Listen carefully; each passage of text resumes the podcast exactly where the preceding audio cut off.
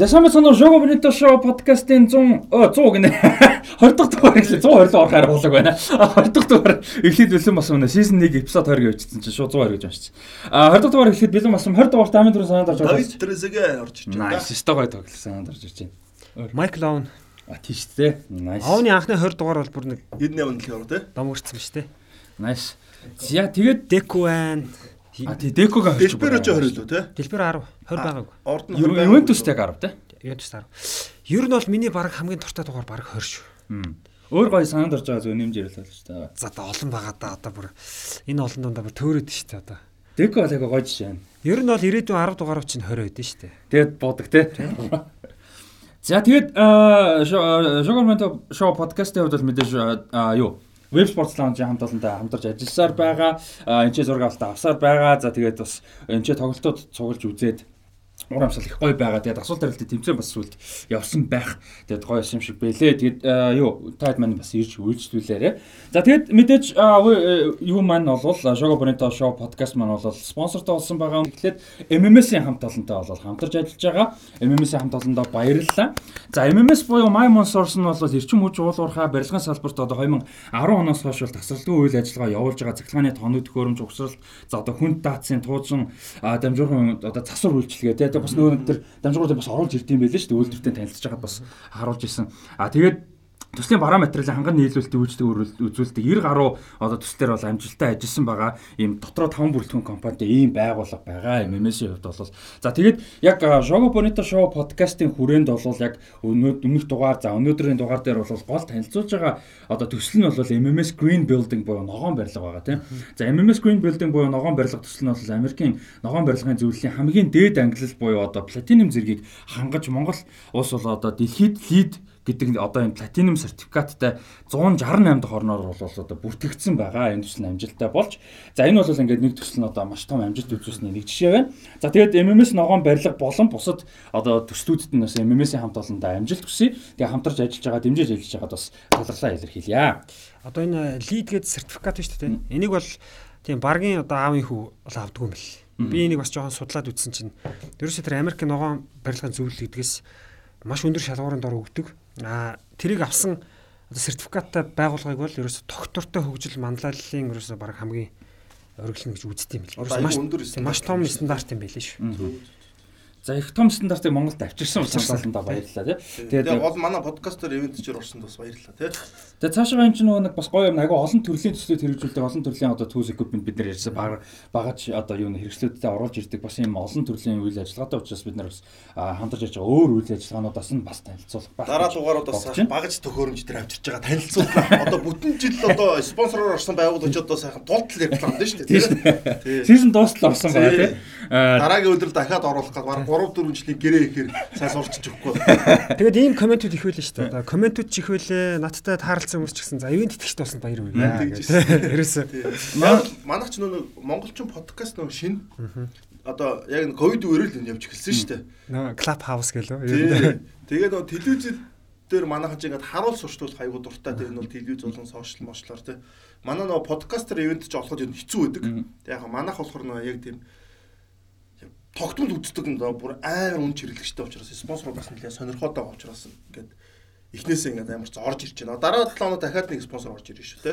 Ер нь бол тийм нэмж орж ирээд ингээд гой доктортой байна гэж найдаж байгаа. Бас ирээдүйд хамтарч ажиллах байгууллагатайгаа бол бас гой ажиллах бэлэн байгаа. За тэгээд өнөөдрийн юугаар эхлүүлээ дугаараа эхлүүлээ. Өнөөдрийн шоу маань бол ерөнхийдөө хоёр хэсгээс бүрднэ. За эхэндээ товчхон мэдээ ярьчаад Ер нь бол Европын лигүүдийнхаа тоглолтууд, аргуудын лигийн тоглолтууд ярина. За одоо 20 дугаар хэсэгтээ мэдээж 2016 17 оны Европын хөлбөмбөг улирлын талаар нэмж ярилцсан. За ийм байна. За товчхон мэдээгээр эхлэе. За сая бол ингээд 2030 оны хөлбөмбөгийн дэлхийн орон шалралт тэмцээний одоо зохион байгуулах одоо өрсөлдөөнд те юу яасан? Испани болон Португал бол албан ёсны санал бол одоо санал өгсөн явж исэн. За тэрэн дээр Украины хөлбөмбөгийн холбоо бол нэмэгдэж одоо Украин, Испани болон Португал гэсэн хамтарч одоо зохион байгуулахаар босныг бүр албан ёсны зүгээр нэг санал биш. Бүр албан ёсны болгож сая бол зарласан. За энэ дээр нэм та хоёрын сэтгэлийг асууя. Гэхдээ тэрнээс өмнө нэмэт хэлэхэд 2030 оны хөлбөмбөгийн дэлхийн аврах шалгаруулах тэмцээний одоо зохион байгуулах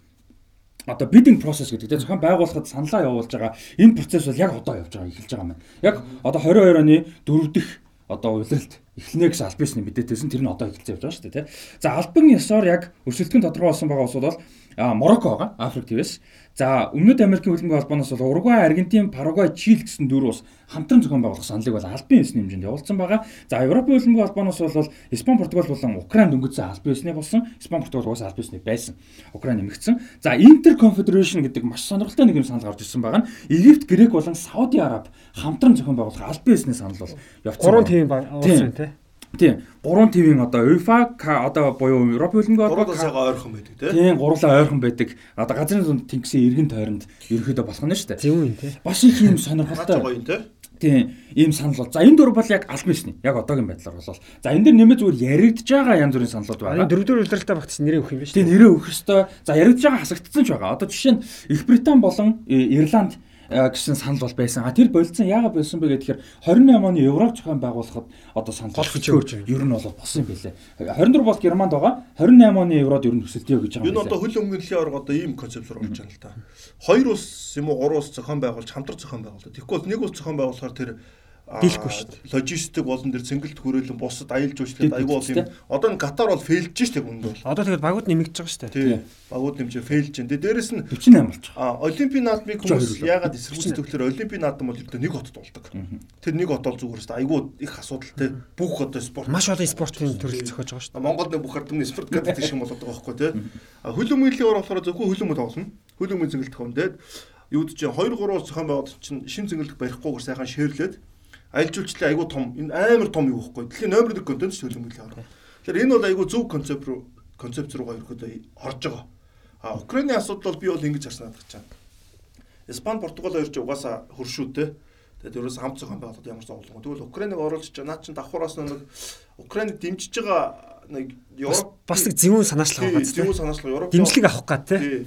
Дэмжлэг авах гэж байгаа. Дээрэс нь Украин 2030 онд одоо үүд чинь дайманд дуусаа шал өөр Украин болцсон байна гэдэг шууд энэгээр юу гэх вэ?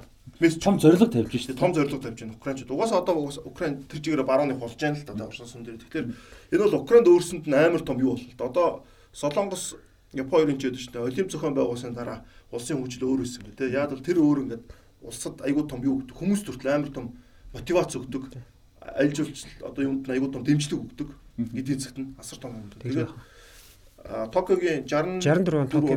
Тийм. Дэлхийн хоёр дахь дайнаас юу 19 жилийн дараа. Токио бол тэр үед ингээд шинэ Япон болсныг бол харуулсан шүү дээ. 88 оны Сеул байна. Бас маш том. Сеул бас яг тэгж байгаа байхгүй. Сеул ч яад бол Солонгосч өөрөө нэг авторитар улс гэж байгаад 80 оны Гуанжугийн иргээс эхлээд ерөөхдөө шал өөр болж гисэн байхгүй. Шал өөр ирээд 88 оны Олимпусын дараа Сеулч Солонгосч ерөөхдөө бид нар бол ингээд арчилсан улс юм аа тий. Ер нь хөгжил мөрөл эдийн засаг шал өөр бол. 90 онод 90 он гараад ер нь бол Солонгос Япон Солонгос руу ч нөө хятад төрт ажиллах гэж явж илжсэн байхгүй манайх явахаас гадна. Манайхан ч бөөнөр явсан шүү. 90 он гараа тийм. 90 оны сүүл 2000 он. 80 онд бол ерөөдөө Солонгос 90 оны баг ихээр яваад эхэлсэн билээ шүү дээ. Ихэндээ бол тийм. Тэгэхээр тэр энэ тэмцээн бол ерөөдөө Украинд бас давхард нэг тим юу гэж байгаа шүү мессеж тий. Тэгээс бол энэ бол амар хоолштой газар нутгийн бол. Газар нутгийн бол хаа. Тэгтээ яг Украинд бол яг бэлгэдлийн нэг цөөх хідэн тоглох юм байлээ. Тэг яг одоо санаа нь яг албан ёсоор бол танилцуулаг байгаа. Гэхдээ санаа нь бол яг нэг хэсгийг бариад тухайн хэсгийнхаа тоглолтууд шууд ер нь явуулна гэсэн юм. Гэхдээ болж штэ тий.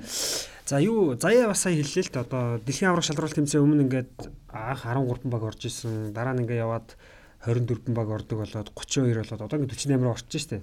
Тэгээ 48 улс гэдэг бол аавна гэдэг бол тэр олон улсын хөгжүүн дэмжигчдийг аавна зохион байгуулалт гэдэг бол угаасаа нэг улсад бол ахтж байгаа тийм.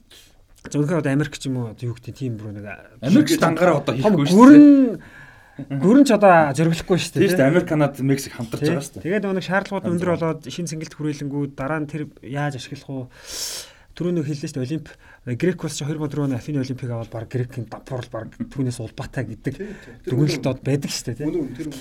Тэгээд ингээд улсууд бол бас их санаатай үздэг болсон байна. За гэхдээ би бол ингэж бодож байна. За Украиныг авлаа. Ер нь бол Өмнөд Америкт өгчих байхаа. Одоо олон улсад нэг ийм зүйл үүдэн шүү дээ. 1930 онд анх Уругвай улс дэлхийн аврах шалралт тэмцээн зохион байгуулсан. Дэлхийн аврах шалралт тэмцээний түүхт 100 жилийн ер нь яг тийм юунд нөхчий гэдэг зүйл бас байдаг. Тэгээ бас төвд чи ээлжлэн тий. А тэгэхээр хоёр Америк дараалаад болох юм шүү. А гэхдээ энэ юу даа. Үгүй ээ. За юу. Эн чинь бол юу гэж явна. Өмнөд Америк, Хойд Америк хоёр чинь хоёр өөр тусдаа тв гэж юм. Тэг CONCACAF ч гэсэн одоо тийм тэгэхээр бас ер нь бол ялгаа. CONCACAF ч бол 26 онд авчлаа шүү дээ. Тийм. Тэгэхээр CONMEBOL хэд онд аав. Тийм. Тийм FIFA-гийн ерөнхий дүрэн бол юу гэдэг нэг твд хоёр дарааллахгүй Юм байлээ. А энэ хоёрыг хоёр өөр үзэх энэ болохоор өөр тийм. Одоо харин хэрвээ 30 оноختор одоо Өмнөд Америктаар болох юм бол дараагийнх нь Африк юм Аз руу магадлал бүр. Өмнөд Америк дээр чи юу юу вэ? За Уругвай, Аргентин, Парагвай, Чили гэж юм, тийм. санал байгаа. Дараа нь Европ руу явах уу? Наа чи Оросд нэг болцсон.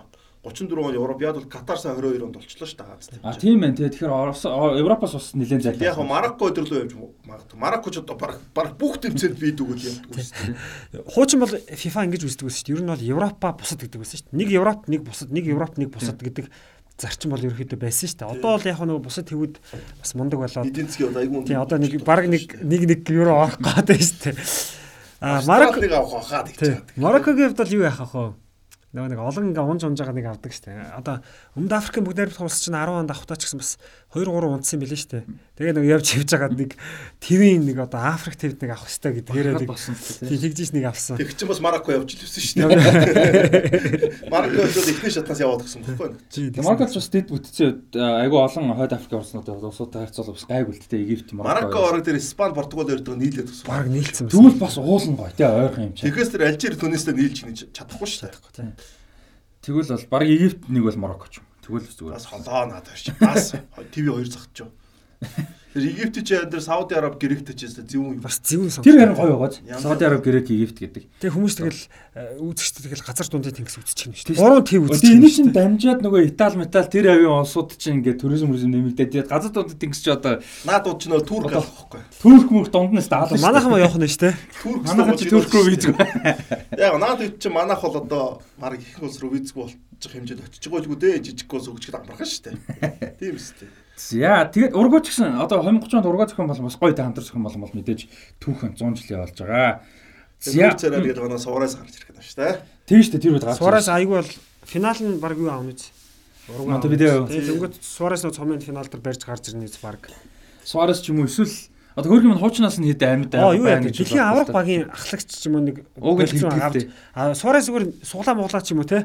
Одоо нэг тэмцээн болж байгаа улсын нэг од өдөн шүү дээ. Одоо нүүр царай болдог. Одоо Бразилч Роналдо өссөн шүү дээ.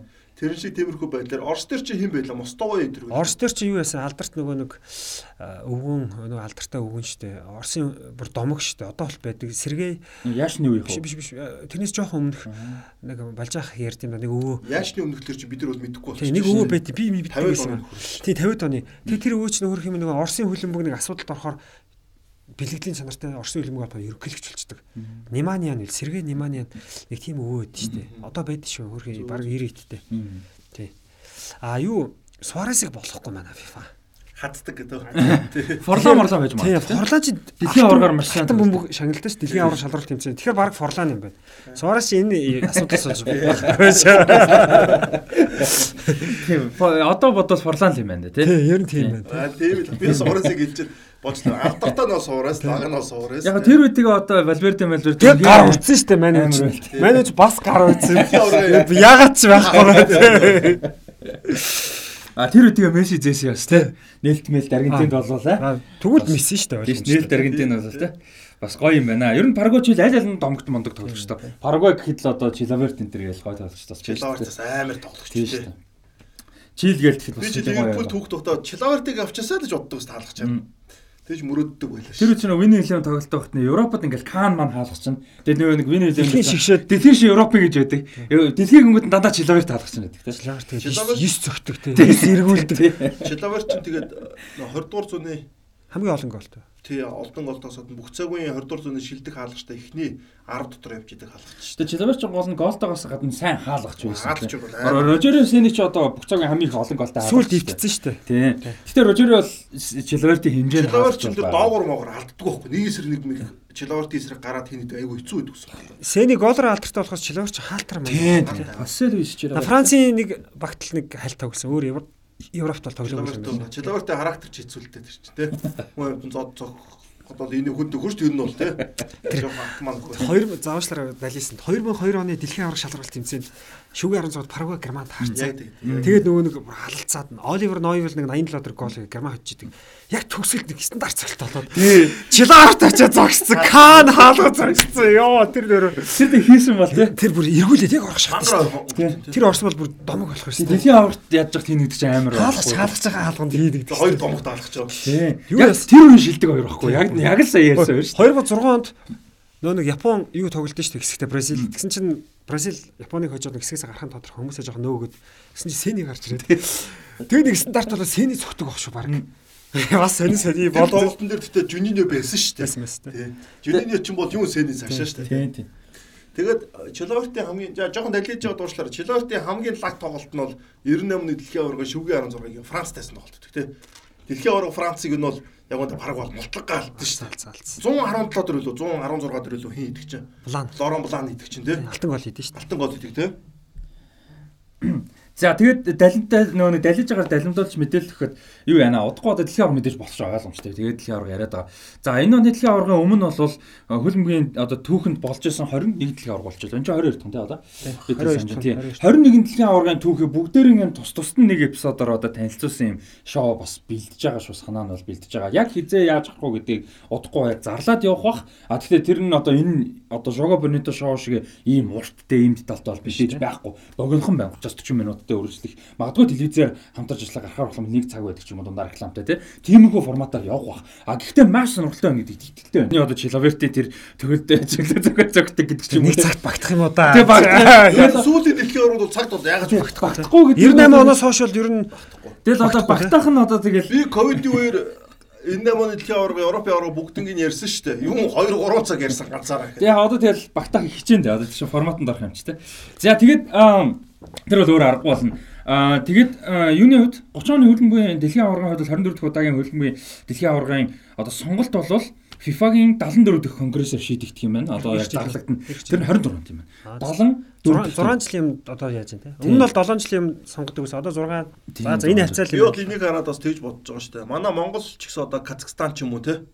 Эдэртээ ингээд нийлээ зохион байгуулах. Аа зөв. тий. Ядаж Азийн наадам Азийн одоо аварга шалгалт тэмцээн тэмцээн л яваан даа. Ер нь яг үйл өмгийн тэмцээн бохгүй одоо нөгөө дэлхийн аварга Аа. үйл өмгийн одоо Тэгээ Аз харин би нэг нь зөв. Аз гэдэг. Азийн наатар Чи санаа. Азийн наадам шин Азийн аварга. Үйл өмгийн Азийн аварга маа. Тийм, тийм. Манайх бол ангаараа чадахгүй шүү дээ. Нэг хоттой.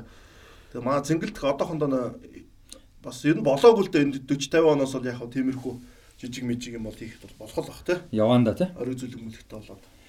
За тэгээд аа, дараагийн нэг жижиг мэдээлэх юм бол хин Шаби Алонсо нэрэл Ливеркузны тасалжуулагчаар Одоо Берлин ярьж л та. Тий, тий, ярина ярина. Би зүгээр нэг товчхон дуртай гэж бодсон. Тэгээд аа, тасалжуулагчаар болоод нэг тоглолт бол тоглолтод орсон баг шүү. За тэгээд тоглолтууд арай. Аа, Европын Баяр Ливеркузен шууд ярьчихэл та ингээд Герман авч. тийм үү. За тэгээд за тэгвэл Герман шууд. Баяр Ливеркузен энэ өдрөлд үнэхээр орон гарan байсан. Өнгөрсөн өдрөлд бол лаг өссөн шүү дээ Баяр Ливеркузен чинь. Бүрэлдэхүүн гоё байсан Тэгээ да? бүрэлдэхүүн гоё амар орон гарan. Аврагууд лиг дээр том тоглолтод очиж чинь. Жижиг тоглолтод хожигч чинь. Тий, тэнгуүтэй жижиг тоглолтод очиж чинь одоо Германы лиг дээр тэр юм уу. Тэгээ ерөөхдөө энэ өдрөл бол ерөөхдөө Баяр Ливеркузен чинь бас топ 4-н лугаас элбэг үзгээр багс чинь топ 4-н лөөж үзэж чадхаар айгу муу байсан. Одоо 15-д явж байна. Тий, айгу муу явж байгаа. Тэгээд гол оруулж чадахгүй байхгүй наа Баяр Ливеркузен ерөөсөө. Ой бүрэлдэхүүн лаг байгаа. Урдаа ялангуяа тий. Тэгээ хожигч чинь. Тэгээ на Шаби Алонсо ч яваад ихний тоглолтын дээр бол амар том юу мэдээлэл хэлээ шүү дээ. Шалтер дөрөвдөг ярцаад байсан. Тий, Шалке бол яг хав сайн биш байгаа ч гэсэндээ дөрөв тэг гэдэг бол бас айгу юу байхгүй юу. Тийм. Амар лаггүй үрдэн Тий. байхгүй. Гол алдаагүй. Сэргийж байгаа байхгүй. Тий. Дандаа гол алдагсан, гол алдаагүй. Гол оруулахгүйсэн голыг оруулж өгч байгаа. Тийм тоглолт болсон. Тэгээ Баяр Ливеркузен бол Шаби Алонсород айгу том мэдээлэлээс. Яг хоо энэ бол дасгалжуулагчаас гад нь юу гэж магадгүй л дээ. Багны дасгалжуулагчаас л ихний хэдэн доо сайн тоглолдог те. Тэр нөлөөлж байгаа. Гэхдээ дээрээс нь Шаби Алонсо өөрөө тамирчин байхдаа ямар мондо толгоогоороо оо сэтгэж тоглолт. Толгой ажиллаж тоглолт тоглолт тамирчин байна те. Гахалтай. Тэгээд Ливерпул а Реал Мадрид, Байерн Мюнхен гэдэг амар Сосидадаач гэсэн тий. Дэлхийн аварга, Европын аварга гэдэг. Одоо тэгээд юу юм бэлээ? Ажиллаж исэн тоглогч явахдаа ажиллажуулагч нар мундаг юм бэл. Ливерпул Бенитс дээр, Реалд одоо хин дээр, Анчелотти байсан. Анчелоти дээр, Байернд Гвардиола дээр. Тэгэж өөр хаана болоо? Сосидад байхад нь ер нь Сосидад нөгөө нэг Франц байсан юм аа. Рене Динуэ гээд Франц байсан. Ер нь дандаа томчтой. Шигшээ? Тэгээд шигшээ огт ч гэсэн. Шиж Арагонос байсан байна тий. Арагонос байсан, Vicente del Bosque байсан. Боск байсан тий. Бас мундаг тасалж жуулчдын дор байсан биш үү? Тэгээд энд нэг юм харагдаж байгаа юм л да. Юу гэхээр одоо Байер Ливеркузен бол дасгалжуулагчаа нэг өөрчлөх нь тодорхой байсан. А тэгвэл хизээвэ гэдэг нь тайминг гэдэг юм ч маш чухал. Жишээлбэл шинэ дасгалжуулагчийг авчираад Байер одоо 7 өдрийн Байер Мюнхен дөрөвтэйгээр хожигдлоо шүү дээ. Одоо шигшээ огдын цугларлалтын дараа лигийн тоглолтууд эргэж ирэхэд Байер чинь дөрөв тоглолт хожоогүй байж байгаа. Байер Ливеркузен хожоо гараад ирж байгаа. Гэтэл одоо яг тэр үед шинэ дасгалжуулагчийг тавьсан бол бас тэр хүний юу жоох эвгүй Тийм гэдэг Мюнхен дээр гэдэг тийм. Яг тэрний тэрүүгээр юм аа солиод гайгүй баг дээр бас гоё оруулж ирж байгаа тийм. Энэ бол айгүй чухал. Тэгээд э, Шаби хувьд мэдээж Алонсо очоо багтаага нэг 7 хоног л ажилласан байл үү. Тийм ээ. 7 хоногийн дотор тэр муу байсан юм засна гэж байхгүй. Гэхдээ эн чинь сэтгэл зүйн хувьд бол айгүй том том өөрчлөлтийг авчирч байгаа гэдгээр их чухал. Баяр тэг дөрөв Ливеркузен Шалке тэг дөрөв гэдэг хоёр баг хоёулаа дөрөв тэгээд бас. Баер гэдэг чи одоо юу штэ манай үзэгчд бол сайн мэдэх бах. Асар том дэлхийн баг номер 1 эмийн компани штэ. Одоо та хэд ингээд юу юм авч явахдаа харж байгаа одоо ийм 04-ийн эсвэл Баяр гэж. Баергээ бичсэн байдаг. Айгуу том эмийн компани тэр одоо Энэ Ливеркузен штэ. Баер Баер. Тийм, шүү дээ, тий. тий Баер Баер гэдэг нэмэгт юм шиг тий. Тэгээ Ливеркузен нэгэ тэр хотын одоо энэ багийг ингээ спонсорч олон жил явж байгаа ийм айгуу юу штэ. Бас давхар мэдээлэлгүй тий. Заяа сандживал одоо нэг тэр 2000-ад оны их үед ч юм уу да.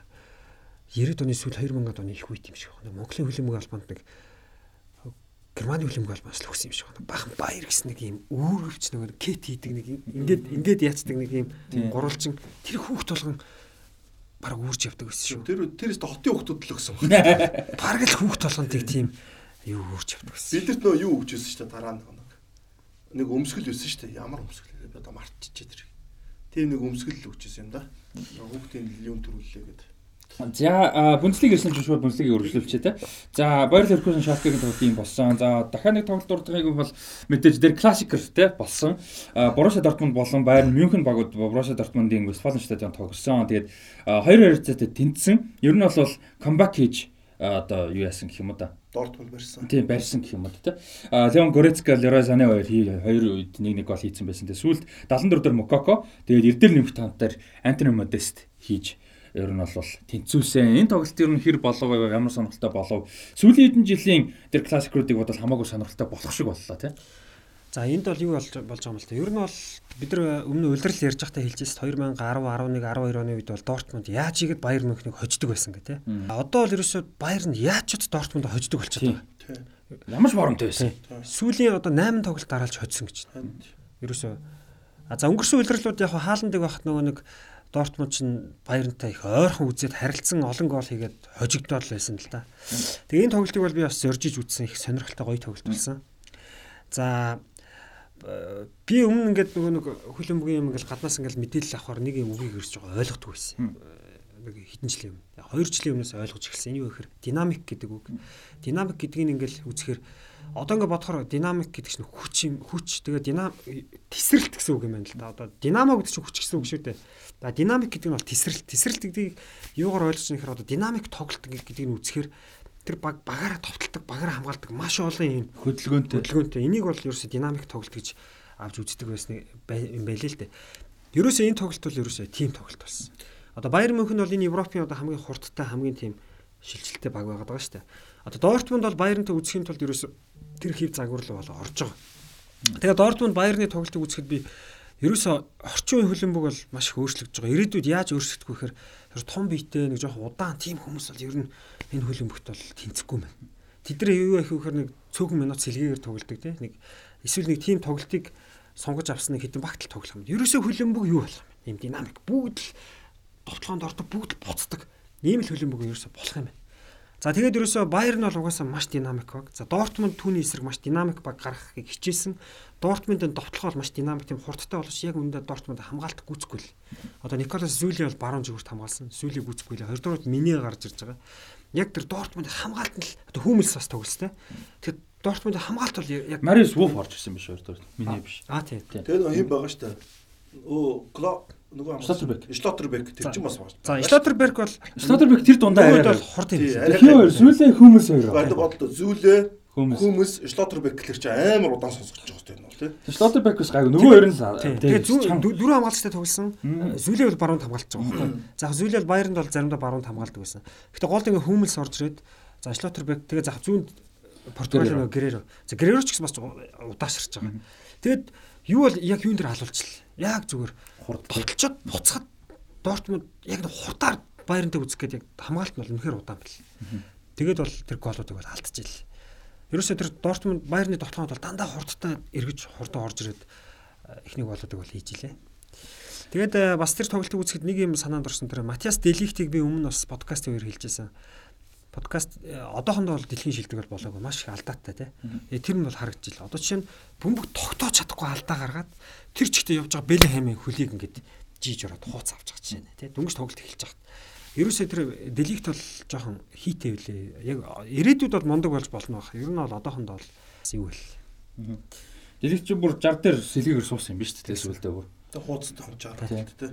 Тэгэд юу л шүү дээ. Одоо нанжтай хэлж чадсан 100% санал хэлж байна.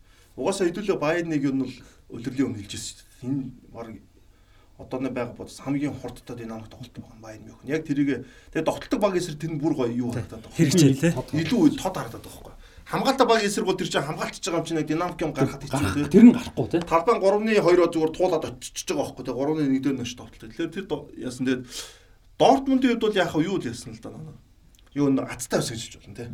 Бол тэр сүүлийн минутанд гол оруулж чинь сайн дэхээс яг эцсийн хүртэл тэмцдэг ер нь жоохон Азос тодорхой хэмжээ. Яг тэр модестийн хийдгийн өмнө бас нэг амар том боломж модест бас алдсан. Ер нь бол эдгээр нэг 2 3 дээр лөө тий бас нэг хийвэл хийж гэрлээ. Тэгээд Байерн Мюнхен юу харагдсан байлэр хоёр тэгээр хожиж жагаад хоёр гол алдна гэдэг бол энэ багийн бол хамгаалтаас асуудал байна гэдэг шууд харуулж байгаа байхгүй тий. Хамгаалах юу байхгүй шүү дээ. Тий. Хамгаалах ментал байхгүй шүү. Одоо өөр том багуудад тоглоход бол ерөөхдөө Байер Мюнхен бол ингэж болоод хамгаалт бол ихэс бол харуулж. Аврагын лигт ингүүл яах вэ тий? Тий. Одоо бид нэг хамгаалагч тэр хор одоо Вандаки хажууд нэг сайн хамгаалагч байх хэрэгтэй байна гэж ярьдаг тий. Одоо өөр багууд яг бид зүгээр сайн орсон Вандак болох хэрэг чинь.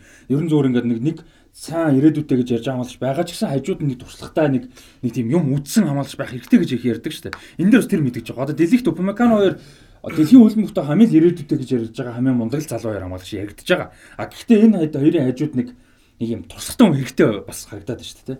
Тэр мэдээж байгаа. Яг хоо Деликт Упамекан хоёр тоглосноор бол хурд морд бас гайгүй. Тэгээ уул нь хурд бол даваа талсан та. Тий. Тэгтээ энэ нь бол бас яг ноёр хойно байгаа гэдгээр л тий ноёр л одоо аргалаад ах шиг байна. Тэгээд Альфонсо Дэвис толгоо гэмтээд гарсан тий. Гэтэ яг гайгүй хөө. Тэг нэг амар хүнд бол харагдав гайгүй та. Тэгээ зүгээр баг болгоомжлж яасан баг баг суулгасан ч юм уу. Хоёр багийн залуучууд амар л дээ. Мусиала тэр хин Коко тэр бол. Мусиала бол үнэхээр амар л шүү. Тэгээ Мусиалаг бол би зүгээр сая бас тоглолтын гүйцэд сайн үзлээ. Тэгээ Мусиалаг бол нэлийн анзаарлаа. Мусиалагийн бол ерөөс нэг юм аягүй мундаг юм. Одоо яг шууд л ихний хүрэлт. First touch гэдэг нэг шүү дээ. Одоо та нар үзэр тэр 10 хит минутын зай. Мусиала хойноос нэг бөмбөг аваад нэг контрол хийгээд ихний хүрэлтэнд хууралт болоод маш олон нэг давж гараад зүр сөрөг тоглох явж байгаа юм. Ихний хүрэлт супер болохоор тэгэл ерөөс супер. Ерөөсөө Беллингем хин Мусиала энэ хэдийн ерөөс гол юм яг тэр техник олон давтал мэдээж байгаа янз бүр тий. Гэтэ тэр дундаа хамгийн гол юм техник байхгүй. Беллингем бас яг тийм ерөөсөө сул одоо алдаатай ч юм уу багтаа ашиггүй хүрэлт хийж ерөөсөө баг байхгүй. Илүү хүрэлт ерөөсөө хийдэггүй. А эхний хүрэлтүүд нь үнэн гоё. Тэгээ талбай амар мэдэрч. Чин техникээс гаднаас юу л байрал да нэг талбай харах чадвар, тооцоолол тэ одоо юу ч лаг техниктэй мөртлөө толгойгоо муу ардаг хүмүүс зөндөө байгаа шүү дээ. Би хэлж ил өнөө Солонгост ингээд юун дээр хүүхдийн сургууль дөрж хүүхдүүд байнга толгой хоёрч юм гэж харж байгаа. Ерөөсөө би бүр сүулдэ ингээд бараг тэдний дөрөс ядарч байгаа байхгүй. Тэр чинь бүр ингээд ерөөсөө сурцсан. Бүр ингээд тэгээд оног одоо юу чинь ингээд өдний нэг харах чадвар байгаа шүү дээ. Тэр чинь бас айгүй том шалгалт болдсон шүү дээ. Спорт төр те. Тэнгүүд одоо юу чинь яг ингээд их зарагшаал биш бол бус талбайг хоёр нүдэрээ бараг ингээд 100% хэн чадах хэмжээнд тэгж харж чаддаг чадвар тамирчтай байхгүй надад чинь бол. Одоо надад чи ингэж байгаа юм бөмбөг авахаас өмнө талбай харцж байгаа. Тэгэхээр бүх юм амар болчихж байгаа. Бөмбөг ирэхэд maaхан ч одоо бөмбөг авчаад ингээ хараад цаг алддаг бол бөмбөг авахаас өмнө харчвал хаашаа явах шийдэж байгаа. Тэгээд тэрийг гүйцэтгэх техник нь байна тий. Тэгээд тэр хүний ирж байгаа харцсан мөртөө тэр чинь тооцоол алж байгаа шүү дээ тий. Харчаад тооцоолыг айгүй зүгөөд би ингэж хуурах юм байна гэдэг мэдээд. Аа тэгээд харчаад техник нь байна тий. Тэр нэг химийн нэг ингээд 8 9 удаа бөмбөг ирж яхад эргэж хардаг нэг бичлэг сошиал медиагаар яваадсэн. Тэр бүр амар ингээд бөмбөг ирж яхад ингээд амар олон жишээ баймаа харж байгаа хгүй. Тэгээ ард нь хоёр хамгаалагч байгаа.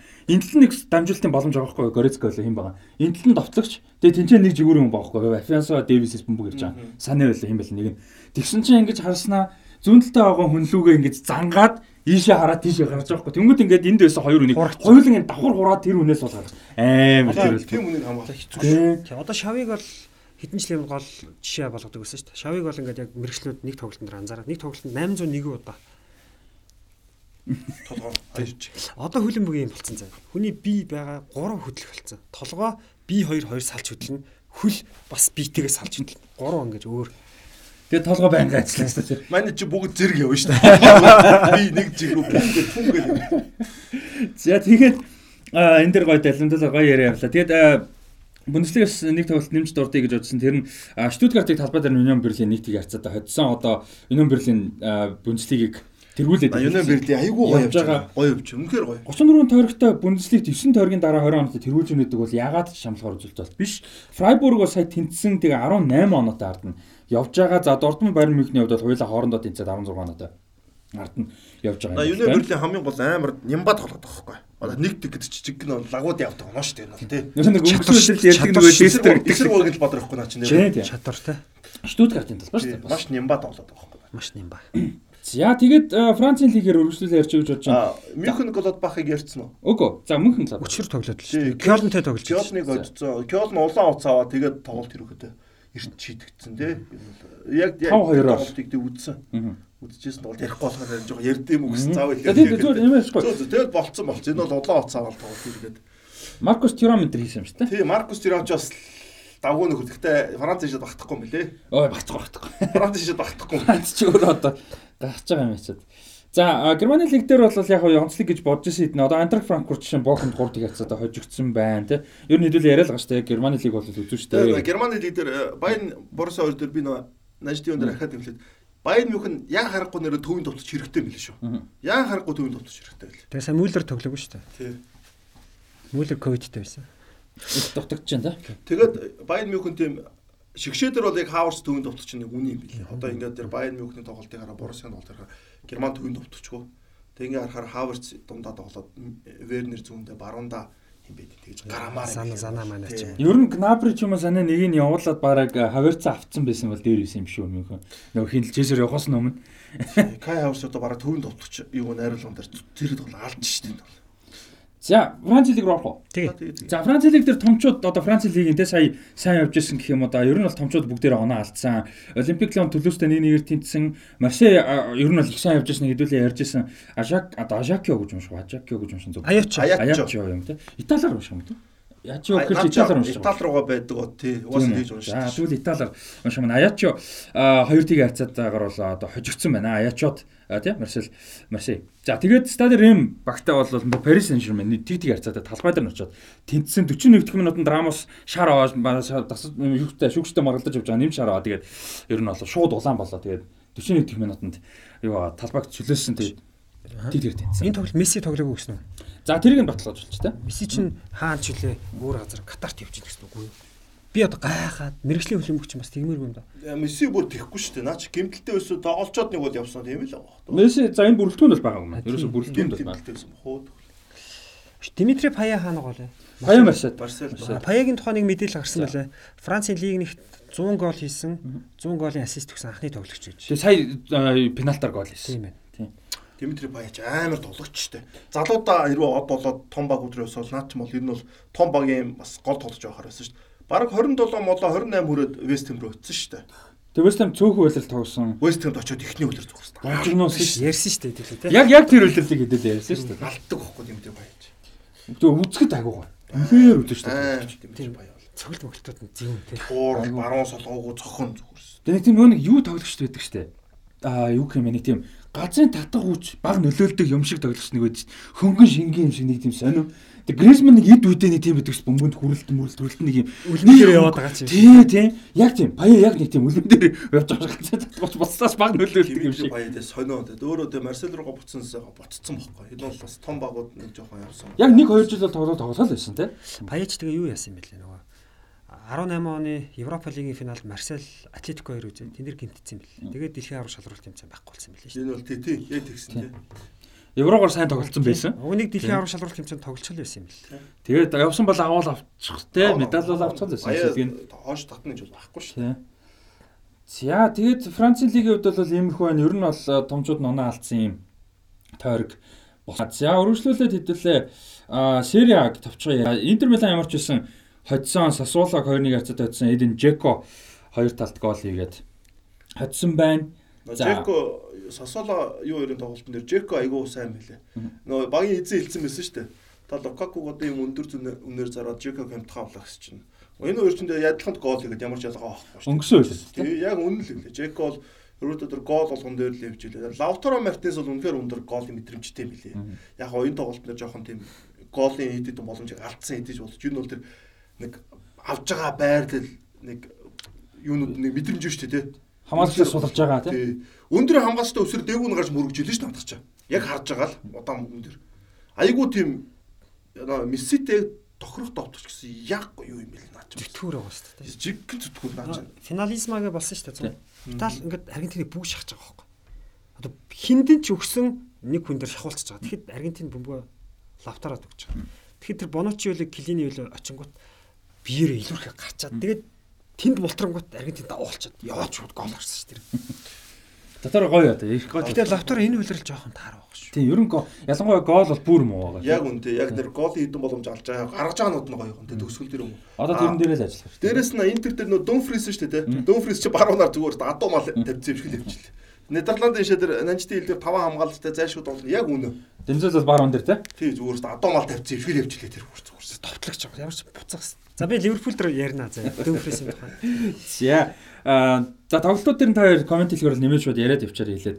За дараа нь бол Сансиро цэнгэлэгтээ AC Милан Ювентусыг хүлээж авч тоглоод бас ер нь энэ тойрог их том тоглолтууд олон болсон тийм лигүүдэд. За тэгээд AC Милан Ювентусыг талбай дээр хүлээж аваад эхний үеийн төгсгөлд Фикао Томорыг гол хийгээд 20 дугаар үеийн дөнгөж эхний хэсэгт Брахим Диас гол хийж 2 дэг харьцаатгаар AC Милан Ювентусыг буулгаж авсан. За Милан юу байсан шүү дээ. Челсид 3-0 дүүсэн шүү дээ тий. Тэгэд Миланаас ерөөдөө гараас баг 3 тоглогч байсан. Юу нь бол Томори тэгээд энэ Рафаэльо Донана энэ гурав баг байсан баг шүү. Аа. Ахади тоглож байж магадгүй. Энэ бол ихэнх нь дандаа нөө гараа гардаггүй тоглож тоглоо. Челсид 3-0 дүүсэн. А Ювентустэй тоглоод яг хэдэн эргэж ирж байгаа юм л та. Тэгэд Милан үндсэн бүртгэний талаараа тоглоогдоо Ювентус ч айгүй муу гоо. Айгуу мөс. Тэгээ Милан ч 2-0 байж байгаа.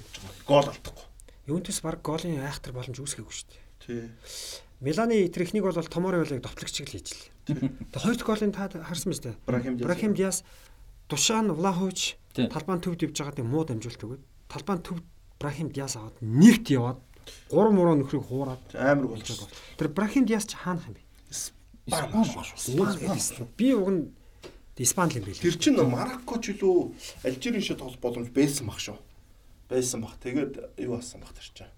Тоглоогүй ч үл яла нэг асуудал гардыг юм. Испани нь бол Испани л маань ямар ч байсан. Тэгээд яа тэгээд Ювентус бол үнэхээр нэр одоо нүд альтрам гэл яг үнэлэхэд айгүй мөн тоглолт нь бол. Би өнгөрсөн тойрогт нөгөө өнгөрсөн подкаст дээр нэг юм андуурсан байлаа. Раст явуулчлаарай. Нөгөө чамаг амар эвгүй байдалд оруулаа. Чиний Влаховичийг ярьжсэн шүү дээ. Тэгээ Влаховичийн хажууд нэг бас супер товтлогч байгаа Аркадий Милико. Тэгсэн чи би шгшээ огт анандураад. Аа. Дээр нөгөө нэг хиний тухай бодсон тийм, байх. Митровичийн тухай яриа явж байгаад шгшээд нь л гэж. Влахович өтхийн штэ гэж би нэг хүмүүст ярьжсэн. Аа. Тэр ч уг шигшээдээ нэдүүлээ ярьцсан байсан шүү дээ. Тийм. Хэдүүлээч яг Ювентусыг гингүүд нөгөө Митровичаар би ч нөгөө Влаховичийн хажууд Ювентус нэг Тэр хоёрын чинь сэлгээд дахиад сайн тоглож байгаа хин. явж уу. Явж байгаа дээ бас. Реал авдаг. Оо азраг азраг явж юу. Тий, явж байгаа шүү дээ. Тэр шигшээ Лука багийн явж. тоглолт амар. Тэгээ Серби шигшээж угаасаа хоёр тоглолт гарахаас аргагүй. Тэр хоёрын чинь энэс тэр гурав суулган бол ашиггүй хайр юм байна. Тэр гурав чинь хоёрын суужсаас нэг нь суусан дэрхгүй. Явж суугаад Влахович энэ хоёр гарч байгаа юм лээ. Митрович хоёр. Аргентин Батистата Крис Боригерс тоглолтгүй сонирм. 56 минут болсон. Тэр сонинд. Тэр хоёр чинь ихтэй аргагүй тоглолтын юм аа гэн яг үзүр дээр тоглолт. Тэг яагаад оролдохгүй гэж. Яг үзүр дээр байхгүй. Ард нь хоёр гоё гоё хүмүүс байх. 3 4 3 гэж тоглож байсан шүү Аргентин. тэн гард ус Клаудио Лопес гардаг ус. Клаудио Лопес Микеле Гонзалес зүүн дандаа ээлжиж. Аргентинч тэгэхээр ингэж гардаг байсан. Хаалганд Заро ч юм уу те. Түүний хамгаалтанд Аяла, Самуэль э, С- Сенсини, Синшини өмнө Чамот гурав гардаг байсан. наа чи 98 он. Аа, 98 он. 98 он. За 98-аас 2002 оны цикл. За дараа нь тэг Самуэль орж ирсэн. Тэгээд нөө дөрөв нь Ромп заяа. Тий. Цэвэрлэгэнд Диего Симоне. Атак тэр Верон. Тэгээд зүүнд хин Кили Гонзалес байсан Тий. байхгүй. Тэгээд баруунд нь хин байла. За баруунд нэг нөхөр Альмайда ч үл Атас алмада. Редондо бас гардаг. Аа байсан. Редонд. Редонд бол арай өмнө. Тэгээд Кили Бас Гонзалес гардаг ус. Кили Гонзалес чи зүүн хагас. Тэгээд зүүн товтлогч нь Клаудио Лопес байхгүй. Баруун товтлогч нь Ортега урд хин. Батистата эсвэл Бас наа чи бас нэг хэсэг ингэж гардаг шүү. Ортега Вероны байрлалд орж ирээд Верон ч баруун руугаа бас орж ирж баг, Тиймэрхүү байрлалаар орж ирдэг. Тэгээд Сорын чин зүүн рүү орж ирээд Сорин тий. Сорын зүүн рүү орж Тэр ирээд нь жоохон сүүл хавраг ба тий. Сорин 6 6-аас хойш байгаа. 2002 онд Сорын байсан шүү дээ. Байсан уу? Гэтэ яг Сорон 2 онд байсан байсан. уу тий? Тий. 2 он ч Аяла гэмтэй самбайд орж идэг байхгүй гараад. Тий, тий. Тэгээ бочидын бол Ласант дээр орж идэг байхгүй 2000 гараад. Ласент чинь зүүн зүүн юм шүү дээ тий.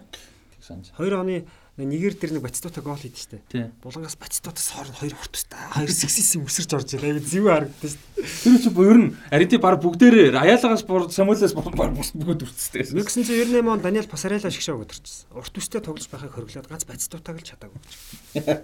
Бочидоо өсөө ахуулж эйгүү л дээ. Одоо ч нөгөө насны бод маань үчи жижиг ус мөстэй болсон. Амар эвгүй инстаграм дээр дагч харж юу илээ гэж харж байгаа ч. Шүтэмэн шүү. Габриэл, Габриэл, Омар. Тийм Габриэл Омар Батистута. Нэг хэсэг зодог талчаад хөлн бүс холдсон байсан. Ер нь бол ингээд хөлн Катарт очиж зодогтой. Бахрайн төлөө Катарт төлөө зодогтой. Тэр чинь ихний нөгөө тим тоглогчтой нэг ч араб руу явдаг. Ер нь бол яг тоглож явдггүй байхад явдаг. Арабууд Аргентин дуртай л да. Яваад мань чинь юу илээ тоглолтоос илүү болон гол хийдэг лөө. үү? Тэ? Тэгчээ зодог талдаг баг шүү. Одоо хөлн бүрөө буцаа ирсэн мэл. Ер нь бол хөлн бүхтэйг холбоотой юм хийдэг болсон мэл. За буцаа явахад Абрахим Диас бол аав нь Марокко юм байна. Гэхдээ 16 уртлаг шигшээ насныхны шигшээ угаас хойш ер нь бол угаасаа л Испанда тогсон юм байна. Тийм. Марокко тоглох боломжгүй санаад. Тийм байна.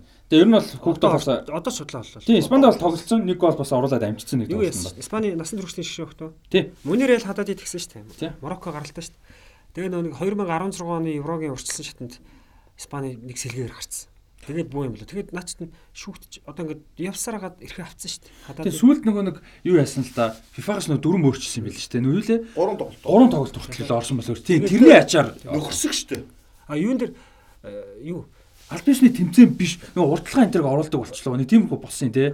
за юу яасан? Ямар ч байсан мань хүн бол Еврогийн урьдчилсан шатанд албаас тэмцээн Тийм тоглолцсон. тоглолцсон А тэгээд тэр нь одоо 3 болсон юм байна л да. Тийм. Үгүй юу яасан? Зөвхөн френдли байсан байхгүй. Тэгээ сүүлд юуг өөрчилсөн, жоохон өөрчилсөн. Тэгээд тэрний өөрчлөлтийн ачаар мөнээр тэгээ агүй олон өөр тоглогч бас энд тэнд өөрчлөх боломжтой болсон байхгүй. Тэр нь тэгээ юу лээ дээ нэг тийм одоо чинь евро авар мавар тийм том тэмцээн шүү дээ. Тэрийг оруулахгүйгээр гурван морчлоо. Тиймэрхүү өөрчилсөн санагдаад байна. Яг нарийн нэг санахгүй. Гэхдээ нэг тиймэрхүү.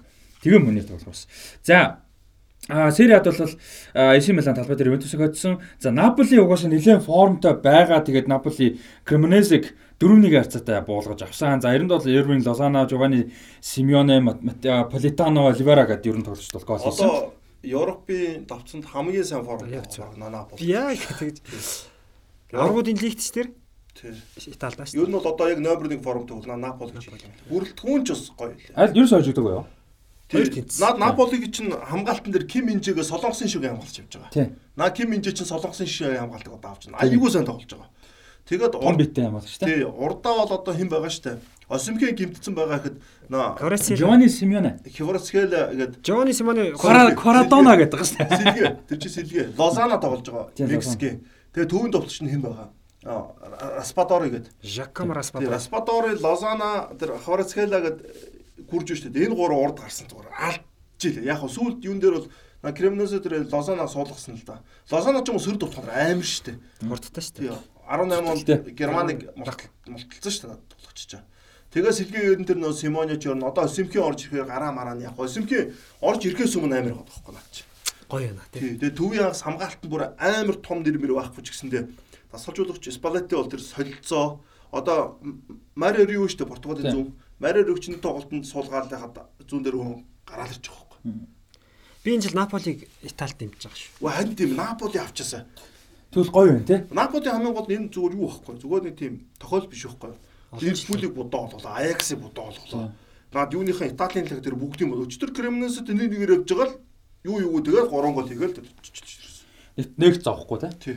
За тэгээд одоо хожигдлгүй явж байгаа 7 хожил 2 тэнцээтэй явж байна. За Аталанта ч гэсэн маш сайн явж байгаа. А гэхдээ сая бол юутай Удинесэд 2 тэнцсэн. А юунаас Наполи Удинезе Хоёр өөр сайн байгаа шүү дээ. Тийм, Удинезе угаасаа сайн байна. Хоёр гол оруулчаад. Тэгээд юу лугаа хоёр алдсан. Сүүл рүү хоёр. Тэг сүүл рүү хоёр алцсан тийм. 70-аас хойш хоёр. Нөгөө нь Перес Аргентин тоглогчдод Шерард Делефео. Делофе алдсан Сайн байна байгаа, тий. Делефео Удинесэд ер нь оцноос хойш их сайн тоглож сүүлийн 2 3 байлаа. Ер нь Делофе бол том багийн тоглогч угаасаа дундаж багийн Сайн тоглогч гэдэг нь угаасаа тодорхой болсон шүү дээ. Эвертон Эвертон тоглогч. Watford Madrid-д хажгүй байсан шүү дээ. тэгээд юун дээр 2-0-оор хожигдож байхдаа Делофе үуч нь хаалтаа яг тоглолтыг үдчихсэн л та. Хаалтаа тоглолтоос амар гол хийдэ. Тэгээд тэр чин сэргэлт болоод Удинese чин 2 дахь гол оруулаад тэгээд Аталанта чи 2 дэгээр хожиж байгаа бол хожигдсон гаалттай ш надад бол тэр чин. Энд ч бас гой тоглосон 2 3 төвчээс 2 баг хоорондоо тоглоод тий. А Аталантагийн дүүийн хасаар хоёр Нидерланд чин янз юм билээ тий. Дирон би Дирон ч Атлантагаас явцсан шүү дээ. Харин байгаад лээ. Байл би одоо хэнийг харсан юм мэдэхгүй. Дирон нөө Копр Копромен Куперменс. Копр Копр Копр Майерс. Тийм. Копр Майерс гэдэг Нидерланд. англи биш байхгүй тий. Нидерланд тий. Копр. Тий. Копр Майерс Дирон хоёр бол айгүй сайн тоглосон. Рүүн биш байхгүй тий. Тийм, Рон байхгүй. Тэгэхээр би бодсон. Дэлхийн авардар бол Нидерланд бол за Копр Майерс Коп Майнерс юм биш Майнерс гэх юм уу? Коп Майнерс юм байна. Майнерс ямар ч нэртэй. Коп Майнерс. Уур хач нөхрөө багтай юм л дээ. Майнерс гэх юм уу Майнерс гэх юм бэ? Ма- Майнерс Майнерс. И А байгаа юм чи Майнерс гэж шиг. Коп Коп Майнерс Дирон хоёр дуулсан. Тэгээд ер нь бол Дирон бол яг юу вэ? Ясны вэ? Дерон Дионг хоёр нэг төв аваад Нидерландын шиг бол гараанд гарах юм лээ Ордер. На хар ажлыг жиг Гакпо гарах юм. Гакпо алдаа алж штэ хань тоо. Гакпо урд нь гарах байх. Хэрвээ гараад. Гакпо хааланд орж одоо Европын топ 5 лиг, топ лигүүдэд, топ 10 лигт гэлөө те. 20 гаруй ок. Гакпого довтож бодож үл яд те. Байтага зүг. Тэгээд Дерон хин хоёр штэ. Дионг хоёр дээр энэ Коп Майнерс ч юм уу нэг бол Граунберг ч юм уу нэг хүн нэмчих واخхой төв дээр. Вайналдуу байсан бол за тийм юу нь юу. Тийм Вайналдуу байсан бол болмой те. Тэр хин их муу юм. Дэви Классен гэдэг Аяксын тэр их муу юм бэл. Сая юм тогс. Сайн байсан модц. Маш муу бол. Нэг шиг их яригддаг байсан тий. Тэгээ Берхус гээд бас нэг хас Тийм, маш бас их муу юм бэл. Бергуан ч их сайн байгаа шүү дээ одоо. Оо Бергвэн баг шүү. Бергуан ч их сайн байгаа шүү. Тэгэхээр наад чи урдаа Гакпо, Бергвайн, Дипай ч юм уу Тийм тийм юм хөө байдалтай л гарах. Бас нэг 2 7 хоног өмнөхийг ярьжсанаа бодоод ер нь Голландд дотож гоё тоо юм шүү. Яг тэр яг финишер байхгүй байхгүй наад чи. Яг бол финишер өндөр зэрэглэлийн финишер бол байхгүй шүү. За Сайн хүмүүс бол байгаа. За Италийн лалигт бол ер нь бид нэр эхлээс хойш л яриад байсан Тийм тий. лалиг. Итали авчлаараа Серия. Тийм. Серия бол өрсөлдөөнтэй гоё болно гэж яриад байсан. Тэгээ одоо бол Наполи тэргүүлж байна. Аталанта, Удинезе, AC Милан гэсэн дараалтаа явж байгаа. Интер долоод Ювентус 8-д явж байгаа. Ийм байна. Ювентуст жоохон санаа зовдно. Яг үнэлэхт бол яа наад тоглолт.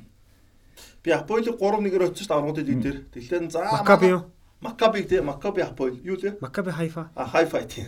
Бакапа бол На энэ раст шиг л юм бол. Итали лал гэдэг. На хурдны доллар гэдэг шиг юм байна шүү. Тий, тэгээд гайгүй бас нэг гэрэл харагдаж хэлсэн чинь тэгээд на Миланда хийсэн тоглолтын дээр бол зүгээр.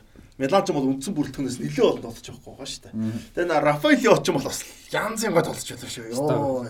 Маш олон зогсон те. Олон цогсон ямар ч өөртөө ихтэй зүгээр өстэй.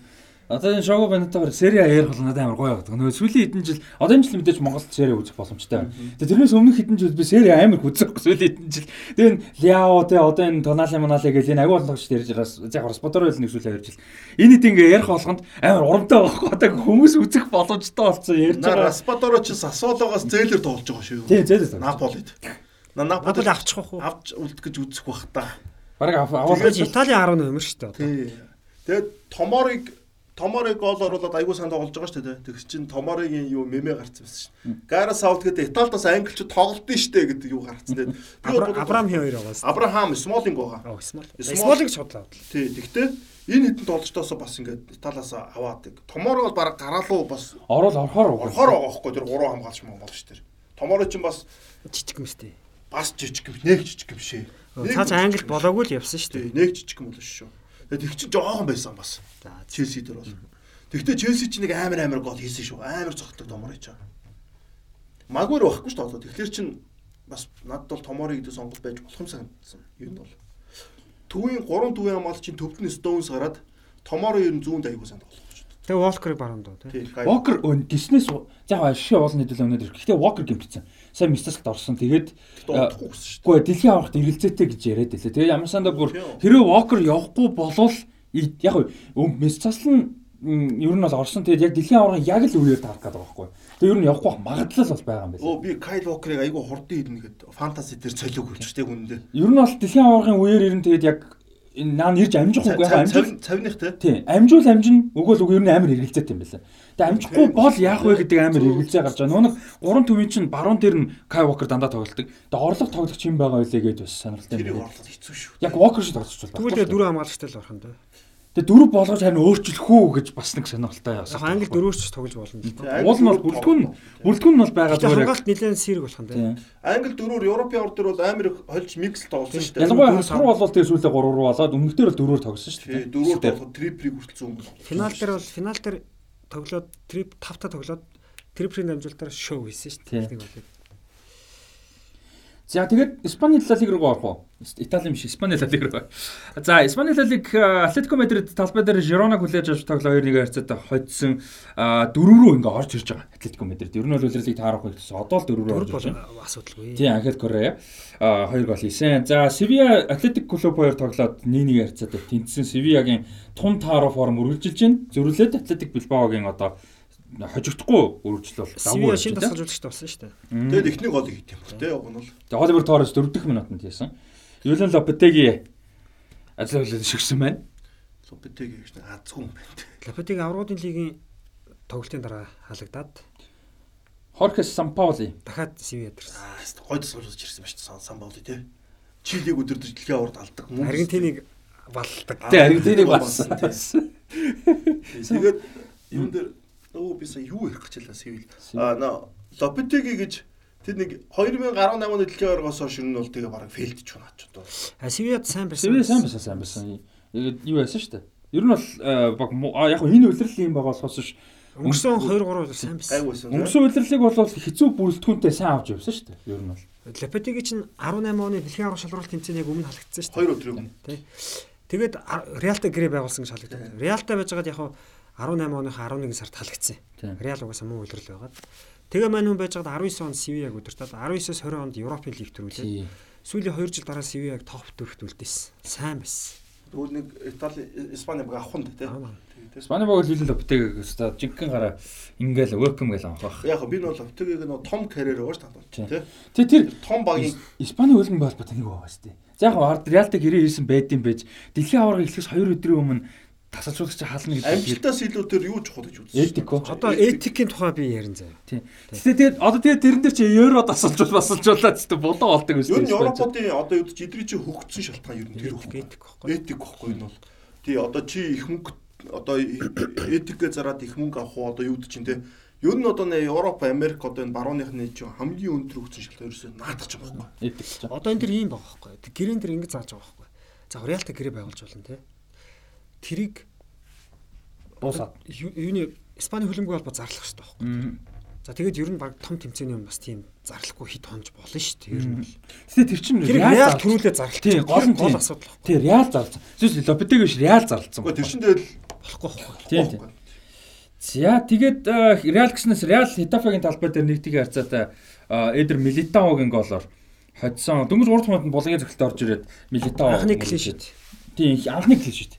Лалигт энэ үйлрэлийн 8 дахь тоглолтод анхны клин шит хийж байгаа. Тэгээд Хитафе ч угаасаа нэг Тас ч угаасаа хитгүй баг шүү дээ. нэг шүртэй боломж гаргаагүй. Тэгээд э, яг уу юу бол Милитао бол амар хамаас. Амар тогсон Милитао бол. Тэгээд тоглолтын шилдэг тоглогч ч болсон, хожлын гоолыг ч хийсэн. Тэгээд хаалгаа чи маасан. тэгээд Реал гол алдаг нэг Каземиротой ямар холбоотой байна харагдаж шүү дээ.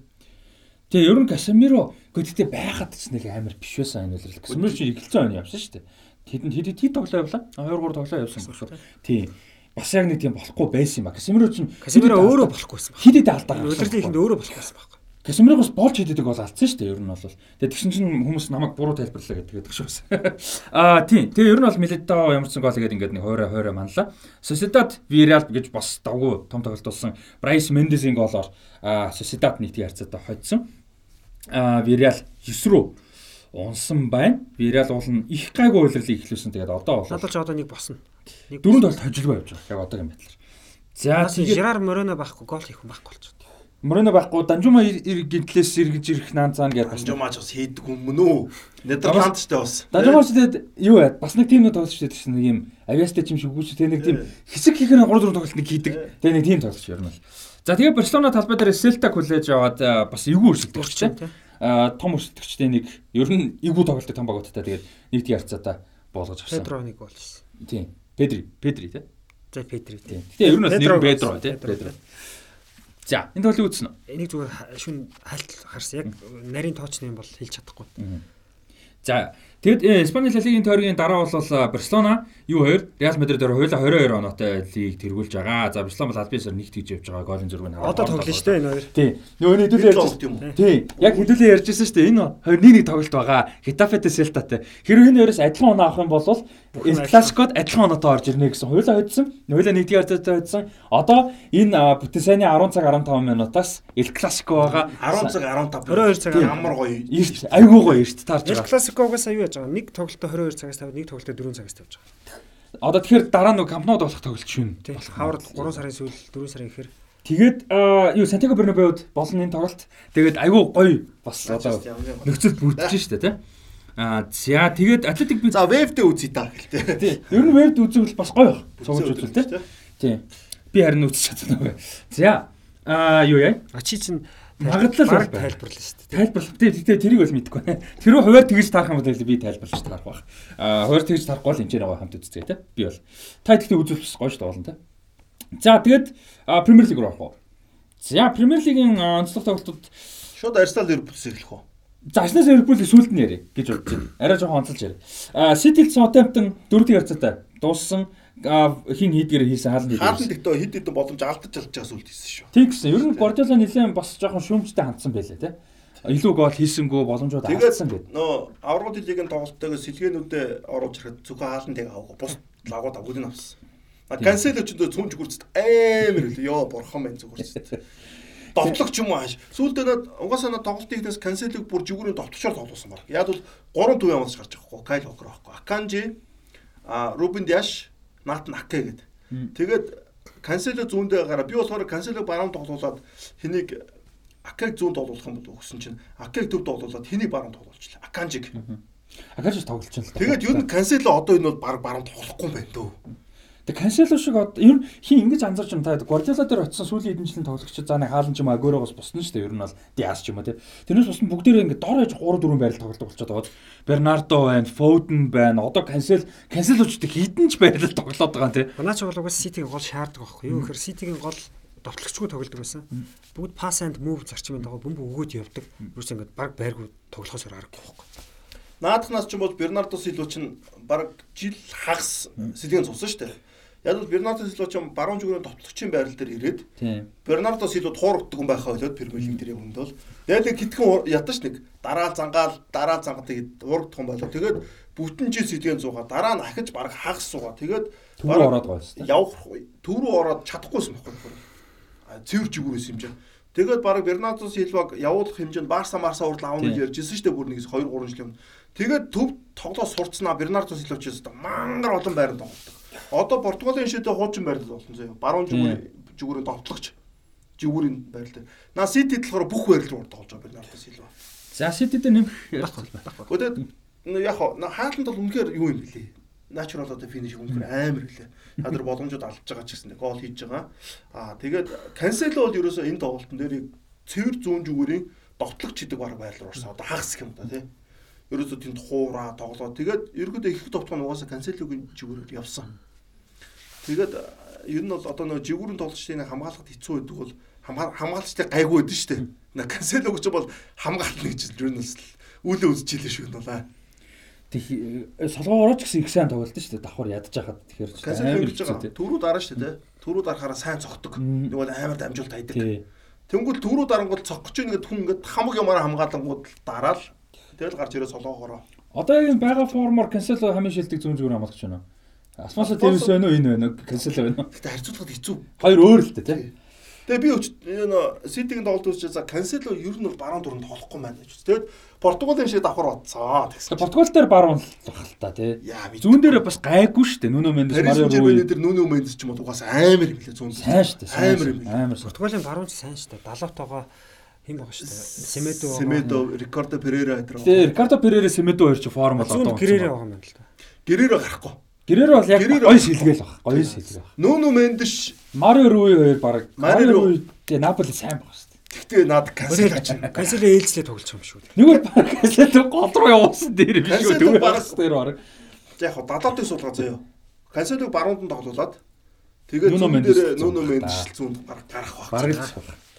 Нэг бол Португал бараг 5 хамгаалагчтай үзүүлнэ Кансело чинь тэр зүүн зүгүүрээр юун дээр галах юм билээ шүү.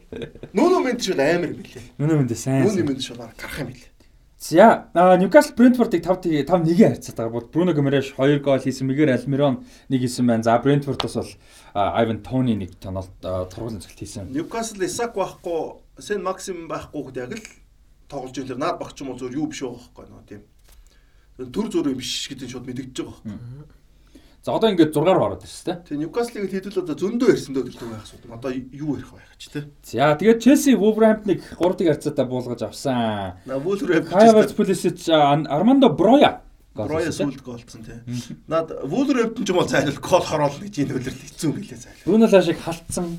Тийм. Бас уг нь давгүй явж байсан. Энэ үлрэл бол хэцүү байна тийм. Тэгээд 8 9 тоглолтод 4 гол юу вэ? Бараг тийм байна үгүй юу? За одоо штэ 9 тоглолтод 3 хүн голтой. Харин тийм. Ерөөсө гол хийж чадахгүй байна Wolverhampton ч. 3 гол хийж 12 гол алдсан байна та явж байна. За тэгээд за энэ дэр Челси дээр нэмж ярих зүйл байгаа.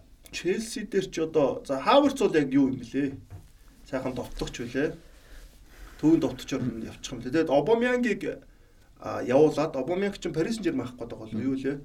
Тэгээд Инкункутай баг гэрээ төхөрж гэнэ үү? Роналдог авах гэдэг бас шуумнууд нь яваад л. Ер нь бол Обамянг бол угаасаа энэ жил тоглоод дахиж үлдэхэрэг болж байгаа байлаа. Абамаян гэж нөхөрхийн одоо ингээд хитж явж байна да тийм. Яг Обамян бол богино хугацааны нэм 8-аас нь ойлгомжтой л байсан л тийм. Милан, Боруссия Дортмунд, Арсенал. Барселона, Челси дандаа том бүх лигийн том. Тэгээ очиод яг фейлцуудад ерөөсөй байхгүй шүү дээ. Яг Челси ч гэсэн яг одоо дүгнэхэд бол хэцүү байна. Гэхдээ өмнө нь бол фейлцуудад ерөөсөй байна. Энэ танд тийм. Тийм. Одоо Обамянг юунаас болоод тийм тэгээд сахилга баттын л асуудал байдаг баг та тий. За Тэгээд Челси дээр Рис Джеймс дээр аврагуудын лиг миг дээр ингээд тоглолтод Рис Джеймс бол угаасаа Англи баруун хараа бараг батлаад юм лээ. Рис Джеймс ч юм бол. Тэгээд чи өөр чин Челси дээр чи юу ярьж байлаа? А бүрэлдэхүүнийг Стерлинг дээрээ суулгаад айгу гой тоглож илээ. Грэм Поттер одоо яг уучраа олж жоох шиг байлаа зайлал. шинэ тасалжуулагчийн бас Тийм. нөлөө байна тийм. Аврагуудын лигт ч 3-0, юунд ч 3-0 тлаа шүү дээ. За тэгээд том тоглолт руу орох уу? Арсенал Ливерпул тийм. За тэрний дараа Эвертон Юнайтед ярина. За, Арсенал Ливерпул гэр. За юу миний амнаас нэг ийм үг гардаг да одоо манай байнгын үзэгч сонсогч мэдж байгаа нэг залхуу гэдэг үг тий. Ливерпул бол маш залхуу байлээ. Одоо тэр Ливерпулийн алдаж байгаа эхний гол юу вэ гэхээр Арсенал Ливерпул товтлож байгаа байхгүй юу? Нэг Сала Нүнес хоёр нэг Са- Сала нэг жоохон эвгүй дамжуулдаг шүү дээ. Яг Нүнесийн жоохон эвгүй. Тэгээд Ливерпул товтлоод бөмбөг алдчихж байгаа. Одоо энэ тохиолдолд Европын дэлхийн хөлбөмбөг яадаг вэ гэхээр шууд хамгаалт эхэлж байгаа шүү дээ. Одоо тэндээ шууд товтлогч нар тэндээ шавж өгч бөмбөг авч товтлохоныг зогсооно. Тэнд алдаа зогсчоор Арсенал ч нөгөө аюултай баг яаж ин шууд сүрэг явчаад ихнийг бол орж байгаа. Нөгөө өдөгөр дундуур нөгөө Мартинелли нэг зогсож хийж байгаа шүү. Чинь амар Амар, амар. харуул. Тэгээд ер нь дараагийн голдор ч гэсэн нэг юм болсон нэг Ливерпул нэг юу хийд юм аа. За нэг нэг болчихж байгаа. Дараа нь Ливерпул хоёр дахь гол Болоо хийж байгаа. А стандарт стандарт. Тийм. Тэнгүүт ойгоо гараад ирэхэд тийш ганц Тэг Алкантара явж байгаа байхгүй нөгөө Барсагийн менталаараа. Гэхдээ Алкантара очоод энэ сааталч байсан шууд очих хуурагдаад дахиад ерөөсөө Ливерпул довтлогоон дээр бөмбөг алдахад зогсож нэг хэдэн секунд. Тэгээд тийм хооронд нөгөө баг нь яач аль хэдийн сөрөг довтлогоо эхэлж байгаа. Одоо ерөөсөө Ливерпулийн гол шалтгаан бол залах байл. Тэгээд тэр тоглолтын дээр за Мартинелли бол ер нь дэлхийн орд явах тийзэ Авцсан авцсан. авцсан. Мартинеллис дүгнэхэр амар үлээ. Ливерпулийн үнэхээр яаж Мартинеллигийн дээр тоглолтын стилэнд ийм байгаа тоххой нэг мессигийн нэг байдаг шүү дээ. Ойр хорхон. Яг гадаг нь мэдчихдэггүй те. Ойр хорхон гэж ч удаа урж яа гэдэг вэ? Тэгэд асар тесрэлттэй. Тим хүнийг хамгаалах хамгийн хэцүү үйл бүтээр маш хэцүү. Мессиг тим учраас хамгаалахд хэцүү үүдэг. Мартинелли яг тэгж тоглож илээ. Яг яг яг. Маш ойр хорхон гიშгэд. Тэгэд ойр хорхон гიშгэж байгаа юм чинь маш хурдан байгаа шүү дээ. Тэнгүүд яг гадаг нь мэдчих. Хамгаалч шиг яг ч юм ерөөс ойл олчихдог. Тэнгүүд тэр чинь яг тэндээс яг зөв юугаа хийж байгаа байхгүй. А дээрэс нь тэнд яг нэг дабл хуурагдж байгаа шүү дээ. Яг энэ дэр одоо нэг мань хүн чи ингээд яхад Хендерсон Трент хоёр хоёулаа байж ингээд нөгөө хуурагдж байгаа шүү тэнд. тэн дээр Трент Александр Арнолдын 100% буруу байсан тий. Хендерсонтэй байгаа тоглогч төр тэр тоглогчийн дарах хэсгийг авах хэрэгтэй байхгүй гэнэ бол.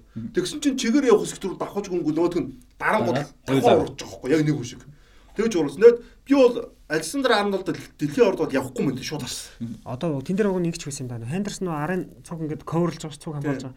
Хендерсон гол руу орохыг хамгаалаад хин цаашаа явах нь хамгаалах Зүгээрээ гэсэн. Хоёулаа ингээд хурагдчих واخ. Тий, би бол тэгж харсан. Хендерсон цаашаа явах нь угаасаа урд нь байгаа ч А авдаг. тийм ээ. За, Тэнгүүд хин нааша гэж юу? Арнолд нааша дарахыг авцсан бол илүү юу байх гэсэн бэ? Яг гоо зөв байрлал бас зөв байрлалын хувьд бол хин жигүүрээ авах хин дотгошоо авсан бол бас бас зөвлөлтөө. Тэгтээ тэр чинь юу штэ? Яг Яг гоо тэр үнэхээр Хендерсон тэгэл авцсан бол хин юу яах Тий. хэвээр коверлох байсан л тий. та.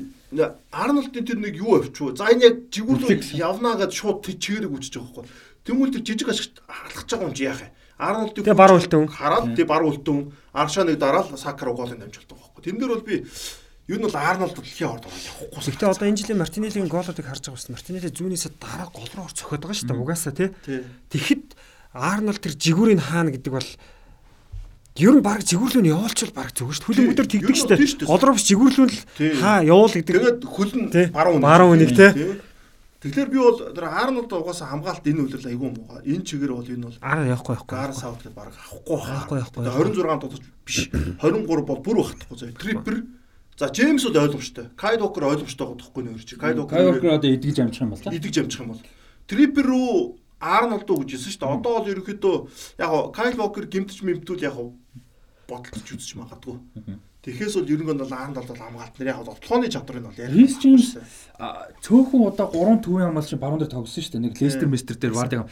Тэрийг нь бодох юм бол Рис Джеймс тэрнчээ тоглох магадлал одоо Кайл Walker гимцээ учраас Арнолд доо биш. болно шүү дээ. Чадна шүү дээ. Асуудал биш. Юм бол харин баруун дээр Александр Арнольд Трипер хоёр явж болох юм тийм. Харин тийм. Тийм хэрэв яах юм бол юм тийм. Би одоо нэг ийм санал болгомоор байна л да. Заяа нөгөө нэг гоё ингээд юу яд штэ. Одоо тэр баг тэгж тоглоул гэж гоё юм санал болгодог. Одоо Английн багууд ингээд үзэхэд бол ихэнх нь гурван хамгаалагчтай бас тоглож тоглолдог тийм. Одоо Челси, Арсенал, Манчестер Юнайтед, Сити. А бодо бодсон ч Ливерпул ч ер нь нэг тэгдэггүй юм байна. Клоп юм гэдэг. Тийм гурван хамгаалагчтай биш юм байна. Дандаа дөрөв юм байна. Одоо энэ Трент Александр Арнольдыг үнэхээр тоглоулыг гэвэл Ливерпул түүний гуравтай гуравтай тоглож иж гур бажиж Арнольд нь товтлоондоо чөлөөтэй явна хоошо буцахгүй байсан чи алдаа гарахгүй. Одоо Клоп энийг яагаад олж харахгүй байна л А гэж. Клоп ингэсэн шүү. Энэ тоглолтын явал ер нь Ливерпул жоо асуудалтай байгаа. Клоп айгүй олон юм хөлбөр туршны жөөрө хэлсэн. Яг туршсан. Яг гэх юм бол а Фабиньо суулгаад Хендерсон болон Тиаго Алкантара гээд хоёр төв явах хэрэгтэй гараад хуучин Боруссия Дортмунд тоглолтоо чи 4 2 3 3 нэг атактай тий. нэг нэг атактай. Юун дээр бас аргууд л их бас. Тий. Тэгээ энэ болохоор 4 2 3 1 штэ тий. Тий яг бол Клоп тоглолт нь энэ үйл болохгүй байгаа айгүй хурдан одоо юу хийж байгаа өөрчлөлт хийж байгаа байхгүй саалаагч муу энэ нь бүгд муу а Жото өдөр бол айгүй сайн тоглосон шүү дээ Жото ч яг тэгж хэн шиг яг Мартинеллигийн ч гэсэн яг жижиг алж тоглодог Арсеналын хамгаалч бол Жотог хамгаалахад эвгүй байсан бас тэр болон Жот бол хамгийн хамгийн өрчлөлт сайн тоглосон тэгээ Дарвин нүнс айгүй сайн тоглосон өдөр бол айгүй зүтгэлтэй тэгээ бүр өөрөө сэтгэл сэтгэл хангалуун байсан. Тэгээд а Луис Диас сайн байж байгаа гимтсэн байхгүй. Голын дамжуулт өгөөд атак тэр гимтээ хин гарлаа. Дарвин нүнс үгүй шүү. Урд Луис Диас болон Жото атактар гэсэн. Тийм. Рейнджерс дээр бас тэгж Тий, байна. тэгээд ингэж байгаа байхгүй нөө. 4 4 2 руу хурдан шилж тоглож байгаа. Тийм, 4 тийм, 4 2 4 2 3 1 рүү шилж тоглоод тэнгуэл Жото юу ч хоёулаа товтлож болж байгаа. Нэг бол Жото товтлогчийн хард ирж байгаа Дарвин сойр ээжлээд. Тэнгуэл энийг Луис Диасыг гимт гимтээ сууж байгаа шүү дээ. Гимтээ суухт би бодсон байхгүй. За нэг төвийн хагас гарахтаа чи клуб үгүй лээ. Шууд товтлож Ферминог гаргаад 4 4 2-оор шууд Тийм тийм тийм. Фермино гол хийсэн штэ. Тий. 4-4-2-оор шууд. Тэгэхээр Клоп бол ерөөдөө на 3 хамгаалалттай хөлбөр рүү шилжих хэмжээний ч юм уу тиймэрхүү үйлсүүд бол хий- хийхээр бэлэн шүү нь бол тоглоно. Ер нь тэгхгүй бол Трент Александр Арнольд тэнцэхгүй байгаа байхгүй. Тэгээ Александр Арнольд нь тоглолтыг ч гэсэн бодох юм бол тэгчүүл бүр юм нь гарна. Тэр нь бүр амар болчихж Тийм байгаа. бүр гарна. Ер нь бол яриадсан шүү дээ. Александр Арнольдыг зүгүүрийн хамгаалагч байхаас илүү wingback тоглуулаа. Дээрээс нь явандаа бүр центрлүүч орж магадгүй гэж ярьдаг байсан. Яг тэгж тоглоагүй Тийм бол наад чин 3 хамгаалж байгаа баруун дээр нь Фабиня гарч болж байгаа байхгүй. Дандаа дундаа гараад Тэгээ Конате ч юм уу тий. Матив ч юм уу, Коната ч юм уу. Тэгээд а, Трент Александр Арнольд чинь тэгж муу хамгаалангууд үеийн дундор Жо Гомес орж баруунд хамгаалсан шүү А дээ. яг хөө гимтцээ. А гинцтэй. Амар Мартинелли одоо нөө хэдүүлээ юунууд нь яриа та. Торгуулийн цогт мөхтөнд. Мартинелли санамсаргүй айгу гიშгцэн бохгүй юун дээр. Тэгээ энэ бол тэр суулгатын ч бас зөвцсөн. Гомс орж ирээд айгу дажгүй хамгаалсан шүү дээ Мартинеллиг. Тэгээд тэр юун дээр бол 11 өссөн шүү дээ, тэ? Габриэл Маглес. Одоо ийм байна. Арсенал дээр би нэг юм ярьж байгаа. Арсенал үнэхээр мондог байгаа. Гэхдээ Арсеналд нэг асуудал байна.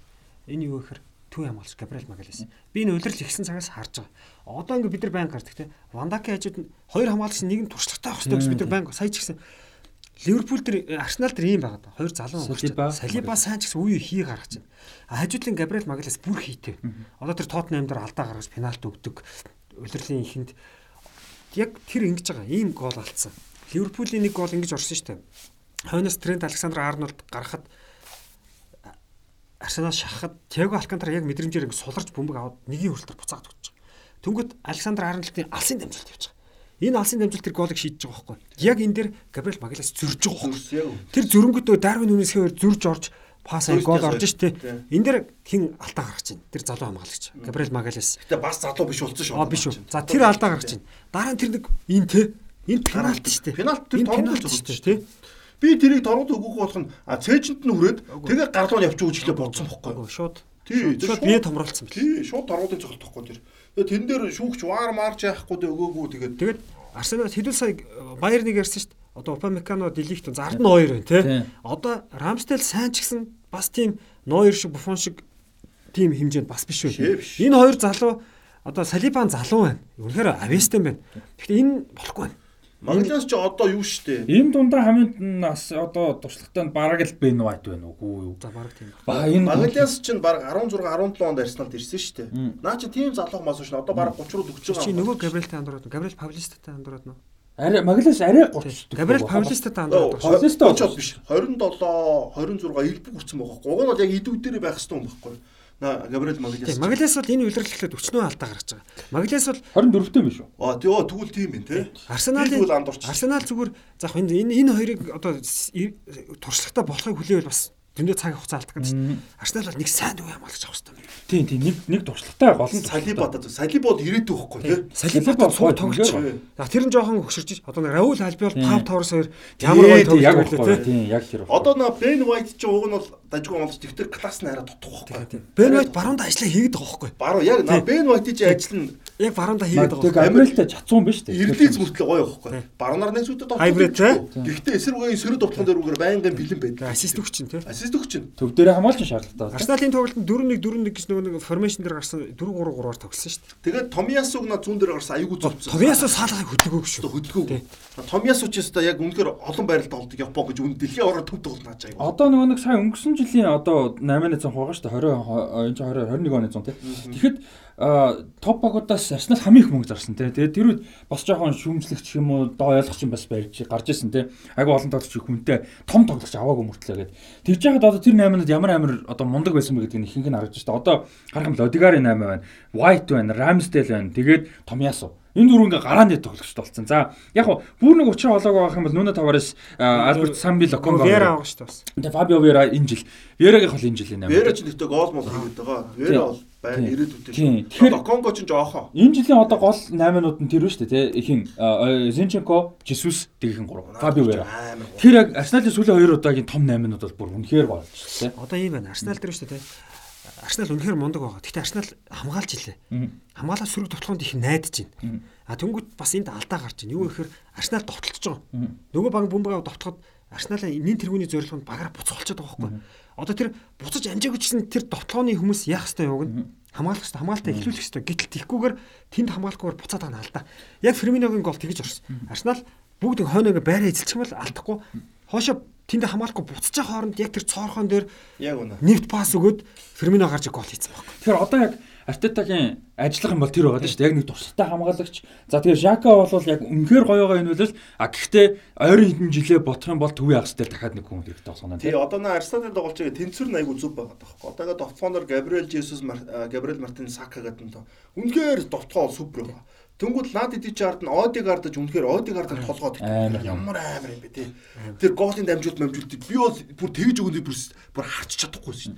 Тэгэхэд өр Мартинеллигийн хурдыг тооцоолж байгаа дамжуултыг өгж байгаа. Тэгээ Одигард ч хүүхд л тийм байсан. Үнэхээр юу юм бэлээ. Хагтаж болох хэмжээнийх юм бэлээ. Аа дараагийн хүн Томас Парт байна. На Томас Парт ч ерөөхдөө Арсеналын хамгийн гол тоглогч юм байна. Төвийн хагас дээр бүх юмшлагтай голын дамжуултыг Томас парт чинь яаж байгаа шүү дээ. Тэр хамгаалтууд дээр тасалж мас тэгж Арсеналын довтгоонд эхлэх бас юунд одоо дөрөв хамгаалагчтай тоглож явахд үед энэ аюул чухал байхгүй. Төв явах. Тавтай тоглож байвал бас хамаалал. Энэ 3 төвийн 3 нэг нь урагшлаач юм. Тэгээд Арсенал түрүүнээс нөгөө динамик гэж ярьжтэй динамик. Арсенал нэг бөмбөг аваад харахад нөгөө дөрөв ороод ирнэ. Торгуулын талбайд. Тэгээд Мартинелли зүүнээр довтлоход 3 сонголт байхгүй. Урд руу өгж болно. Хоошоо Одигард суулгаж болно. А тэгээ нэг гол ингэж орсон шүү дээ. Одигар хин орж байгаад урагшаа гаргаад Жесус өнгөрөнгөт Сака орж иж хийсэн шүү дээ. Тэр хаалганы өмнө. Ерөөсөө ингээл хормын зур Арсенал ингээд дөрүүлээ торгуулна л бод одох юм бэл. Арсенал бол амар хэл шүү. Реалд жоохон боломж олцсон болоо тэгэр бүр алах нэ. боломж угаасаа байхгүй. Яг байхгүй үнэхээр байхгүй байсан харин би нөгөө тэгээ нөгөө боломж байсан. Тэгээ нөгөө боломж олцсон бол гэж байхгүй. Арсенал яаж Реалын сэлгээний бан салааж байгаа үдгээр авсан. Яг зээлэр зээлэр авсан. гол нь юу яасан л да. Sociedad-ад амар сайн тоглолцсон байсан л да. Аа нэг Зээлэр- удирлын ихний хагас нэг тэгсэн шүү дээ. Тийм тэгээд ерөнхийдөө бас сайн тоглож буцааж Буцааж аваад нэг удирдал тоглоо буцааж аваад бас ашиглахгүй байж байгаа өвлөн. Тийм тэгээд Одегаар дугаасаа нөөцтэй үед нь харагдчихтэй. Яг тэр нөөцийг бол Арсенал хин артаатай амар харж байна. Ахтарч махтарч болгоо те. Тэр төвд бол найруулга. Одоо юу гэж байгаа шүү дээ. Бүгдээрээ хурдан болооч бас эвгүй. Тэгмэл тэнд төрч яг хурдтай биш яг тоглолтыг хардаг, боддог те бөмбөг ингээд гоё тархин биш үү? тархин байгаа хөөхгүй те болт чинь те. Зүгээр тэр хар ажил чинь парти гэдэг хөрөг хөөхгүй. Тэн зүгээр өстэй. Хаана бөмбөг булаац чинь хаана алаан болж энэ Томас парти явж байгаа. За хэдүүлээ нэг дүгнэлтэн төрлөө те. Арсенал бол төвийн нэг сайн хамгаалагч авах хэрэгтэй. Габриэл Магалесын оронд. За Магалес бол ирээдүйд сайжирч болно. Гэхдээ яг сайжрахыг Одоохондоо. хүлээх юм бол бас Арсенал олон юм алдах гаднаа. Тэгээ Бен Вайт байгаа юм чинь Салиба байгаа юм чинь Магалаш 30 төгсөж байгаа те. Тийм 30 30 гарцсан ч үсэн яа гэдэг нь бол тийм үстэй. Яг урт хугацааны зам. Энэ 2хан жилийн юу гэж байна? Тийм тийм тийм тийм. Яг түрүү яг ярьдаг л аахгүй юу? Пауторис хин ойл аахгүй юу? Тэгэх юм бол Арсеналоос сэлгээ Веремер орж ирээс хөөрхөн мэлээ. Одоо хэн байж болох вэ? Зүгээр санаанд орж амаалагч байна уу? Авал зүгээр яг нэг тийм гоё таархаар байна. Салибагийн хажууд те.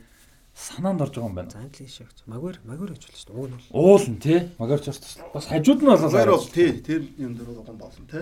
Еврогийн финал дээр Яг нь тоглолцсон Испан те. Испан Испани тиймэрхүү хамгаалагч нарууд байвал бас Энийг болж Герман энийг бол Барса ана. аа бас авчих те. Тэгтээ энийг Мартинес байлс гоё Гэтэ те. шууд англид очил хэцүү. Бас чадахгүй л хаа те. тий тэгээд хин тэр зүүлийн мүлийг бүр авах хэрэгтэй юм шүү. Арсенал тийм том хамгаалагч ус хэрэгтэй шүү дээ. Бас байж. Арсенал жоохон динамик тийш орох гээд. Одоо Тэгэхээр чуудаасаа болоод ийм болох гээд шүү дээ одоо. Габриэл Магалянс гэхдээ Габриэл уган сайн тоглож бол уган дажгүй хамгаалагч шүү дээ тий. Мөрхө би бол сайн гэж харахгүй байна. Магалсиг. За Ливерпул Юнайтед дээр юучлаараа Ливерпул Арсенал дээр нэмэх зүйл байгаа. Одоо өөр ч байх Ливерпул тэгээд муу лээ. Одоо өөр юу ярих вэ? Залхуу залхуу хэл. Их залах байна. Топ дөрөв рүү оруулах юм. Одоо Челси ингэж тоглуулаад Ливерпул чинь зайгүй болчихлоо шүү дээ энэ бол. Тотнам очсон тэгээд. Арсенал Арсенал ойлгомжтой? Тоттенхэм, Хари Кейнийг бол Брайтныг очсон. Одоо Арсенал бол за аврагын төлөө хэр ярих юм мэдгүй. Гэтэ эхний дүр 2 дугаар байрны төлөө өршлөө нь бол ингээ баттай болчихлоо шүү дээ. Ямар ч Энэ хэлзээ бол ба. Тийм. За нэг том тоглолт уур чин За Эвертон Манчестер Юнайтед тоглолтоос Эвертон Goodison Park тоглосон. Энэ үйлрэлт ер нь Эвертон хэцүү байгаа. Гэтэ энэ дунд бол хамгийн сайн тоглож байсан тоглогчтой нэг Алекс Ивоби байсан. Тэгээ Ивоби ямар ч байсан гол бол оруулсан. А гэхдээ Антони цогч ийсэн. тий тэгээд Антони Роналдо хоёр гол игээд. Наад тоглолч Эвертон ер нь бол энэ үйлрэл хамгаалт аягүй сайн байгаа. Аа. Тэгээд хамгаалж исэн.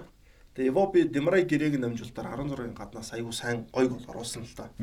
Тэгээд на Марсел гэдэг тоглолч одоо юу нь юу бол явуулмаар юм. Уу? Юнайтед. Яг гоо сайн муугийн асуудал ш. Гимтлийн асуудал. Өчтөр нэгдүгээрийн дундор гимтээс уснаа Марсел чаа. Энэ үйлрэл бас тэргүй нэг гол хийгээдсэн шүү дээ. Юу нь бүтэн үлрэл Марсел тоглосон үлрэл угаасаа байдгүй. Тийм ээ тийм. талд нь тоглол их юм байхгүй надад чаа. Тэгэхээр United одоо хэн бол Эрктен аа цэвэрлэгэн. Дээрээс нь би Эрктен аагийг үнэхээр үнэхээр сайн чийдэг хүлийн зөвшөөрч байна. Яг гэх юм бол Роналдо ингээд буу амбиц гаргасан шүү дээ. Тэгэхэд Роналдогоос болоод өөрийнх нь карьерийг алах уугүй юу гэдэг дээр яг үндэ ирсэн байсан шүү дээ. Эрктен бол айгүй зөв шийдвэрээр Роналдог бол яг үндэ тоглогч хүнийг бол тоглогч байнд нь тавьсан байхгүй. А Роналдо өчтөр Марселианд гарч ирээ гол оруулж карьерийнхаа клубын 700 карьерийн 700 дахь гол оруулж байгаа байхгүй. Одоо бол Манчестер Юнайтед чинь Роналдотой уучраа олцсон байна юм бол Эрктен хаг. Аа тэгээд би яг сэлгээр гарч байгааг нь харж байгаа байхгүй Эрктен одоо гараад тест ингээд пүүшлээд өгөр ингээд гэж ярьж байгаа байхгүй. Роналдо ингээд яг сонсож байгаа сонсохгүй шиг царайтай хойгаад байгаа. Гэхдээ тэр дасгалжуулагч гэдэг хүн өөрийнх нь байр суурьгаа хэдий олоод авсан гэдэг бол тэндээс би олж харсан. Тэгээ тэгж өөрийнхөө байр суурь баттахгүй болвол тэ нааг асуултанд эргэлзээ нөрөх гэдэг шүү дээ. Тэгээд дээрэс нь Рашфорд сайн байсан нэг голын Варга тооцоогоо. На Антони ч юм бол яг сайхан сайхан гол хийдэм байх нөө. Манай Антони ч бас дутуу байна. Бас. Одоо Эвертоноос Лампард удирдах байгаа шүү дээ. Яг зүгээр Лампардыг 2019 оноос Челсиг удирдах бас тоглож байгаа аргу байсан байхгүй. Яг орчин үеийн хөлбөмбөг бас биш те. А Лампард бол Эвертон дээр арай нэгт үзэж байна. Эвертон маш сайн шахжилаа. Би шүн ингээл хальтал харсан л та. Барсакс нэг үзэл, Юкс нэг үзэл, Эвертон үзээ. заримдаа ч нэг унтцсан жоох шиг зэрэг хараад тэгээд зарим юм бас санахгүй байгаа бас яг үндэ. А хит хит юм санаж байгаа. Юу гэхээр эхний гол төр Антони чинь шахуулцсан. Каземиро шахуулчаад Антонид өгж байгаа. Тэгэхэд шахуулцсан Каземирод буцааж өгöd тэнгуут бөмбөг алдчих жоох. Тэгээд цүрэг тоглоход Эвоби цохингот Каземиро бөмбөг Антони шахуулцсан Каземирод өгöd Каземиро алдахтаа тэр тоглохоо явж хат бүр ингээд чи яавтаа гэсэн харцаар Антони загнасан харцаар Каземиро харж байгаа шүү дээ. Үзэгчтэй ухраагаад үзээрэй зэ. Бүр Антонитог бүр ингээд бас бас зөв шийдвэр гаргах. Антонигийн харин гол оруулдаг бол би хэлж байгаа нэр ихгүй. Гол оруулалт юм байна. Асуудал нь хамгаалт мамгаалт гэдэг 0 юм. Баггүй. За тэгээ гол орж байгаа. За тэгээ сая заяа хэллээ шүү дээ. Роналдо сэлгээр гарч гол хийчихэд бас нэг ассист өгсөн шүү дээ. Мөргөөд өгөнгөт Рашфорд аваад амар гой хураад хаалгачиг хураад хийсэн чинь Рашфордыг хаалгачиг хурж захта гар үсэн гэж үзээ ваар гэж үзээ тооцоог. Роналдо бас хичээсэн шүү урч. Роналдо харин одоо нэг Эриктин хаахтай нэг юг олоод тах шиг байна. Тэгэхгүй бол нэг тоглогч нь илүү гарчих гадс дасгалжуулж чаас тий. Сая юун дээр бол гэхдээ хэцүү л харагчлаа. Нэ Омонио дээр Омонио Никосе гэдэг Европа лиг тоглосон шүү дээ. Тэрэн дээр үгүй тэрэн дээр үгүй Роналдо хэцүүтэй биш. Зөв нөгөө нэг Роналдо одоо ингээд нэг тоглох шитгэхэд томлчих гээд шүү дээ.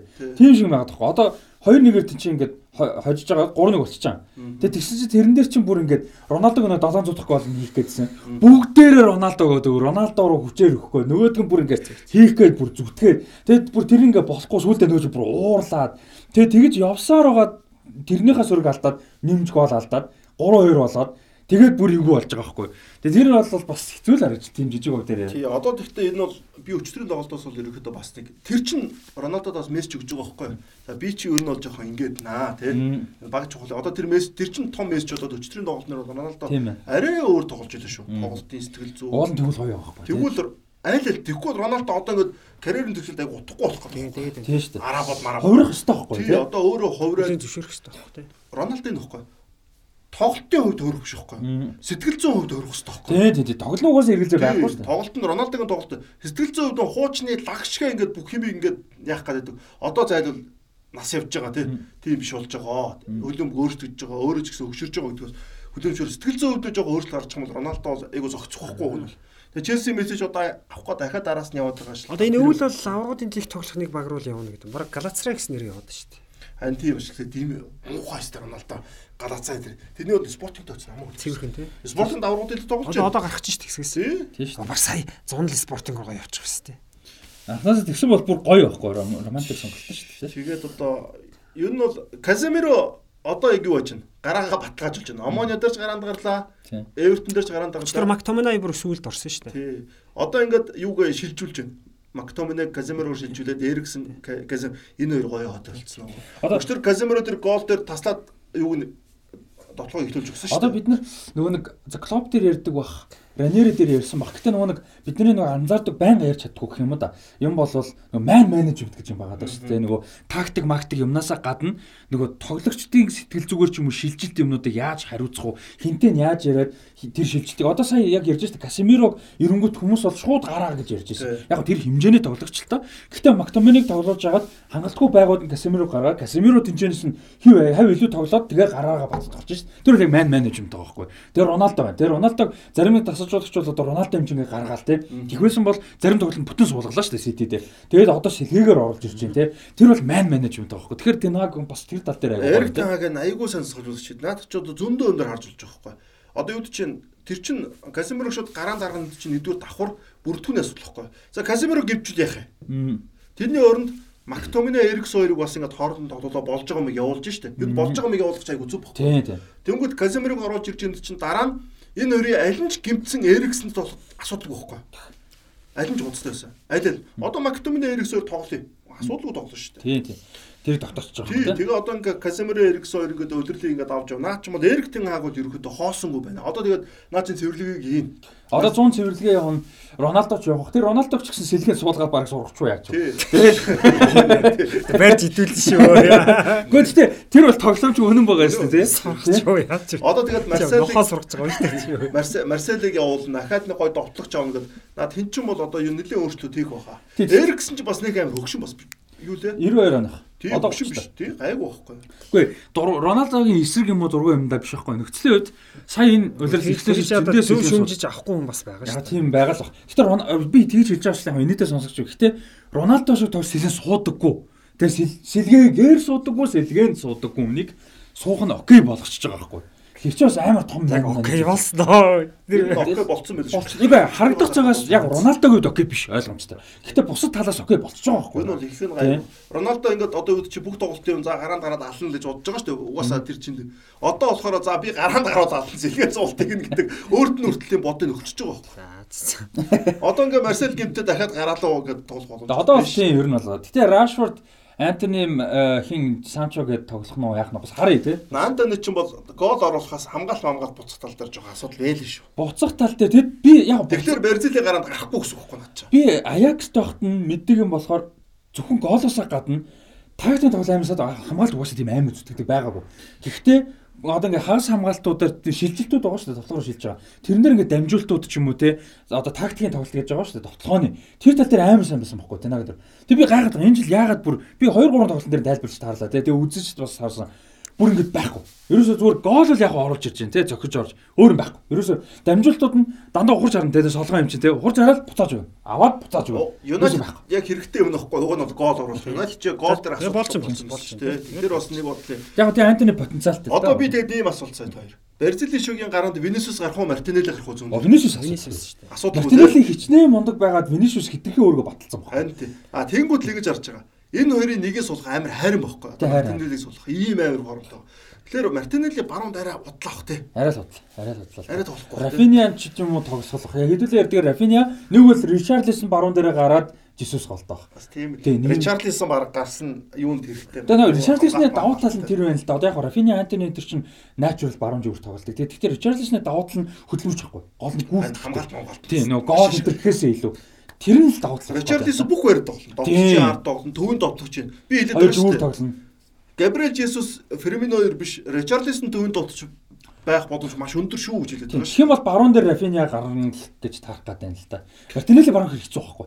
А зүгээр Винишиус Мартинеллигийн асуулт юу байсан бэ амар сонирхолтой. Энэ жилийн формтой Мартинелли өнгөрсөн жилийн Винишиус хоёр зэрэг байсан бол яах вэ гэдэг амар том асуулт гарна. Тэгэнгүүт Мартинелли гэж тасарсан сэлгээд болчих барьж Тийм байна. үнэхээр. Орж игүү зүгээр хаална. Тэгээ одоо хэрвээ Шарлисон гараад Жисус урдаа гарах юм бол Рафиниа гэдэг амар сэлгээ бас байж гэн тэ сэлгээ. За Фермино мэдээж тэгээд форм янз бүр байсан ч гэсэн гоё сэлгээ Гол байна. ирэхдээ Антони ч гол хийж чадна. Тийм Антони ч гэсэн хийн бас гоё шүү. Аверзил тэгээд одоо тэгээд Родриго Модриго барах батахгүй болчихлоо шүү дээ. Антони, Рафиния. Рафиниа, Рафиня, Ричарлисон, Жесус, Фермино, Неймар, Винисиус, Мартинелли. Мартинелли энэ 8. Яг урд урдлын 8, хамгаалтын 8. Тийм. Тэгээ хаашаа. Тий. Тэгээ болчихж байгаа юм шүү. Төв дээр амар бүрэлдэхүүн орж ирж шүү дээ. Тэгээ би яхаа төвийн хагас дээр барьж илэр яг үнд айж байгаа шүү. Яг уу ядаж хамгаалах чиглэл тэр нэг төхүүлээ яри те. Хэдүүлээ яриа л байгаа. Байж байгаа л Тэр мөрсөд болж. хорхоо хөдлөө бүр яг ярьж байгаа юм шүү. Тий. За хоргууд лигийг яриа. Хэдүүлээ бас нөгөө манай хэд анзаарсан байх удаж байгаа хүмүүс за мэдээж одоо спонсортой болсон байна. Би Wave Sports Lounge манай олон одоо дугаар дэмжиж ажиллаж байна. Бид нэр аль болох яг доктортой өдөр зугаа дугаараа бичиж доктортой өдөр гаргах тал дээр мэдээж ажиллаж байгаа. Зарим нэг үед тэгж чадахгүй байсан. А бас ойлгож байгаа гэж найдаж байна. За одоо болоод бидний тооцоолж байгаа хуваар юу байгаа вэ гэхээр Аврагуудын лигтэй өдөр одоо 7 хоногт бид нэгд өдөр дугаараа бичих. Тэгээ 2 өдөр гаргах. Тэгээ аврагуудын лигийн тоглолтоос өмнө гаргах. А аврагуудын лиг үед 2 дахь бичээд 3 дахь гаргах гэсэн ийм одоо хуваарийн тоглол ерөнхийдөө явж байгаа шүү. За тэгээд өнгөрсөн 7 хоногт бол мэдээж аврагуудын лиг яг өмнөг өдөр бичсэн байгаа.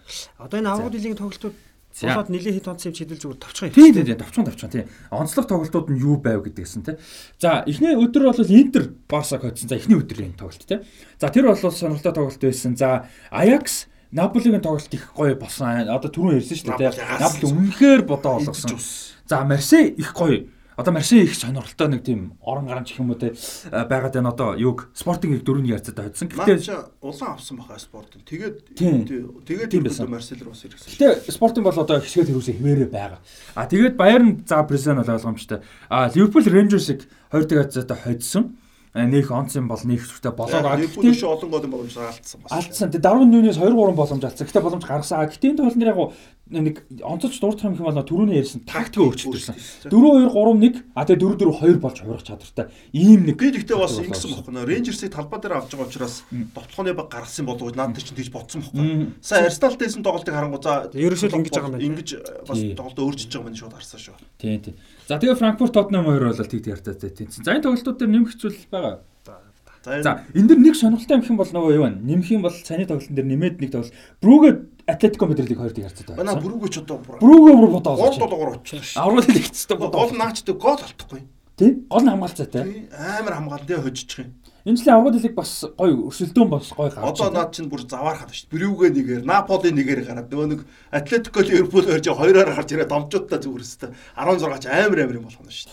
Тэгээ одоо Барса Интер хоёр Интер одоо ингээ хоёрт явж байна. Одоо энэ логоногт хариу тоглолт болно шүү. Тэр их чухал юм болох юм да. Хариу тоглолт болох нь тэр юу болох нь одоо Интер Барсагаас оноо авчих юм бол тэ одоо хожих юм уу тэнцсэн бол Барса бүр хэцүү болох. Барса энэ явуулах. Хоёр дахь жилдээ дараалал Европ лиг руу унах юм билүү. Ягаад тэр үдэн тоглолт за Пилсенийг хожд юм байж Мюнхенд хожигчвал яах вэ? Бүгд Пилсенийг хожиж шүү дээ. Тийм ойлгомжтой. Тэгэхээр ийм хэцүү нөхцөл. Тэгэхээр Пилсенийг хаяад аа тэр гурын хоорондоо тоглох. Тэгэхээр Интер одоо Барса руу чи тэнцгэд л Барса эвгүй болчихно. Тийм харин тийм. Тэгэх юм бол Барса сүүлдээ Баерныг хожих шаардлагатай болно л. Тийм. Хамааргүй шүү дээ Баерныг хожинд бол. Ийм нэг хэцүү нөхцөл үүсгэн байна. За тэгээ Red Bull Salzburg Динамо Загребыг одоо 2 дахь тоглолт нь юм да 3 дахь өдрийн тоглолт шүний тоглолт те. Хожоод хэсгээ тэргүүлж байгаа. Челси Миланыг хоцсон. Миланы 3 дахь хэсэгт хожиж 4 оноотой болсон. Милан 4 оноотой адилхан байгаа. Динамо Загреб 3 оноотой байгаа. Одоо Милан Челси хоёр Сан Сирод үзэн. Тийм чухал тоглолт. Их чухал. Наад өөр чинь нэг өөр гарчгаар харагч байна. Тэгээд энэ өөрөөсөө хожигдох зүг бохгүй юу? Яг бол Загребчин Челси Мессиг хожсон 3 оноотой явж исэн баг. Оноонууд нь бүгдээрээ ингээд жигд болоод жигд болоод эхэлж байгаа. За Leipzig Celtic-ийг хоцсон. За Real Madrid Shakhtar Donetsk-ийг 2-1 харьцаад буулгаж авсан юм тоглолт бол босон Real Madrid хэсгээс гарах нь бол одоо ингээд тодорхой болчихж байгаа 9 оноотой. Leipzig хоёрын нэг нь одоо хоёроор гарах уугүй юу те. Манай Celtic чи эвгүй шүү. Celtic чи яаж маа. Нэг л оноотой байгаа. За одоо 3 тоглолттой байгаа л те. Яг бол Real ч бүдэн хожоод Нөгөөдөө оноо багсан шүү дээ. Нөгөөдөө оноо багсан байхгүй. Celtic-ийн одоо шийдэхиндээ одоо Celtic талбай дээр Celtic нөгөө хоёр тоглолт шийдэх. Celtic-ийн гол нь тоглолт нь амар байгаа байхгүй. Тийм бил. Тэгээ одоо нэг алдартай цэнгэлтгтээ одоо юуг Лайпциг хүлээж авч тоглоно те. Хожичвол бус цаашаа гой боломж гомно шүү дээ. За Ситигийн хэсэгт Копенгагеныг 5-1 ярцаатай Басал хаалн балан тэгээ хоцсон. А Севиаг Дортмунд 4-1 ярцаатай тэр тоглолтод бол хоцсон. халагдсан. Тийм Лапитагийн халагдсан тоглолт байсан. За энэ хоёрыг ингээ гарах нь бараг тодорхой болчихоо. За Юу хэсэгт болохоор сүүлийн хэсэгт нөө түрүү ярьсан Ювентус бол Макаби Хайфаг хожиж ямарч байсан эхний 3 оноогоо бол авсан Paris Saint-Germain Benfica хоёр тэнцсэн. Benfica аврагууд дэлгэхтийн үйлрэл маш сайн байгаа тий. А оноо бол тэнцүү байгаа. Одоо ингээд Бенфика Париста тэнцэнэ гэдэг маань Бенфика дараа нь Ювентус хожигдсон ч нэг онооны баг илүү болчихно гэсэн үг шүү дээ. Танай Ювентус ч баг явлаа шүү дээ. Одоо ер нь баг тодорхой болох гээд байна. Итали дааш тэр аврагууд дэлгэж ивгүй болчиход шүү дээ. Бенфика харин зөрүүлээд өстой гоё. Тэгээ аврагын лигийн хэсгээс гарахаар баг байна. За тэгээ Португалийн лигт тэргүүлж байгаа. Бенфика Paris Saint-Germain тоглож байгаа Paris Saint-Germain-ыг угаасаа тэр шууд хожинд юу айгу бага байсан шүү дээ. Тэгэхээр энэ Бенфикаг ямар сайн үнэлж байгааг ээ байхгүй. Их формтой гоё Бенфика байгаа шүү дээ. Ер нь нөө хэдүүлээ ярьсан Рикошта юугаар ерөнхийлөгчөөр оцсноос хойш Бенфика бүр айгүй гоё юу том тоглогч ерөнхийлөгч болон төөрөлдөө.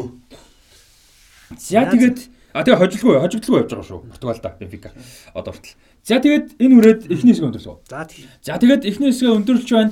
А дэмжиж ажиллаж байгаа Westport-ийн хамт олон Westport Lounge хамт олондоо бас баярлалаа. За тэгээд ерөнхий ивэддэгч MMS-ийн хамт олондоо мэдээж баярлалаа. MMS Green Building одоо төслийг та бүхэн маань бас үзэж сонсож байгаа хүмүүс маань бас сонсож байгаа үзэж байгаа хүмүүс маань үзэж бас танилцаарай тий суурс зэрэг маань сайтаар орж энэ компанитай компани төслүүдтэй бас танилцах ийм боломжтой уул уурхай үйлдвэрлэлтэй ийм одоо барилга ийм салбаруудад ажилдаг салбарын одоо байгууллагад ажилуулдаг хамт олон маань бас одоо үзэж байгаа хүмүүс маань бас саналцах мэдээлэл солилцох юм боломжтой бас он гараад нэг очиж танилцсан тий.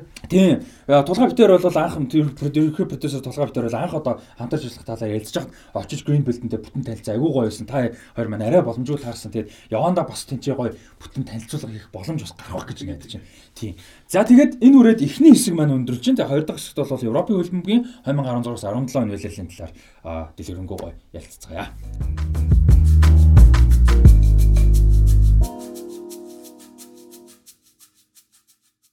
За иргүүлж байгаа татан үзэгчтэй сонсогчдоо за өнөөдрийн дугаарын Шого Борнто шоу подкастын 20 дахь дугаарын 20 дугаар хэсэглэхэд бэлэн болсон маань 2016-аас 17 оны Европын хөлбөмбөгийн улирлын талаар ярилцъя. За ярилцъя болчлаа ярилцгаая. Бид нар нөгөө бага байхдаа ингээл 100 Европын хөлбөмбөгийг хүлээхийг эхлэх хүлээгээл хоорондоо ярьдаг байсан шүү дээ. Багууд ингээл гоё гоё 8 хийгээл за өстө энэ жил Эл Классикоч талаан болох нь дээ. Энэ жил Арсенал ийм болчлоо, Челси ийм болчлоо. Шинэ үлрэл эхлээсэ гэл. Тэг яг мэдээж бага хот бол тийм байсан. Тэгээд сүүлийн үед нэг тхэн жоохон багасчаад байсан. Аа 2016 оны 100 бол ерөөсө тэр мэдрэмж дагж нэг удаа орж ирсэн юм байна. Тэрс ойрын олон жил орж ирээгүйгээр. За яагаад вэ гэхээр 2016 оны 100 юу болсон бэ гэхээр Англид бол дасгалжуулагчтай маш том десант буусан. Английн Челси клубыг бол Италийн шиг шавыг өдөржсэн алдарч салжуулагч Конте өдөрцсөн. Манчестер Сити Пеп Гвардиолаг авсан. Манчестер Юнайтед Жозе Моуриног авсан. А Ливерпул бол одоо Юрген Клопп яг удирлын эхнээс удирцсан анхны одоо удирдал бүтэн удирдал нь бол тэр байсан гэл. Ерөөсөө тэр 2016 оны 100 нэг тийм аюу тийм гоё мэдрэмжүүд бол төрж исэн. За тэгээ 2016 Европын арга болсон байсан тийм. Евро Европын арга шалралт тэмцээн болоод дууссан. 2016 оны тэр 9 сарын ихэр би Бээжинд байсан нэг 14 насны олон улсын тэмцээнд гიშгшаа удирдаад байжсэн. Тэгээ тэнд нөгөө нэг хүлэн бүг үзэх боломж авахгүй. Хаяа нэг VPN хэрэглээ Facebook орохоор гой гой юунууд яваад одоо интро гэх юм уу те Манчестер Юнайтед Манчестер Сити хоёр үзгээд Гвардиола Мориньо хоёрын баг тэгээд баахан хүмүүс авцсан. Тэр хоёрын нэг хүмүүсийг нэг цэрэг дайнаар зөөрлөсөн нэг Ибрам Ибраш нэг жанжин манжин болцсон. Пүү тэр тоглолтыг үзсэн ингээ тэгээд яг үзэж чадаагүй л та. Нэг тийм мэдрэмж бол төрж исэн байгаа. За 2016 онд Англид бол Англиас ингээд эхэлж байгаа. За Английн хөлбөмбөгт бол юу юу болсныг бол тоймын сайн дурдчихлаа. Одоо нэг баг болгон дээр нь хэдүүлээ яриа явчээ. За 2016 оны зам бол Челси клуб дасгалжуулагч Антони Конте. За Конте ирээд хэд хэдэн 8 бол онцлог 8 бол хийсэн байгаа. За Мохаммед Салаг бол Рома руу явуулсан. За Квадратог бол Ювентус руу 2 дахь жилдэн дараа зээлсэн. За тэгээ Натан Аке, Андрес Кристенсен, Тами Абрам гэсэн залуучууд болон Лойк Гремиг бол зээлээр явуулаад за Челси бол хэдэн сайн 8 байсан. Ингола Кантаг авсан байна. Маркус Алонсо, Давид Луис, Мич Бачуэ нарыг авчираад за өвөл нь бол Оскар Иванович, Жон Оби Микел, за Патрик Банфорд нарыг бол өвлийн цонхоор бол явуулсан байна. За тэгээ тэр удирдал бол Контег удирдлагын дор нөгөө Контегийн яг дархан гэж хэлж 3 5 2 3 4 3 гэсэн хувилбарыг бол байрлалыг бол маш амжилттай туршиж одоо Премьер лигт бол өмнө тасархаа тэр жил бол төрүүлсэн. За Челсигийн хувьд бол ямар ямар амжилт тогтоосон бэхээр удирдалт хамгийн олон буюу 30 удаа хоцсон юм. 38 тоглолтоос 30 хоцсон гэж. Амар. Юу вэ те? 3хан тэнцсэн ба шүү. Тий. Хамгийн олон буюу одоо 13 тоглолт дараалж тэнцсэн. Дараалж хоцсон байна. За гэртээ ерөөсө тэнцээгүй юм. За тэгээд нийт бол одоо зочинд л гэсэн үг л дээ. Зочин тоглолт нь 3 удаа тэнцсэн. За тэгээд эзэн зочин тоглолтод 12 багийг эзэндээ ч хоцсон зочиндоо ч хоцсон гэж байгаа. Одоо эн чинь 12 багийг эзэн 3 орч 36 оноо. Топ багууд нь л үлдсэн мэт юм бол тий. Тэгээд 72 оноог ерөөс 12 багаас авч болох 72 оноог авчихна гэсэн үг чинь. Ямар амар юм бэ. За ингээд 93 оноо авсан нь бол яг Премьер лигийн түүхэнд бол хоёрт орох үзүүлэлт юм байна. Ерөөсөө би тэр жил ерөөсөө Челсигийн тоглолтыг л үзэх маш дуртай байсан. Би 3 4 3 3 5 2 гэдэг тэр байрлалыг бол маш их сонирхож хардаг байсан. Гэл Контегийн фэн болсон даа. Орчин үеийн одоо 3 хамгаалагчтай их юуг одоо тактик эхлүүлсэн шүү дээ. Орчин үе. Өөрөө өөрөө эхлүүлсэн. Тэгээ өөрөө баяжуулсан. Орчин үед яг эхлүүлсэн. Далд эхлүүлсэн тий. Зан үлрэл дээр нэмээд. Өө тэгээд Өө бус багууд ярихгүй юм байна. А хэдүүл аяа хам зүгээр бүгдийг нь ярьчаад ингэж ярих юм уу эсвэл нэг нэг баг дээр ярих юм яах юм. Сайн шиг явал гоё л биш үү? Ярьч би бүгдийг Тий, шууд ярьж мэдээ Ярьж байгаа тэр нэмэл Тэгэл яриад. тийм. Угаасаа чиний л юу юм чинь чинь хэсэг юм чинь. За Челсиг ярихад бол Челсигээс жишээ нь Диего Коста 20 гол Премьер Лигт оруулаад Эден Азар 16 гол оруулж мэрэгэн мочин цагсаалтанд бол бас дундуур Челсиг нь бол урдаж, төвдөж, ардаж, хаалхан дээр зогсооход ерөнхийдөө ер нь амар чигд байсан тий. Тэр канте хэрэгс алдаг тий. алдаг алдаг алдаг. Яг нөгөө Премьер Лиг авраг авцсан кантыг аваад тий. Хаста будаа болгосон байлаа да. За Манчестер Сити яасан бахар Гвардиола ирсэн. Тэгээ Гвардиолыг ирэхэд бол яг түүнээс өмнөх дасгалжуулагч нар бол яг зөв Ситиг амбицд хүрдэггүй байсан. Роберто Манчинич тэр Пелегринич тэр.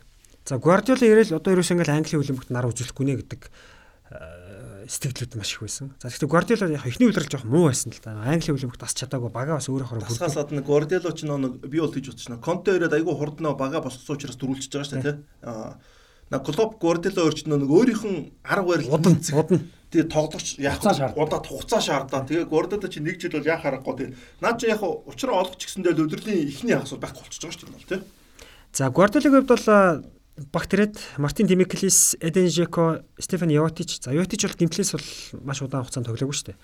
Энэ хэдийг явуулсан. Тэгээд за Хартиг, Насрыг, Боныг, Мангалаг, Динайрыг, Анжелиног бол зээлэр явуулсан. За ингээд өөрийн хэрэгтэй гэсэн тоглогч нарыг бол зарим нь бол авсан. Энэ бол Илкай Гундагон, Леро Сана, за Джон Стоунс, Клаудио Браво, Габриэл Жезус, Нолито, Александр Зенченко. За Зенченког л аваад эхний жилээ бол зээлэр Жохон ч байсан Тэг тий. явуулсан юм байна. За Ситигийн эхний 10 төрөгт бол өсөлтийг тэргүүлсэн байна. За гэвч үүнээс хойш аврагын төлөө өршөлдөж чадахгүй яваад ерөөсөө тэгээд явсараа 3-т орсон нэг юм түүхтэй байна. За Жосе Морини бол Челсигээс өмнөх удирдлагын дундуур хала- халагдсан байсан. Тэгээд Манчестер Юнайтед бол Мориног авсан. За Морино ирээд Виктор Валдес, Морган Шнайдерлин, за Александр Дипай те. Тэгээ Бастиан Шванштайгер нарыг явуулаад За энэ 3 4 чанартай 8 байсан байна. Златан Ибрахимович, Хенрих Мхетрян, Пол Погба бол дэлхийн хамгийн өнтэй хөлбөмбөгч болгож буцааж авсан. Тэгээд Эрик Бай нарыг авчирсан. За гівч Премьер лигт бол 100 дугаар орсон. Премьер лиг өршөлдөөнч маш ширүүн байсан. За яг тэгвэл лигийн цом төрүүлсэн Европын лиг төрүүлж иж одоо аврагын лиг ирэх бол авж исэн байна. За Клопийн хувьд бол яг удирлын ихнээс удирсан анхны Ливерпулийг удирсан анхны удирдал байсан. За 2000 өмнөх хөлрөл нь бол ингээл өөрийн бас хүсгүй л тоглогчтой байгаа шүү дээ. Тэгээд 16 оны 100 бол ингээд багаа бол өөрийн хүснээр бүрдүүлж гисэн. Хосе Энрике, Колотре, Ишкертел, Жо Ален, Бинтеке, Балотелли нарыг явуулаад за хин гэж вэ? Би одоо өөрийнхөө бичгээ гаргахгүй. За Маниг бол авсан. Марин гэж хүн авлаа. Марко Марин уу? Тэг Марко Марин. Марко Мариныг авч ирсэн. Авг авг. За за манайг бол авсан. Матипийг авсан байна. Матип матип яа тийм. Муухай бичдэг тэг бичгээ ойлгохгүй. За Матип манай Виналдум Карусиг авсан биш үү? Тэг Рагнер Клавныг бас авсан юм байна. За дээр бол за мэдээж бүх 8-ыг бол хэлэхгүй байгаа. За тойм тойг нь хэлж байгаа шүү. Дээр ч яваагүй заа. Тийм. За тэгээ аврагын төлөө мэдээж шууд өрсөлдөж чадаагүй ч гэсэн Ливерпул 3 жилийн дараа аврагын лиг ирэх авсан. Өөрийн багаал одоо билд ап хийж штэ. За Тотнамын хувьд бол Насер Шадли Бенталебиг явуулаад одоо Ванаяма Сисоко Янсныг авсан. За 1899 оноос хойш ашиглаж байгаа White Hart Lane цэнгэлт хүрээлэнд хийсэн сүүлийн удирдал байсан юм байна. За энэ удирдал бол маш олон амжилт тогтоосон. Тэгээд талбайд бол хожигдог. За Wenger бол Арсенал олон зун Артета, Фламини, Росицки, Гнабри нарыг явуулаад Жака, Мустафи, Асано гэж нэг Японд тоглогчийг авсан байна. Холдинг, Роб Холдингийг авсан. За удирдлын ихний хагас бол Арсенал сайн байсан ч гэсэн сүүлийн хагас бол үнэхээр бол нэлээд муу тоглосон. За улмаар одоо 1996 оноос хойш анх удаа Премьер лигийн ихний дөрвөн барьт орч чадаагүй аврагын лиг ирэх авч чадаагүй. Яс амар уу шүү тий. 90 96 онд удирдлын 96-нд аврагын лиг ирэх авч ихний дөрөвт орч чадаагүй ангууд намар нь Венгер Арсеналд иржсэн. Өөрөөр хэлбэл Венгерийн удирдлагын дор анх удаа ихний дөрөвт бол орч чадаагүй нэг тийм. 20 жил ихний дөрөвт орсон шүү дээ. За Венгер бол хэдий FA Cup-т бол 7-охоо төрүүлж одоо энэ тэмцээнд хамгийн өндөр амжилттай дасгалжуулагч болсон хэдий ч хөгжөөнд дэмжигч нар бол одоо Стен Кронка гэж клуб эзэн болон Венгерийг эсэргүүцэх эсэргүүцэл маш их нэмэгдсэн. Аврагын лиг ирэх дандаа дөрвийн тоогоор шоглуулдаг байсан шүү дээ. Гэтэл одоо дөрвчгүй болсон. Тэгээ аврагын лигийн шүгийн 16-д Баяранд бол 12-оор нийлбэр дүнгээр хожигдоод ингээд. Арсенал бол маш тийм хүнд удирлыг бол туулсан байна. За Лестер Ситигийн хувьд бол өмнөх удирдал нь авраг авсан байсан боловч дараагийн удирдал бол аврагын хэмжээнд бол тоглож чадаагүй. За 2017 оны 2 дугаар сард бол Клауди Ранериг бол халсан. За Крейг Шекспир удирлыг үргэлжлүүлж 12 дугаар орчт орсон. Энэ нөгөө нэг аварга хамгийн муу хамгаалсан өмнөх удирлын Челси аварга авчаад 10-т орсон гэдэг бол одоо үүнийг бол ахиулж 12 дугаар орчт орсон байна. За энэ дэр гэхдээ үзэгчтэй нэг тийм тайлбар хийх зүйтэй баг. Энэ бол яг Премьер лиг гэж ихсэн цагаас хойш юм байна шүү. Аа үүнээс өмнө юу вэ гэхээр Лидс юм байна. 92 онд Английн 1-р дивизион төрүүлчээ дараа жил 17-д орсон юм. 90 галцсан шүү дээ. 92 онд Кантанога зараал байхгүй болстой унанга алдсан нэг тийм зүйл болсон байна. За Southampton клубыг бол сүүлийн 2 удирдал амжилттай удирдсан Күмэн бол Эвертонд очив. Эвертоныг сайн удирч 7 дугаарт орсон юм байна. За энэ удирдал Борнмут гэж баг бол маш сайн тоглож 9 дугаарт орж 50 алдаж 55 гол байсан юм. За Премьер лиг зөв миний одоо ингээд тойм мэдээлэл те ерөнхий мэдээлэл юм байна. Бүгдийг ирчлээ. За та Ярман тэгээд одоо хүн дээр сах. Гордел бол зайлал наа ч нөө 8 минутанд бас нэлээд бүцгүүцсэн шүү дээ. Нолито молито ч юусэн яваагүй шүү дээ. Тэгээд яг нь жиг нөө бага босох гэж үзээ. Тэгээд на бравооч болоогүй хаалгач чинь те. Юу нэлээ юм үзт юм уу зайлвал. Тэгээд яг нь өмнөхөө бүрэлдэхүүн зузаанд улдаал тэгэл аврагууд хэлийг ирэх бол авж байгаа шүү дээ. Тэгээс үл ерөөдөө авсан явуулсан тамирчид авсан тамирчид эдрээс бол фэлцэн тамирч бол айгүй хөөсөн шүү дээ. Тэр одоо гюндэг л гайгүй тогсон дөө тэр авсан хэдээс бол өөр чинхийн нэг авсан гэж. Яг Синченко бүтлгүү бүтлээ бүтээгүү гэж хэлж бас барай байхгүй. Тэр жилээ байхгүй юу? Тэр жилээ. Яд нөлөө үзүүлэх тань. Тэр жилээ чинь жоохон шууд авсан. Шууд гэвэл Стоунс гайгүй байсан тий. Нолито зүгээр өстө үнэхээр харамсалтай байсан шүү дээ. Тий, Нолито яг. Шууд гараанд гар Гундон тэр жилдээ очсон жилээ шүү. Санаа санааг санаа гайгүй байсан шүү дээ. Санаачтай тий бас моос нуу та. Тий, ер нь бол яг гордолыг бас арга. А юунд хүрээгүй тий. Тэгээд агуу залгуур явуулсан шүү дээ. Залгуур мөртлөө. За тухайн жил мэрэгэн бочор бол Harry Kane 29 голтой байсан. Harry Kane юуны үед Премьер лиг өрөөд 3 удаа хэтрик бишээ 4 удаа хэтрик хийсэн. Leicester City-гийн хэсэг 4 голыг оруулсан нэг Тийм. Тэгээд Ромело Лукако 25 гол Эвертонд, Алексис Санчес 24, Агуэро Диго Коста 2 Сити болон Челсид 20 гол, Деле Али Тоттенхамд 18 гол, Ибрахимович United 17 гол. Азар Joshua King одоо нөгөө нэг Bournemouth тий айгу гой Bournemouth-ийн товтлогч Josh King 2 16 гол оруулсан. Бүр яг King ч төвлөж байгаа шүү. тий нөрөг нөрөг. Аа ер нь бол гол бол штэ. Эбра ч бас нэг олон тоглолтод оролцоогүй гэдэг санагдаад байна. Эбра сүүл рүү тий сүүл гимтдэг. Удирлын ихэнд бол чирдэн дээ. амар United-ийг. гоос таслалаа тий. Эбра бас л. Тий штэ. Тэр үед Ибрахимович 35 таа байсан. 35 таа ирээд удирлын дундуур а улирал эхлээд 35 хүрч байгаа юм. Улирал эхлээд 35 хүрч байгаа. Тэгээ 35 таа Ибрахимович тухайн улиралд юуны Манчестер Юнайтед бүх Премьер лиг өрөөнд заяа. Зөвхөн Премьер лиг гэж ярих юм бол 28 тоглолтод оролцоод 17 гол. Амар амар чанартай тоглосон наач. Тэгэд нийт юуны төр улиралд бол Юнайтедийн төлөө 46 тоглолтод оролцоод 28 гол. За одоо энэ өдөр чинь тэгээд нэг Клоп Гвардиолагод хоёр супер менежерийн ир эхэлж байгаа шүү дээ. Яг эхэлж байгаа Тий байна. одоо ингээл энэ өдрөл явал дараа өдрөлөөс хамт хоёр чинь зур хоорондоо жинхэнэ Дараа удирлын нөгөө ихтнийг амар хожигдж аваад Ливерпул нэг амар хожигдсон ш тав. Тий. Тэгэл цаашаа үзээд эхэлтэн штэ. Тэгэл өстө жинхэнэ алцтай юм даа надад шүү. Тотнам яг энэ үйлрэл энэний дараагийн хоёр үйлрэлд бол айгүй гоё те. Ер нь бол яг Почтиногийн нэг эд үеийн Тотнам гэхэд бол буруу 16-аас 17, 17-аас 18 бол яг бүр үнэхээр 18-аас 19. Тэгээ 18-аас 19 мэдээж яг аргууд лигийн финал байгаа.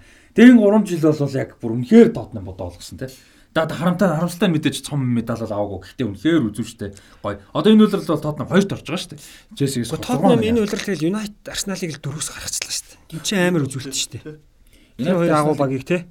Тэгээд Сити Ливерпул хоёроос бол 10 орчим бараг 10 онооны. За одоо Ливерпулээс бол 10 онооны дээр. Ситигээс 8 онооны дээр. Тэгээд түрүүлж байгаа Челсигээс 6 онооны дээр. Тэгэхээр одоо наад дээр чи ингэж байна шүү дээ. Хийн идэр ингээд айгүй хурдан багийг босгож болж тэгвэл Гвардиола Клопын арга барил гоохох гэдэг. Удаан хугацаанд айгүй чанартайгаар босгоод. Эхний жилдээ ингээд нөгөөдөөсөө оноо муугаач гэсэн ингээд босч байгаа багийнхан ирээдүйн чанар нь айгүй өндөр болч тээ. Почтино тэгэл унсан шүү дээ. Тийм ээ. 3 жил гоё явж байгаа. Хин Конте ч тэгэл удахгүй Челсигээс хөөгдөв шүү дээ. Тэгээ Контегийн хувьд бол яг Морино шүү. Богинохон хугацаанд үр дүн өгдөг тэгээд болдог тусалж. Почтенодор би тэг арай жоох өөр ард юм яг Даниэл Ливитэй таасан таараг дээрс нөө цэнгэлт ихтэй. Тим Нэг ч 8 игээгүй штэ. 8 ерөөсөө сүүл рүү хийгээгүй. Тэгээд амар гоё явж исэн бүртгүнд шинэ 8 одоо Ливерпул одоо харагдаж штэ яг үр дүнтэй 8 хийхгүй бол яадаг вэ гэдэг нь яг одоо тэрнтэй адилхан Почтеногийн тоотон бол гоё явж болох байсан. Илүү ганц хоёр шаталт дутуу байсан штэ яг үнэндээ. Тэгэхэд 8 нүд Гэхдээ- хийсэн бол Тэгтээ одоо заяагийн сая хэлж байгаатай ойлгоод одоо заяаг хэлэх гэдэг санааг бол би ойлгож байна л да. Ер нь тэгтээ Почтин бол нөгөө хэрэгс тотвол та. А тэгээ тэр хоёртой харьцуулж байгаа бас бас биш. Гэхдээ зүгээр боломж байсан болов уу гэж харж байгаа байхгүй. Тэгээс одоо чин а, юу одоо Klopp байсан бол Тотнам дээрээс бол бас үргэлжлэж байсан бэл. А, бас мэд гэхдээ Даниэл Леви яг тэгж яах байсан нь одоо Сити дээр бол мөнгийг бол хайраг туссан тийм үү? Юун дээр бол а Ситигээс те а Гвардиолад. А тэгэнгүүт яг зөв зарцуулсан гэдэг бидэж байгаа л да Юнайтед харьцуулахад. За Ливерпул дээр тэгж их мөнгө цацаагүй ч гэсэн бас зөв үедээ гаргаж ирсэн удаа бол байна. Тотнам дээр тэгснэг бол бас эргэлзээд байгаа. А тэгээ нөгөө цэнгэлдэх гэдэг том асуудал байгаа. Тэгээ хичнээн тэр бумаар яригдах цэнгэлдэг барьсан учраас бас мөнгө гарах боломж бол байгаагүй. Тэгээ нэг тийм бас жоохон харамсалтай болоо гэж бодоод байгаа байхгүй. Миний хувьд бол тийг санагддаг. Яг энэ Тотнам бас нэг Тоттен ер нь жоохон удирдлагын асуудал бол байгаа байгаа. Тэр хараар Иднапи асуудал шүү дээ тий. Айгуу гоё явжсэн хараар Иднапиг болчихдээ шүү дээ удирдлагын. Тэг гинт бүр тий. Тэгээ тэр бол жоохон удирдлагын асуудал бас байгаа. Тэгээ хэний ч юу н амар хатуу гэдэг шүү дээ. Даниэл Ливиг чинь юу тасалжуулагч болж очиход айгу хэцүү. Мориньо ч гэсэн шууд бас буу юм болсон шүү дээ. За энэ удирдлагын За. одоо хамгийн гол тоглолт 2016 оны 12 сарын ихэр болтой. Челси Тотнам хоёрын хооронд. А, Челси Сити хоёрын хооронд. Тэгээ Сити талбай дээр Челсигээс бол илүү тоглодог. Хоосон хаалга малганд хөндлөвч хөндлөвч ондон шүү. Бас нэг тэнгуут Челси хожичдیں۔ тэн дээр. 3-1-ээр хожоод тэгээд Челси чигээр явчихдаг. Тэр одоо яг нэг удирдлагын нэг тийм игцэгтэй мөч байсан шүү. Би тэрийг одоо мартдаг. За тэгээд тэр үлрэлт э, юу хаалга хамгийн олон хурамаас бол хаалгач угаасаа хаалт хамгаалт амирсан те. Тэг Бокурто 16 гол 16 удаа хаалга хурамаас дараа нь Лорис 15 тоглолтод байлаа хурамсан гэсэн байна.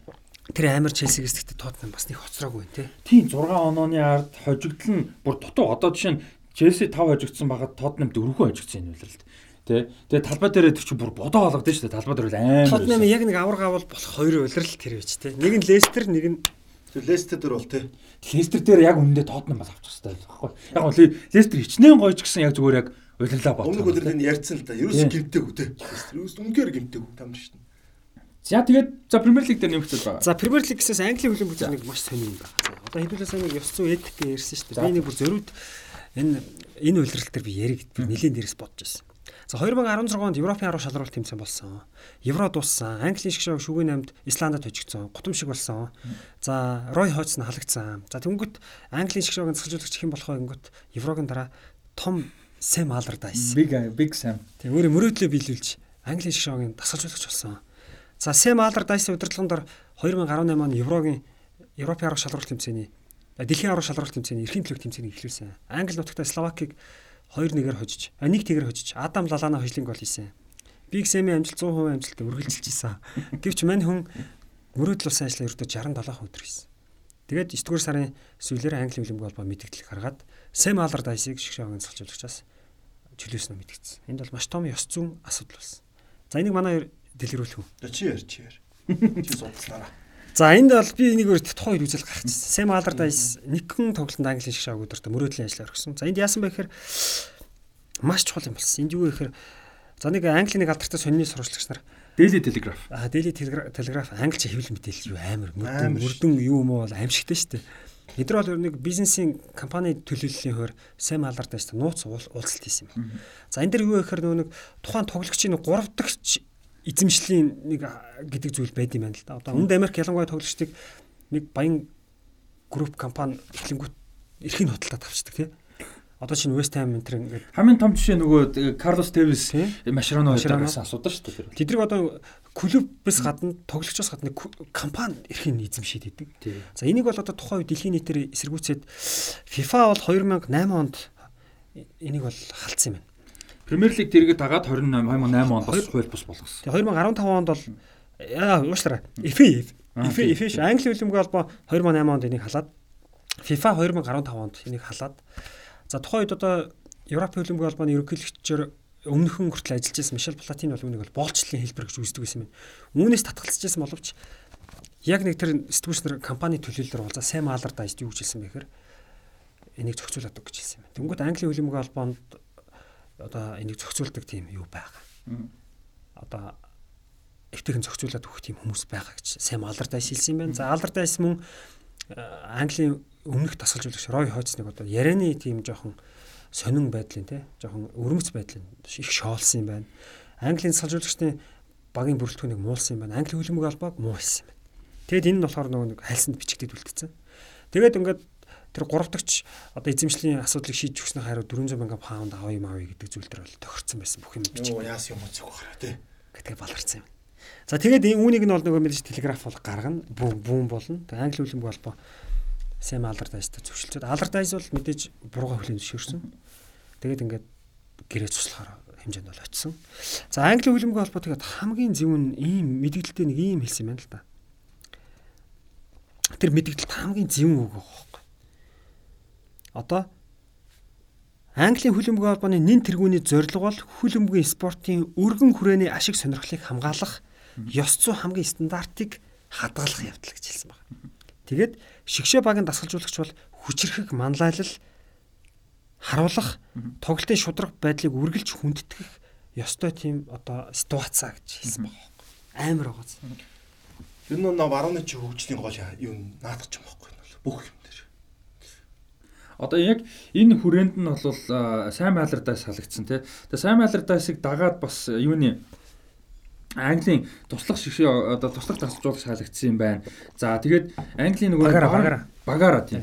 Гэхдээ гол нь нөгөө үндсэн баг нь бол гайгүй зүгээр нөгөө нэг самилардаас явж байгаа болохоор явж байгаа. Туслах нь оролцоотой болоо бас хаалгдсан юм байна. Бусд нь бол нэг ойлгомжгүй байсан. Мэдээлэл байсан. А тэгээд Barnsley багийн туслах тасалжуулагч Tommy Wright гэж нөхөр бас энэ асуудал юм донд 5000 паунд авцсан байсан. Тэгээд 5000 паунд аваад тэр Яг тэгээд Barnsley чинь тэгээд лиг хойд 2 маярт төлөө дээ. Тэрнээс доошоочлоо тоглолт тэгээд бас явж ирсэн. Наа чи ингээд авч ирнэлээр иймэрхүү муугасаа дэлхийд хаанч хийж байгаа шүү дээ. Дэлхийн өндөр хөгжилтэй нөө ядуу нөө бүгд хийж байгаа энийг маш хурдан таслан зогсоож чаддаг одоо юу гэж наад чи ойлгол өгөөд Монголд болчихоор асуудал шүү дээ. Угнал айгу асуудал шүү дээ. Монгол хөлбөмбөгийн холбоон төр ч юм уу шүүхтэр ч юм уу тэгэхэд яг шүүхтэр манах чад тарцгаа гайг болоод байгаа шүү дээ тийм Тэгэхээр нөгөө барууны манай хөлбөмбөгч бас юм улаан цай бол бас хэцүү хэцүү бас. А тэгтээ бас бас ливгүй шүү дээ Тэгэхээр нөө барууны чин гол хөгждөг шалтгаан ерөөс энэ ихгүй. Хууль шүүхийн байгууллага тий тэр нөө эрх барьж байгаа байгууллагууд амар тийм нөө ёс зүйн асуудал аягүй аягүй өндөр тавьдаг. Энэ асуудлыг ямар нэгэн зөрчих юм бол тэрийг нэг хоёр зөрчөө тэр ингээд таалчих юм бол тэр чинь ингээд нөө тогтчих соёл болоод тогтчих штэ. Тэгвэл эхнээс нь энийг соёл болж тогтоохгүйгээд бүр аягүй хатуу одоо лопти гэдэг чинь тэр ихгүй. Дэлхийн орос 2 өдрийн өмнө Испани хөлбөмбөг холбоо алж штэ. Испани шог 18 онд амжилтаараа дэлхийн ор болох үгүй тэр Тэр амжилтаас ёс зүй илүү тавигдж байгаа байхгүй тий. Нөө тэгэхээр наач нэг юу ихгүй нөө. Манайх одоо энийг аягуулсан бас бодолцох хэрэгтэй юм бас ихгүй тий Ер нь бол манайх ингээл Америк, Англи ингээл барууных яагаад ингээд Орос, Монголын асуудал яагаад ингэхлээр наад эдэ чинь гол асуудал нь ерөөсөө ялгаа нь энэ дээр л байгаа хөөхгүй. Тэгээд зэрэг баялаг маялаг бус юм дээр биш үхгүй. Одоо Солонгос өөртөө киног хийгээд шүү дээ. Яг бол тэр чинь бүх юм тодорхой болцсон. Одоо ингэж болохгүй гэдгийг баян мессежээр киногоор өгдөө те. Одоо тэнгууд асуудал гарах юм бол ерөнхийдөө ч чамд ич чаддаг. Ерхий сайдаа хүртэл. Ерхий сайдаа хүртэл ингээд ийм байна. Энд чинь ерөөсөө энэ усыг Тэгэл тэд нар чинь ёслол ажиллаа шүү дээ. Энэ усыг энэ хөгжүүлний эдийг ойлгоцсон бохгүй наа. Солонгос ч сүүлд ойлгож байгаа ч гэсэн ойлгоцсон бохгүй. Япон бол наадах чинь бүр амар өндөр төвшөнт. Тэгэхээр ерөөсөө наа чин зөвхөн хөлөмгийн асуудал ерөөсөө хөгжлийн асуудал бохгүй. Хөлөмгийн хөгжил, юу бүх юмний хөгжил. Одоо энэ хүрээнд ер нь олон юм явсан юм байна. Яг энэ нөгөө мөрдлөгөнд бол зөвхөн сайн малартай сүү жишээнд явцсан. А хүрээнд нь явцсан. Тэгэхэд одоо чинь Jimmy Flight Hasselbank хүртэл асуудал орсон юм байна. Юу яасан гэд а им одоо зохиомл зүүн Азийн нэг компани нүүрт царай болоод тэгээ тэр нүүр тэр компани нөгөө гурдагч одоо компани тоглогч эзэмшдэг компани. Тэгээ тэрний нүүр царай болоход одоо 55 мянган паунд зориулж аавна гэсэн юм бол явсан юм. А тэгээ яг мань бол мөнгө аваагүй. А гэхдээ хүмүүстэй бол уулзаж бол ярьсан. А тэрэндээ бас одоо тэгээ үйл ажиллагаанд оролцсон. Үгүй оролцоо зүгээр уулзаж ярилцсан. Уулзсан мөнгө бол авсан л гэсэн үг. Тэгээд ингээд нөгөө нэг гэргэрээч бол хийгээгүй. Гэтэ ингээ гинэ хандсан байна гэдэг яг гайгүй өнгөсөн юм байна Fast Bank. За тэгсэн чинь Leeds тухайн үед Leeds United-ийн одоо chairman-тай том босс нь те байсан Massimo Cellino гэж хүн юун дээр видеон дээр одоо бас бичлэгт ороод тэрэнд нь санаанд одоо нууц авчлыг хийсэн гэсэн үг шүү дээ. Мань хүн юу гэж ярьсан гэсэн чинь клубийнхаа 20% зараад тэгээд тэрнийхээ хүрээнд одоо тэр нөгөө тоглогчдын 3 дахь юм болж байгаа асуудлыг одоо тий шийдъя клубийнхаа 3 дахь 20% зарж ийн тэр гэж ярьсан нь бас бичлэгт орсон юм байна. Тэгээ боо юм болж ирсэн. Ер нь бол энэ ингээд ийм амар том юу л болсон юм байна. Нэг юмыг ил гаргацсан ба шүү дээ тий. Тийм маш том одоо ингээд олон талд байсан асуудал юм л ер нь ил гаргасан юм байна л да. Тэгээд тухайн үед одоо Крис Колман Уэлсийн шгшогийн тасалжуулагч бол одоо ийм юунд оролцсон хүмүүсийг бүгдээр ингээд одоо насаар нь хорих хэрэгтэй те насаар хорих биш одоо бандах хэрэгтэй энэ гэж явуулах хэрэгтэй гэсэн явж өгч ирсэн. За тэгээд Алан Ширер бол одоо бүр бүр том одоо юу шүүмжлэгч нь байсан те тухайн үед ядж хахад еврод одоо нөгөө бүр алдартай ш таалж шиж. Одоо энэс илүү одоо доор орно гэж бол хөлн англи хөлбөмбөг байхгүй гэж шүүмжилж ирсэн. Тухайд нэгдүгээр энэ асуудлууд хоёрдугаар еврогоор нөгөө Исландд хожигдсон шүү дээ англи чинь. За тэгээд энэтэй нийлүүлээд бол одоо дэлхийн хөлбөмбөгийн одоо онгоо болж байна. Тэгээ Laughing Stock of World Football гэж одоо Алан Ширер тухайд одоо бас хэлжсэн байна. Нөө урд нь би бас зөндөө хэлжсэн. Наад чи асуудлыг шийдэж чаддаг байхгүй юу? Хамгийн зөв наад чи дэлхийн нийтэр болж байгаа асуудал байхгүй юу? Тэнгүүд та нар болохгүй байна нэг өөрчлөө солиогоо тэрийг өөрчилж чаддаг. Английн тэр номер тийм учраас Премьер лиг номер 1 яваад шалтгаан ерөөс наач байхгүй. Наач бол дэлхийн нийтэр болж байгаа шүү дээ. Хаас яг болж байгаа. Тэг хин төрүүлж өөрчилж байгаа. Хин төрүүлж наач ард нь гарч байгаа. Англи хэвээр. За тэгээ сайн сайн алдар дайс бол шгшөөгийг нэг тоглолтод өдөртөө 100% амжилттайгаар. Тэгээ одоо яг хувийг үүсгэх юм бол 100%. Тэгээ ингээд Би надад чинь тухайд уншичаад тодорхой хэмжээнд ойлгоцсон бас хоёрыг ярьсан чинь би бүр аягуулсаа 100% ойлголоо яг үндэ. Энэ одоо надад ингээд байдаг аахгүй энэ ингээд зарим нь би бол ерөөсөө сонсоогүй мэдээлэл зөндөө явж байна ч юм. Би ягаад чи тэр үед нэг тоглолт гэдгээр айгүй хоногшсон. Зүгээр нь халагдсан. Нэг ягаад нэг гэн тоглолт өдөрчв те. Тэгээ би ингээд айгүй тийм дотор байгаад байдаг гэсэн. За тэгээд юу яасан нөгөө Английн шиг шоу гэдэг хой залуучуудын баг Gareth Southgate удирч байсан. Английн шиг шоуг нөгөө 9 10 сард хэд хэдэн тоглолтууд ингээд төлөвлөсөн байсан. Тэр хин удирдах вэ гэхээр Southgate дээшээ орж бага одоо үр гүйцэтгэгчээр удирдаад тэр үед баг гайгүй тоглолцсон юм шиг. Наа ч бас Southgate-ийн асуудал бол ингэсэн юм билээ. А нэг Англичин бол ерөнхийдөө ингээд 2000 оны эхнээс ингээд шгшээ байгаа нэг явах гээд одоо ирсэн шүү дээ. Шгшээ огч шүү. Англи хөлбөмбөг унтсан. Тийм хөлбөмбөг унтсан. Тийм тоглолт нь одоо хин ч хараад ойлгохгүй. Академич байхгүй. Тийм. Академийн зааж байгаа арга бол нэгэд нэг алсын дамжуулалтаа тийм. Тэгээд 2000 оны Евро дээр англичин фейлддэг. 2002 онд гайгүй тоглолт. 2004 онд гайгүй ч гэсэн англи ер нь бол тоглолтныг болохгүй тийм. Одод байгаад идэг. Тийм. Одод байгаад идэг. Тэгээд англи хөлбөмбөгийн бол айгүй том юу нөө шинжилтүүдийг тэр шинжилтээр нь өө нэг нөхөрөөс би нэрээ марчиж Тэгээ Гара Саутгээд одоо туслах нь одоо гол бас нэг хүсдэг хүмүүсийн нэг тэгээ яг удирдлага нэг нэлээд настай нэг хүн өдөржсэн мөлий. Тэгээд яасан бэлээр Гара Саутгээд чинь бүр юу яасан бэлээ. Испани руу очиж Испани хөлбөмбөгийн тоглолт ялангуяа Барселона шүү дээ. Гордедаг өдөржсэн Барселонагийн тоглолт Монголын судал тэрийг бүр жишээ болгож өндөр оруулж исэн бэлээ. Хөлбөмбөгийн болон. Тэгээ хөлбөмбөгийнхэн хүүхдийн сургалт нар айгүй бол өөрчлөлтүүд тэгээд англичууд ч хамаагүй одоо өөр сургалтаа байна. Энийг бол Герман 1990-ад оны дундаас эхлүүлсэн байсан. Герман 2000 онд эхлүүлсэн. Англи жоохон хэдэн жил байна. А нөө төсөл нь эхлээд 90-ад онд хэрэгжүүлэлт нь 2000 оноос эхэлж байгаа шүү дээ. А англи болохоор 2000-ад оны баг дундаас мундаас иж эхэлж байгаа. 8 8 оноос. Тэгээд тэр Барселонаас улж яаж баг 10 хэдэн жил юм байгаа байхгүй тий. Тэгээд аут гэдэг тэрийг судалж модалж ерөнхийдөө хөлөмгийн академид нэлээ германч болохоор бүр хамгийн зөв нь хүүхдийн хөлөмгийн дасгалжуулагч нар тэр холбооноос давхар цалинжуул малинжуулаад бүр айгүй ол юм хийсэн. Хүүхдийн хөлөмгийн клуб байгуулахаар мөнгө. Тий. Зөв клуб ихлэ байгуулаад тамга тэмдэг авахд л Тий. Айгүй олон тийм өөрчлөлт. Тэгээд англи хөлбөмбөгийн холбоонд нэлээд том тоглолтын юм аягд өөрчлөлт оруулах гэдэг. Наадах чинь саутгээд өөрөө өдөржсэн. Яг тэрийг тэрнийхэн одоо академиэр нь дамжсан хүүхдүүд нь сая 18 талаар тоглож байгаа байхгүй? Тэгээд Гара Саутгейт тэр ажлыг аягүй сайн хийсэн учраас шигшөөгийн салжуулагч болгоё гэсэн нэг тийм яарвчлахгүй байсан юм байна л да. За арай болоогүй. Тэрийг хийжий тий. Тэрийг хийж арай болоог. Тэгсэн чинь Сэм Алар тийм гараад ирсэн. Сэм Алар дайсын асууд Алар дайсыг бол ойлгомжтой шүү дээ 18-ны дэлхийн авар хүртэл авч явуулах гэж. Гэтэ англи хэл өмнөг бол аягүй мангар ахгүй. Яагаад тийм хуучин хуучинс тоолтой хуучин арга барилтай. Хойд тавьчихсан тийм. Тэр асуулт гарааг бол яах вэ тий. Яа юм ёс зүг үн тавь. Тий өөрөө тий өөрөө аягүй мангар ахгүй тоглолтын юмэг нь өөрөө амар хуучинсаг шүү дээ дайсаж чаа. Унжаага багийг л авч үлддэг л үтэй. Тийм бас нөгөө нэг хамгаалдаг асын нэмж руу хожсны нэг жоохон залуу хөл бөрөхгүй. Тэгэд англи хэл өнгө бол тэн дээр өөрөө аюуд мангар шийдвэр гаргасан. Англи зүгээр шууд нэг испанц салжуулагч аваад ирэх байхгүй. Тэгээд яг тухайд нөгөө нэг гадаад тасалжуул авчаа явдггүй гэдэг нэг юм болцсон байсан л да. Сергон Эриксон, Капелло, Мапелло гэх. Тийм бас нэг тийм тогтцсон байсан л да. Капелло дээр бол бас айгу аргуус салжуулагч байсан шүү дээ. Бас яг англи юм аяг шиг нэг тийм Тэгээ нэг юу яасан? Англич нь сая тийж 7 8 оноос хойш ингээд шинжилт хийж гисэн. Тэрний нэг том хэсэг нь би одоо марчил жил гарангийн уншсан болохоор э, юу яасан бэлээ? Бараг 3 400 сая паундын хөрөнгө оруулалтаагаар амар том бэлтгэлийн бааз ч гисэн. Ер нь бол яг одоо just Fontaine Уусол гэж байсан шүү дээ урд нь. Одоо нөгөө нэг Францын нөгөө нэг алдартай актем байгаа шүү дээ. Юле Фонтен, Фонтен. Клэр Фонтен. Клэр Фонтен. Фонтен ч уус болохгүй. Би мартчихаа золоос. Тэр чинь өмнөх нь нөлөө одоогийнх нь нөлөө. Тэр чинь өмнөх нь. Өмнөх нь тий. Тэгээ Клэр Фонтен актем ч бүр амар алдартай тий. Тэгээ тэрний ер нь дизайныг дөөрэж а дээрэс нь одоо философи нь бол Испани хөлбөмбөг тий. Кройфийн хөлбөмбөг. Тэгээд тэрэн дээр суурж амар том бааз байсан тий. Тэр нь болохоор зөвхөн нөгөө нэг үндсэн баг биш. Эмэгтэйчүүдийн шиг шок. Эмэгтэйчүүдийн залуу хүүхдүүдийн бүрэлдэхүүн болон эрэгтэй хүүхдүүдийн бүрэлдэхүүн бүгд зэрэг бэлтгэл хийх хоорондоо ойрхон байх юм одоо болцоотой болгож ингэж бэлдсэн юм. Тэрс өмнө нь бол эмэгтэйчүүдийн хөлбөмбөгч аяг хол байдаг. Хүүхдүүдийн тусдаа байдаг тий. Хоорондоо ингэж явах боломжгүй. Тэнгэр чи одоо нөгөө нэг хүүхдүүдийг үзэж бишиж үзэж байгаа нөгөө томчуудтайгаа зэрэг бэлтгэл хийгээд хоорондоо сэтгэл солилцоо тий туршлага солилцоод одоо Гарсиаут гэж чинь одоо чинь залуу байж байгаа томрог орж шít. Тэгэх хүртэл тасалжуулагчтай хүртэл том давуу талтай ийм болох болгосон юм байна. Ер нь бол.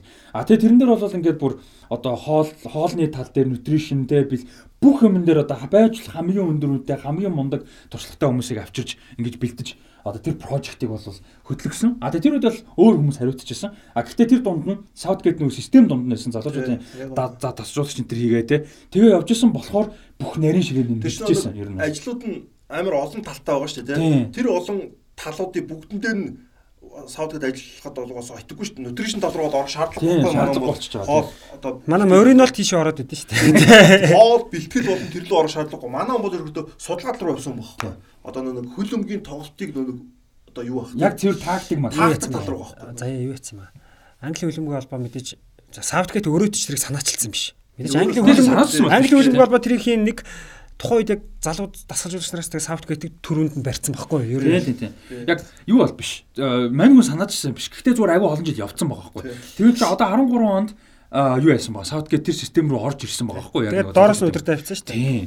Тэгэхээр хэдүүлээ хэдүүлээ тэгээд ингээ.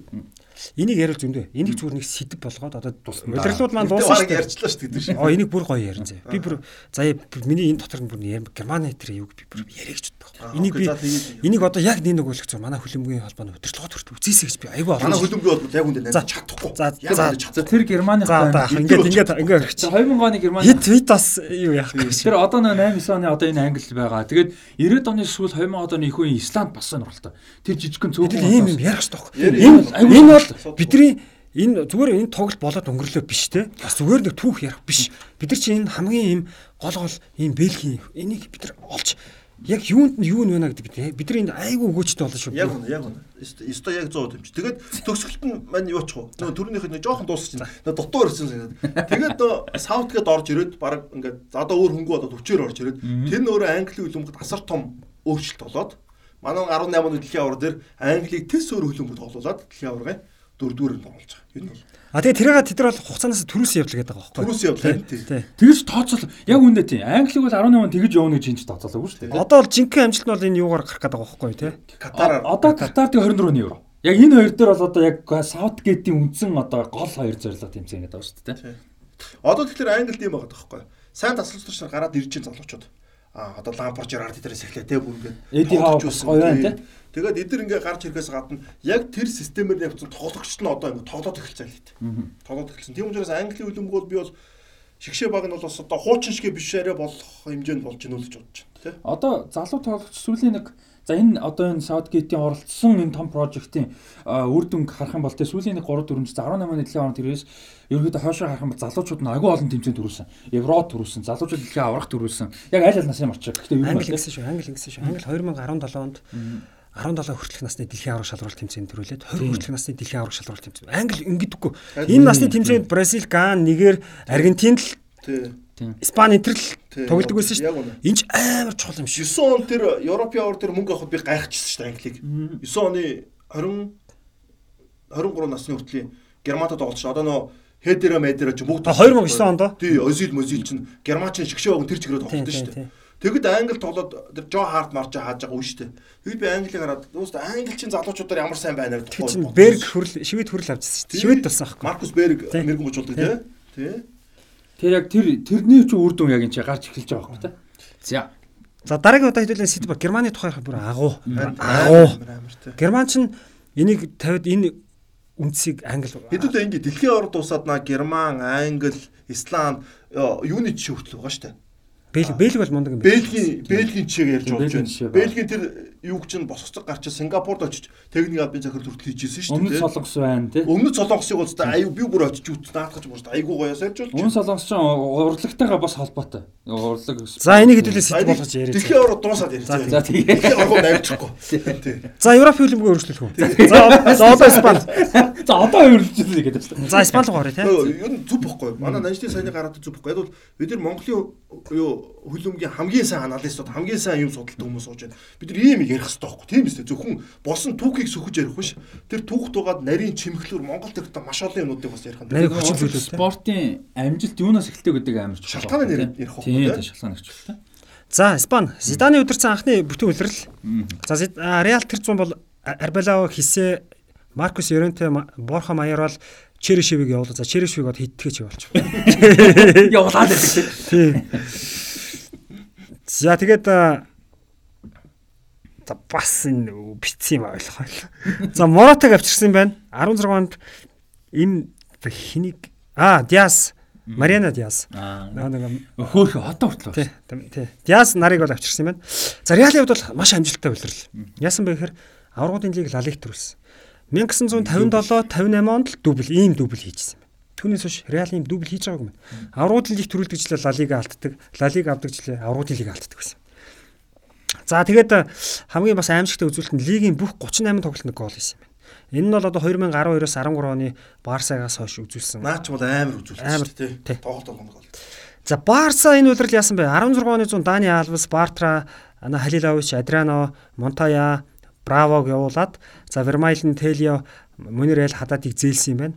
За авсан хүмүүс нь Умтити, Лукас Дин, Андре Гомш, Яспер Силес нь Пако Алказер. За ер нь жоох муу дуу 8. Барса энэ үед ер нь 8-ны бодлого алдагдсан шүү дээ. Тэгшин.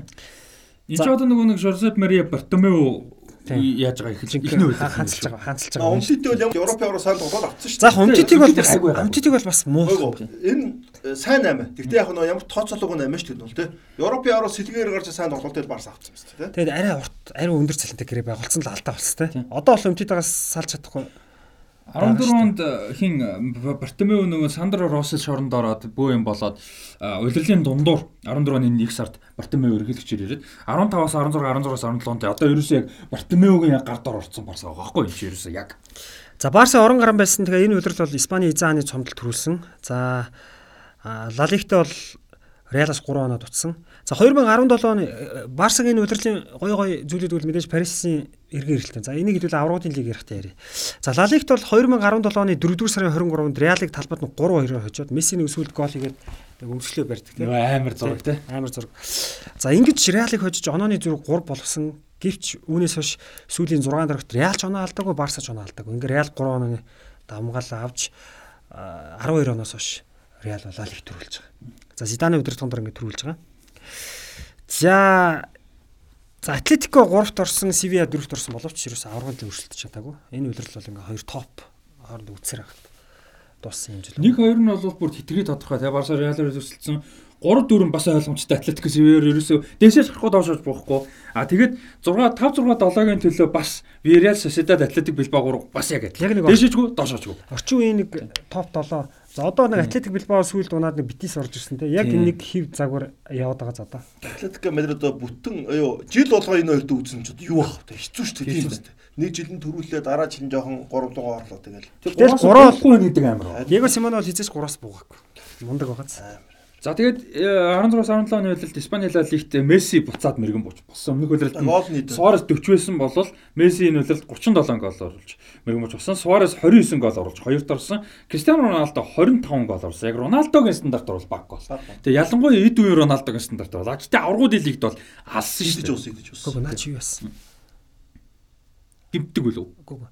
За би андуураг бол Роналдо аврагын лигт хэсэгтээ хоёрхан гол хийж гараад хасагт шатанд алдсан шүү. Модоо болгодог. Тийм. Тэгэхээр ер нь нэг удирлын их хэсэгт бол жоохон тийм бас тийм байсан байж магадгүй те. Хасагдах дээр бол алдсан шүү дээ аврагын лигт. Будаа болгодог шүү дээ. Амар идэв шүү дээ. Уртгын алд бол. Одоо Месси баг хийж байгаа гэсэн нь Неймар ч нэлээ өндийцэн байгаа юм шүү. Үгүй Неймар энэ дэр баг гэсэн. 13 гол. Тэгтэл зүгээр яг багийн хүчин зүйлийг авч үзэх Неймар удахгүй лидер болох нь гэж хэлсэн шүү. Тий, тэгээ тэгтээ тгий явчихж байгаа шүү. Тэгэл явсан. Неймарын сүүлийн удирдал Луис Энрикийн сүүлийн удирдал. Тийм тийм сүүлийн. За, яг Аспас 19, Арица Дурис, Гризман 2 16. Арица Дурис Дурис явчихлаа. Одоо нөгөө нэг Дурис одоо зодог тайлгаж байгаа шүү дээ, удахгүй. Илээ тийм билүү. Мань чинь дэлхийн аварга урдсан мурдсан нэг жишээ мөшөө нэг тоглоо шүү дээ. Ер нь их бодохгүй зодог тайлна. Дэлхийн аварга урдсан дээр явж шít явж байгаа шүү. Бүд чинь нилээн гөгшөндөө тийм өгсчөөд бас Испани шиг тоглосон. 17 хөлөр чинь 18 дараа жил юм биш тийм тийм. Тэгэхээр энэ үе чинь нэг тоглосон шиг юм шиг тийм. За Ян Облак шилдэг хаалгач авч ирсэн. Адуурээс чинь дэлхийн аварга бүр явдсан шүү 18 онд. Тэг санаж шүү би бүр. Арай яваагүй баа. Явдаг санагдаад 18. Явдаггүй л арай яваа. 18 он ч Испанд товтлцгүй шүү шүү дээ. Тэгээд энэ үед ч ерөн товтлцгүй байсан л да. Тэгээд ямар сандаа адуурээс би бүр явдаг санаад шанаад гачаа. Тийм үү. За бүрэлдэхүүн. Ууса морото байгаа шүү дээ. Гол товтлогч чинь тийм үстэй. Тэ. Морено ч гарч ирээгүйс үү нэг сүдтэй. Тийм, Моренос тэр үед арай. Аспас баг явсан уу? Аспас явсан баг шүү. Яваад 11 алдсан шүү Аспас ч. Тийм. Юу, Адорис яваг юм аа. Диего Коста байхгүй. Аа, тийм. Юу хин яв штэ. Лици Морено явдаг та баг.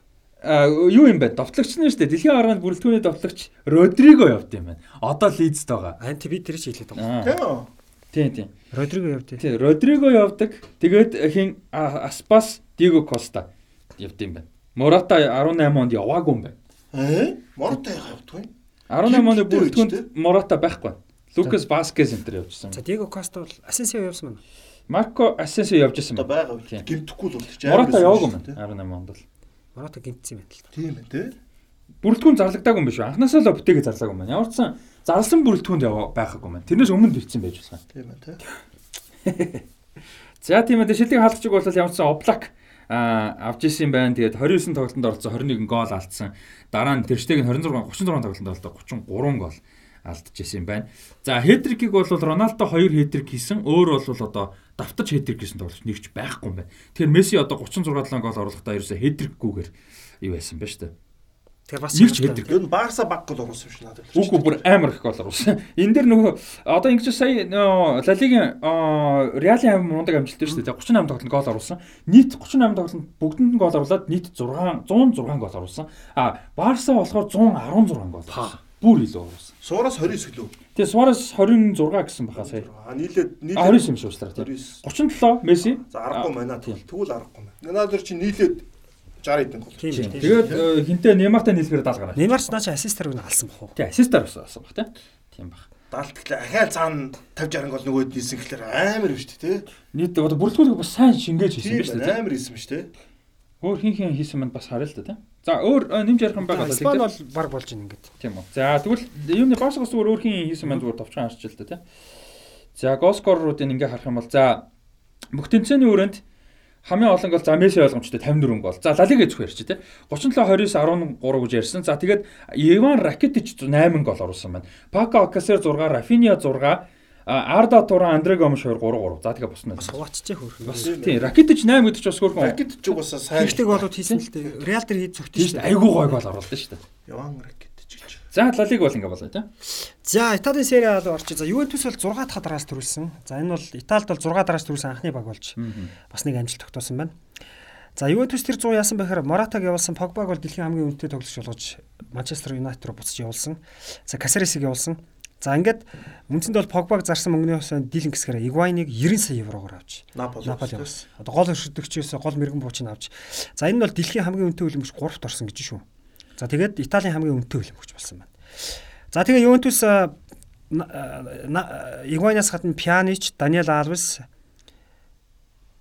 Бенталеб гэнэ үү? Наби Бенталебиг авсан юм тий. Бентанкур шүү. Бентанкур шүү. Бенталебиг авч байгаагүй. Бенталеб чи Германд тоглосон доо. Набил Бенталеб мэдгүй. Бинатия, Бинатия. Бинатия, Мехти Бинатия. Баярнаас авсан шүү дээ. Бинатияг авч За тэгээ Квадратог дахиж Челсигээс хоёрт удирдалтаа зээлсэн байна. За өвөл нь бол Евра тэгээ Эрнанесыг бол явуулсан. Эрнанес ч яваагүй юм тий. Хэрэг болоогүй л дээ. Ювентус тэгээ 6 дахь дараас төрүүлсэн байна.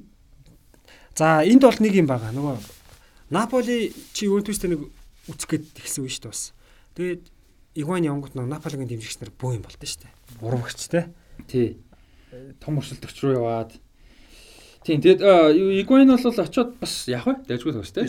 Төрүүлдэг жил 24 гол хийгээд те. Тий юу яах вэ чи Игвайны үед бас 24 чи өндөр гол шүү те. Ер нь 24 хийн гэж сайн шүү. Тий сайн шүү тий.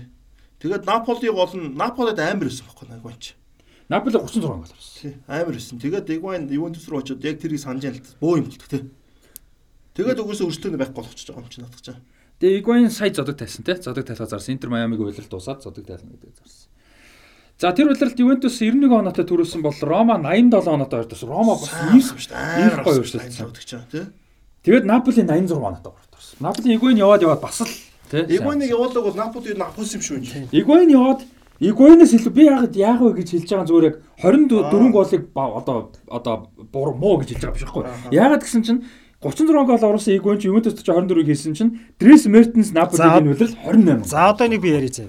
За Рома яага сайн байсан бэ гэхээр Лучано Спалетти эргэж ирсэн. За Рома яг энэ хид хид үн явуулсан ч гэсэн маш сайн нөхсөн. За Пьянич, Сейду Кейта, Лукастин, Майкон, Морган де Сантес, Василис Трасидис явсан байна. За Рүдигрийг авсан. Алисон Бейкерийг авсан. Салахыг авсан. Эмерсон Палмерыг авсан. За Стефан Эл Шаравич яг жоохон муутсан байсан. Энэ идийг авсан. Тэгээд заа байж тэгээд тэгээд Войцк Шенстиг зээлэр авсан. Томас Вермайлныг Барсаас зээлэр авсан. За Вермайлныг сайн тоглог баг. Тэгээд энэ Рома ч тэр жил ер нь нэлээд сайн тоглосон юм байна. За Наполи Игвайн явсан ч гэсэн одоо Маурицо Сари дасгалжуулагч байсан те. Багта Аркадич Миликийг авсан, Зелинскийг авсан. За Дринс Мертенсийг товтлогч болгосон ч мань халаа хийцэн. Жигүүрийн товтлогчийг төвийн товтлогч болгосон ч халаа хийцэн. Мертенс өстө бодоо болгосон те.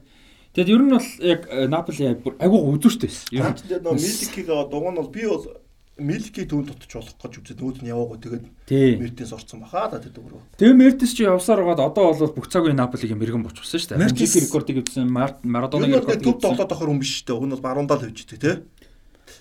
Тэгээд ерөөсөө Мерцес дандаа л гол хийдэг өстэй тэр одоо болгодог. За ингээд Сери А ерөөсөө тухайд аргуулын лиг 3 эрэхтэй байсан. Энэ 3-ыг бол энэ 3 бол тасархаа авсан. За нөгөө Миланы 2 баг бусад багууд бол жоохон хэцүү цаг үе бол туулж исэн. За Миланы баг яасан бэ гэхээр одоо агуу Сильвио Берлускони за Милан клубыг 31 жил удирж 29 цом авсан байсан боловч яг 2017 оны 4-р сарын 13-нд одоо хятад үүсч байгуулагдаад Люксембург төвтэй байсан Rossoneri Sport Investment Lux гэдэг компанид Миланад зарсан. Одоо нэг хятад эзэнтэй Милан бол болсон юм байна.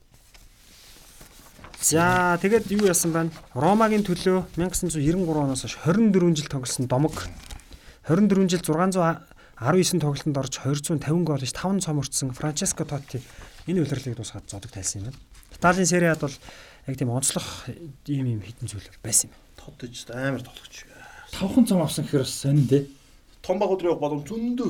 Реал авъя л гэдэг байсан шүү дээ. Манчестер Юнайтед ч авъя. Италидаач явах боломж байсан тэгээд Ерөөсөө явж байгаагүй. Тэр бас энэ хоёр тий. Тэгээ юмны үнцэн гэдэг гоё та одоо Ром хиний Франческо Тоттиг Италийн карьертаа өнгөрөөсөн тэр амар олон жилийн 2000 онд авсан Serie A-гийн үнц нь бол гайхалтай тий. Тэгэхэд Ювентусын хит авлаа, хит дараал 8 9 хит дарааллаа.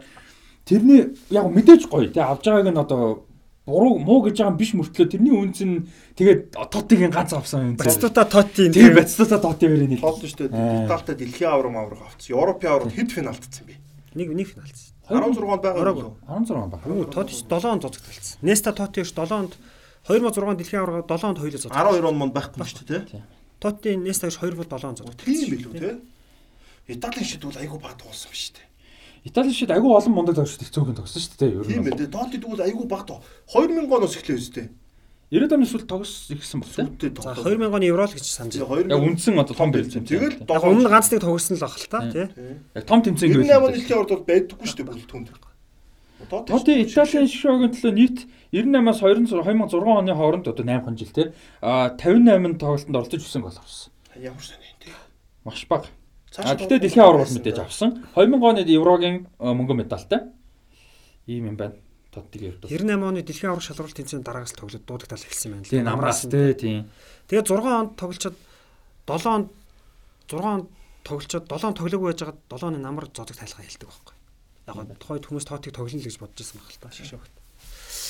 За тооти нэг юм, Итали нэг юм. За Италийн Serie A-гийн тухайн жилийн мэрэгэн буучаар бол Эдин Жеко хоёрт орсон Ромагийн Эдин Жеко 29 гол оруулсан. Тэгээд Дрис Мертенс 28, Андреа Биллотти гарч ирж байгаа тэр үед те. Торинод 26 гол. За Гонсало Игуайн, Мауро Икарди Интерт 24 гол. Икарди бас яг а, Интерт тэр үж бол одоо мундаг гарч ирж байсан үе. Чиро Иммобиле 23 гол оруулсан. Лоренцо Инсинье Наполид бас Наполид их сайн гарч ирж байсан 18 гол оруулсан. За нэг юм Папагомс тэр үж бол бас Аталантад 16 гол оруулж ирсэн юм байна. Одоо Аталанта ч өндийж байгаа хэл. Тий Аталантагийн одоо энэ үлэрч Аталанта дөрөвт орж байгаа шүү дээ. Тий. Гэтэ аврагын лиг ирэх байхгүй. Тий ихгүй. Европа лиг ирэхтэй. За энэ үлрэлт одоо том багуудаас их юм бол за сая ярьсан Аталанта дөрөвт Лацио 5-д ороод а нэлээд хол зайтай Милан 7 онооны зөрүү гэдэг чинь бас тэр энэ ч бол их. Энэний дараачлаас Итали дөрв болж байгаа болоо тий. Тэг санаадах юм бэ? Тийм байх уу? Тийм бэл. За дараа өдөр л яриа. За харахаар гараад ирэх баг тий. Тэгээ Интер 7-д Фьорентино 8-д гээд ингээд нөхдөл бол сайхан унжаа. За энэс хойш бол Интер одоо энэ жил баг унах ийм амар уналтанд орох гэдэг шүү дээ. За дараагийн. За Германы Бундслиг Германы Бундслигт Баерн бас дэд амжилт тогтоосон. За тэд яасан бэ гэхээр юу яасан? За Баерн ихлэ ямар 8 хийсэн бэ? За Гвардиола явж байгаа. Баяг өргөж байгаа. Тэгээ Карло Анчлоти ирж байгаа. За Маре Гоце, Бинатия, Хойберг, Бач Тубриг явуулаад 2-8 хийсэн Хүмэлс болон Еврогоор гялалцсан Ренато Санчес. Энэ хоёрыг авч. За Германы Бундслиг 5 дахь төрүүлж дэд амжилт тогтоосон. За энэ амжилтыг тогтоосон анхны баг мэдээж болж байгаа. За энэ удирдлагын бас нэг гол э, онцлог баг юу гэхээр өмнөх удирдал нь Ральф Рангник удирдлагын дор Германы 2 дугаар Бундслигт 2-т орж дэвшсэн Лайпциг клуб. За 100 нь бол Рангник техникийн захирал болоод одоо нөгөө хаасан хөдөлгөөд дасгалжуулагч байгаа шүү дээ. Одоо Англид ажиллаж байгаа. Саутанд нэг. Тэгээ Ральф хаасан хөдлөгийг дасгалжуулагч болгосон. За Лайпциг 2016 оны 100 Тимо Вернер, Даят Упамекано, Набил Кейтаг багтаа хэлсвэрсэн байна. Амар 8 нэдэж шүү. За ингээд Бундслигт шинээр гарч ирсэн баг цоороод 2 дугаар орчт орсон. Арай л амар авсан юм шүү дээ. Арай л Кайзер Славтрын амжилтыг давтаж чадаагүй. Кайзер Славтр нь 2 дугаар бүнцлийг төрүүлээ дараа жил 1 дугаар бүнцлийг төрүүлсэн шүү дээ. Монпелье ч төрүүлдэг жилдээ арай тэгээгүй те өмнө нь Франц лигт байж байгаа төрүүлсэн. Арайгүй баг. Арай үг бах те. Бас. За Дортмунд бол 3-т орсон. За засгалжуулагч бол Томш түүхэл байсан. Түүхэл байсан. За Хүмэлс явсан, Гүндөгөн явсан, Мехатрен, за Блашиковский Зээлэр дахиад явсан. Тэгээд Суботич, Адриан Рамос нар бүрмсэн багийг Амар явсан. зөвлөсөн. Яг нэг Клопын үндсэн гол тоглогчд бол явсан ба шүү За зэвүүн 8 байсан. За. Дембеле. Осман 8 Дембеле. саяар худалдаж авсан. За Бартраг авсан, Грерог авсан, Götze, Шүрле, Мерино, Исак. За Эмре Морыг Еврод сайн тоглоно. Исак гэж одоо энэ Исак биш үү? Мм, Мөн мөн Александр Исак тийм шүү үү? дээ. Дээ. Оо энэ үед гарч ижсэн юм Исак ч. Гэтэ Дортмундад нэх яваагүй Тий. те. Микел Микел Мериноч сайн яваг. Тийм Микел Мерено бас яваагүй. За тэгээд Эмре Мор гэдэг нэг Еврогоор нэг турк их залуу гарч. Тэгэхдээ энийг авсан энэ яваг. Тэр Энэ амар өсчихтэй. Амар. энэ характер айгүй муу юм бэл. Би Эмре Морыг Селтад тогтсон судалж ирсэн. Тэгээс тоглолтын хувьд бол Том ирээдүү гэж яригдчихсэн шүү дээ. За ингээ битүү фейл. За Эмре Мор бол битүү фейл шүү. За ингээ Германы бүнцлэгт 3 дуурайр эзэлсэндээ Германы цомд бол төрүүлсэн. За Дортмунд нэг иймэрхүү л одоо яг нэг Баернтай бол одоо Баерны хаанчлалын үе шүү дээ. сайхан өөрчлөлт хийжээ тэр тий. Тоглоом их гоё байсан тий. За тэр улиралд а, юуны Бундслигийн мэрэгэн буучаар Пьер-Эмерик Абамян 31 гол оруулж Левандовски Дортмунд доосон. Левандовски 30 гол оруулж 2 зал орж исэн. Антони Модест одоо Дортмундд байгаа. 25 гол. Энэ Модест бас гоё тий. Яг нэг жил болгоо 20 гол оруулж. Модестыг хятад явсан те. тий нэг хэсэг. Тэгээ сүүлдээ буцаж Бундслигтэйгээ сайн байж байгаа одоо Одоо доошлоо шүү Энэ бол амар карьер шүү тэгэхээр тий. Тийм гоё карьер. Хятад явчихад ингэж Модесттэй бол. Хятад явчаас ирсэн одоо Караско байна, Модест байна, Павлини юу? Паулиньо тийм Барса Сарын нэг жишээ зээлэр яв буцчихдаг шүү дээ. Тийм үст. Гэтэ Барса руу зээлэр авчихдээ. Бар- Тэгээ тэг Гуанжирога буцсан шүү дээ. Тийм тийм. Гэтэ тэр үедээ сайн тогстой. сайн. Барсад бол. Гэтэ хоор шүү те. Ер нь хятад метод араб евро явчаа буцаа сайн тоглоно гэдэг бол. За тэгээ Тимо Вернер сая хэлсэн те. Лайпцигт нэгдээд 21 голыг оруулсан байна. Андре Крамарич Хофенхаймд ерөөсөө айгуу гоё тоглоод байгаа шүү дээ. Тэр нь энэ эхэлж байгаа 15 гол. Оруулсан чинь. Хофенхайм бүх цаг үеийн мэрэгэн боч болсон юм байл шүү. Сайн. Тийм бах, тийм бах. Ер нь их сайн тоглосон шүү дээ. Довтлогч модал газар байна да. Тий. Тэгээ яг түүхэн тэгээ хөрх юм дээдлэгт олон тоглоогүй. Олон жил тоглоогүй гэдэг чинь нөгөө олон жил сайн тоглосон тоглогч багтай байдаг. тийм. Солигдоо солигдоо. Тийм солигдоо яваад байдаг. Тэгээ энэ чинь с- одоо мэрэгэн бочтонд бас сонирхолтой марах юм бол 11 гол оруулсан Серж Гнабри Вердер Бремэнд бас тэр үед явж Арсеналаас түрүү явсан гэсэн шүү дээ. Вердер Бремэнд удахгүй Баерн Мюнхен оп гэж авч байгаа юм да. их гоё. Арсеналаас том л алдаа хийжтэй те. Гоё тоглож байгаа бас тэ. За нэг юм байна да. Тэгээд шинэ шилдэг хаалгачиг бол Мануэл Нойер 34 тоглолтод 14 удаа хаалгаа хавлаа. Мөр амансан байна.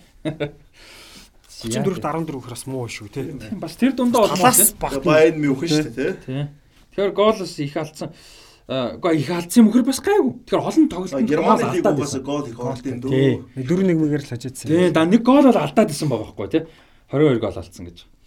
Тэгэхээр тийм байна. Наа чи хамгаалтан цул тэгээд аврагуудын лиг дээр яваг юм шүү дээ шиг аа. Авруудын лигийг ярина. Аврагуудын лиг чи гол алдахгүй багчиж байгаа шүү дээ. Одоо Франц лигийг яриад Европын төв зэрэг орно шүү дээ. За Францд бол Paris Saint-Germain уг нь 5 тоглоо төрүүлэх зорилготой байсан боловч чадаагүй. Yes. За Монако клуб бол тэдэнд саад болж маш гоё бүрэлдэхүүнтэй Леонардо Жардим өдөрс Монако 2000 оноос хойш анх удаа Францын лиг нэвтрүүлсэн. За Монако бол тэр 100 зөв Фалкаогоо буцаагаад авцсан. Фалкаого гоолоор идэж уусан. За тэгээ Ситибе, Бенжамин Венди, Глик, Де Сантис нараар хүч нэмсэн. Удирдлын сүүлийн 12 тоглолтод дараалж хоцсон юм байна. За Франц бол энэ бол байдаг зүйл. За гол өрсөлдөгч Парис яга муу тогсон бэхээр Ибрахимович явсан. 2000 Манчестер Юнайтед явсан. За Дине, Давид Луис, Вандервил за энэд бол нэг нөлөө үзүүлэг байгаа. Эдгээр яваад ирсэн хүмүүс нь Бен Арфа, Криховяк, Томас Минье, Дракслер, Гонсало гэдэг ш. Бас тухайн үед бол амар ярьжсэн юм. Одоо Киковек бол еврогоор сайн тоглолтог үлээ бид тийм байна. Гэдэш чи амар ирээдүг гэж яригдчихсэн. Гэдэж бол фэлц. Тийм гэдэш амар фэлцсэн. Тэрхэвэгч филц. Криховек фэлцсэн. Өөсөө хин инглээ Бенарфа ч тэр үед буцаад нэг жоохон сэрэгжсэн. Бен Арфа, Дракслер мэнэ. Тийм Дракслер миний ойлж бас зал байсан. Хаан тоглож байгаа л наа чи. Бенарфа чи өмнөх жил нь алдаг байхгүй юу? Тийм тийм. тоглодог. Хэдүүлээ нэг ярьсан юм аа нэг амар алсан гэдэг. Зүгээр алдаг. Хийлчлүү. Тийм. Тийм нэг Тэгээд бодлого буцаад авсан чи. Гэхдээ 8-нууд нь бүгд бараг. Наад чи бүгд фейлсэн юм. Дракслер бол одоо хүртэл зүгээр өндөр цалиа аваа сайхан сууж байгаа шүү дээ. Сая явсан уу? Яваагүй л. Бараг Энэ жил яв- энэ жил явсан. Сая л явсан баг тий. 10 жил зүгээр цалиа аваа суудсан баг. Үгүй 10 жил. Наа чи Григори- 16 шүү дээ. Энэ 6 Криховякийн жил 6 жил тийм 6 жил. Криховякийн карьерэнд л наад наад Парис жирэнд очиод дууссан шүү Тэ байхгүй тий. Тий. Аа, Сэрийн юмэр бол нэг явлаа. Нэг тгий санагдаад байгаа юм хальт. Гэхдээ нэг амжилтад олоогүй. явсан. За стат нь. За а, 2016 17 оны Францын лиг буюу Лигоны одоо юу статын хувьд бол юу яасан байна? Эдинсон Кавани 35 гол оруулж мэрэгэн боч болсон. Ибра явцсан. Ибра явцсан. Тэгээ Кавани бол одоо үндсэн давтагч болсон тий. За тэгэл Лаказет Леонд бол 28 гол оруулсан. Энэ нэг бол Лаказет Набил Фикер хоёр бас Сүүлийн үйлрэл. Лаказетийн сүүлийн үйлрэл. Тэгээ Арсенал руу явж байгаа шүү дээ тий. За тэгээд одоо төрүүлсэн Монакогийн мэрэгэн буч бол Радамел Фалкао 21 гол оруулсан. Бафетими Гомес Марсед 20 20 гол оруулаад за тэгээ 15 гол оруулсан хэдэн тоглож байгаа. Заримыг манай эд сайн мэдж байгаа. Марио Балотелли Нист 15 гол оруулсан. Килиан Эмбапе гэж 17-той илүү дээ 16 толоотой хүүхд гарч ирж 15 гол оруулсан. За Иван Сантини гэж одоо хорват давтагч 15 гол Канд оруулаад Канд оруулаад тэгээд Флорентовон Марсед 15 15 гол. наач баг 16-аас 17 үрж исэн хүн шүү дээ. Амар. Тийм үү шүү дээ. Тийм 15-аас 17 орж ирсэн үе. За тэгэд тэр жилийн одоо Монако бол үнэхээр цоорсон тий. Бодоо болгосон. Аврагуудын лиг болохгүй ярих бах шүгэн дөрвөлөө орж ирсэн. А Кудела лиг гэдэг одоо лигийн цом тэмцээнд финалд шалгарсан. Францын цомд шүгэн дөрвөлтүүлсэн. Тэгээд Франц лигтээ төрүүлсэн. Энэ бол ингээ бүх тэмцээнд бүрэлдэхүүн амар өссөн шүү үнэхээр мундаг байсан. Бүх тэмцээнд Радамел Фалкао 30 гол оруулсан тэр үлрэлт. За бүрэлдэхүүнийг одоо харах юм бол за Денис Субасич байсан байгаа. Фабиньо, а Жо Мотиньо, Фалкао, Бернардо Силва, Тимуэ Бакайоко. Валери Жермен сэлгээний маш сайн давтлагч те. Тэгээд Жибрил Сидибе баруун зүгрийн хамгаалагч Бенжамин Менди гой гарч ирж исэн. За тэгээд Тома Лемар хин Каян Мбаппе за тэгээд өөр хин байна. За Бадяшиле бас яг хоо сүүлд гарч Одоо Франц шиг шогт хамгаалаад байгаа юу? Яг гэхдээ энэ бол бүр бүр юу юм байна. Наа чи бүрэлдэхүүн амар сонсогч шүү. Дандаа тэгэл бүх томод авч байгаа ш ч. Амар том бүрэлдэхүүн байсан байгаа. За тэгээд тэр 100 А хийсэн 8 одоо Челсигээс Фалка 2-оо бодоо болгосон тий. Морган Десантисыг сэлгээний хаалгачаар буцаад одоо Ромагаас авчихсан ба. Валери Жерменийг нийст явуулсан байсан буцаа авчихсан. Сани Сидибек Лилээс авж байгаа. Бенжамин Мендиг Масеэс авж байгаа. Амар бас сайн амин. Мендич нөө сэтүр явж байгаа шүү дээ тий. Ийм бага. Тэгээд ер нь бол бас нэлээд сулсан юм байна бүрэлдэхүүн. Рикардо Карвальог явуулсан, Контраог явуулсан, Вагнер Лов явж исэн юм байна явуулсан, Элдер Костаг явуулсан, Пасаличиг явуулсан, Тулаланыг явуулсан. Басалич Атлантад очиж байгаа талж байгаа шүү дээ. Тий. Ер нь бол нэлээд сайн одоо сэлгээ бүрэлдэхүүнүүд хийгээд гоё, гоё 8-нууд хийж яажээ. Бүрэлдэхүүн бол. За тэгээд юуны тухайн удирдалтаа болуулаад яг Монакодо мэрэгэн буучин гэх юм бол Фалкао сая хийсэн 30 гол оруулсан. Килиан Мбаппе 26 гол оруулсан. Бүх тэмцээнд бүх тэмцээнд. Амар амар. Тэгээ Валери Жермен 17 гол ер нь их голтой товтогчтэй. Дагуу. Тэгээ Лемар 14 гол оруулж ирсэн. Мбаппе амар юм аа тий. Тэгээ Мбаппе ч 98 он төрсөн шүү дээ. 12 сард. 98 оны 12 сард. Тэгэхээр энэ ч 16, 17, 17, 18 хүрдэг удирдал юм байна шүү дээ. Удирдлын дундаар 18 хүрч ид гэсэн үг. Ер нь бол 17. Тийм байна. Удирдлагын дундуур 18 хүрсэн. Удирдлын ихний хагас талууд 18 хүрч шүү дээ амар гарч ирсэн. Ерөөсө 400 гарч ирсэн. Тухайд бол тэрийн анартай аягүй харьцуулдаг ус. Зүүн Бас Монако тий. Тэгээ Монакогоос гарч ирсэн. Тэр чинь Фалкао төвийн товтлогч тэгээ зүүн зүгээрээс нь тоглолдог тий. Их гоолтой хурдан өндөр уртгалтай тий. Яг тэгээ толгой ороо нэг тоглолдоггүй. А өндөр бол биш л тий. Гэтэ урталтай. Хурд тэр алхамт байна амар л да. Тий. Тэр нь их адилхан. Торс шиг тий. Алхамт нь бол том. Дорош алхамтараа орчдөг ус шүү дээ. Гэтэ Мбаппе Торос бол том алхам. Мбаппег техник нь яг хүгээл хийх техник шүү дээ. Өвдөг өндөр. Тэ өвдөг өндөр тгөө хол хайдаг солиод өгөнтэй бас. Ийм янзын давтагч гарч ирж байж байж тээ одоо тэр жил. Тэгээд дэлхийн ор авчирч байгаа ч Франц тий. Амар хурдан тий. За тэгээд зүгээр хурдан хүмүүс өдөж тийм биш байхгүй наач. Монако 8 оны зүрхтэй төрүүлсэн юм байна. Ер нь бол Парис Сен-Жермен тийм ч ойрхон байна. Парис тэргүүлж явж байгаа сүулдэ тэгээ унтсан. Парис чинь. Парис нөө юу яасан? Одоо аврагын лигт нь Барсад нэг нухуулдаж тэгээ Парис бүх юм унцтай. Тэгээ Парисыг тэр жил унаа эмэрэг халах хол өгч нэг жил байт би гайхтیں۔ Аврагын лигт тэгж шившгтэй өжөгчөд лигээ алтчаад Нааш нэг Парис юунд хожигдсон байхгүй болчихсон шүү. Аа Барсад хожигдсон. Барсад хожиж тоглолтын дээр яг нэг Барса хожих боломж байсан учраас тэрийг ашиглаж чадаагүй гэл одоо хадгалсан юм шүү тий. Тэгээ өмнө нь яг хөө дөрөв нэгтсэн байдаг үлээ. 4-0. Тэгээ 4-0 байсан болохоор. Тэгээ 6 нэгтэл. Тэгээ баян Барса руу орох гэдэг. За тэгээ. Тэр сайн амар тоглолт. За Европын лиг бол за яг хэдэн оноос гэдгийг би нарийн зүгээр одоо санахгүй байна зүгээр. Европын лиг төрүүлсэн багт 10 лиг ирэх хөгдөг болсон. Энэ энэ тэмцээний ач холбогдлыг маш өндөр болгосон. За одоо Манчестер Юнайтед бол Европа лиг төрүүлж байгаа. Премьер лиг эвгүй болчихдээ шүү дээ. Сүүлдээ нэг 2 тойргийн өмнө Премьер лигийн эхний дөрөвт орохгүй нь болоо. Бүх анхаарал Европ.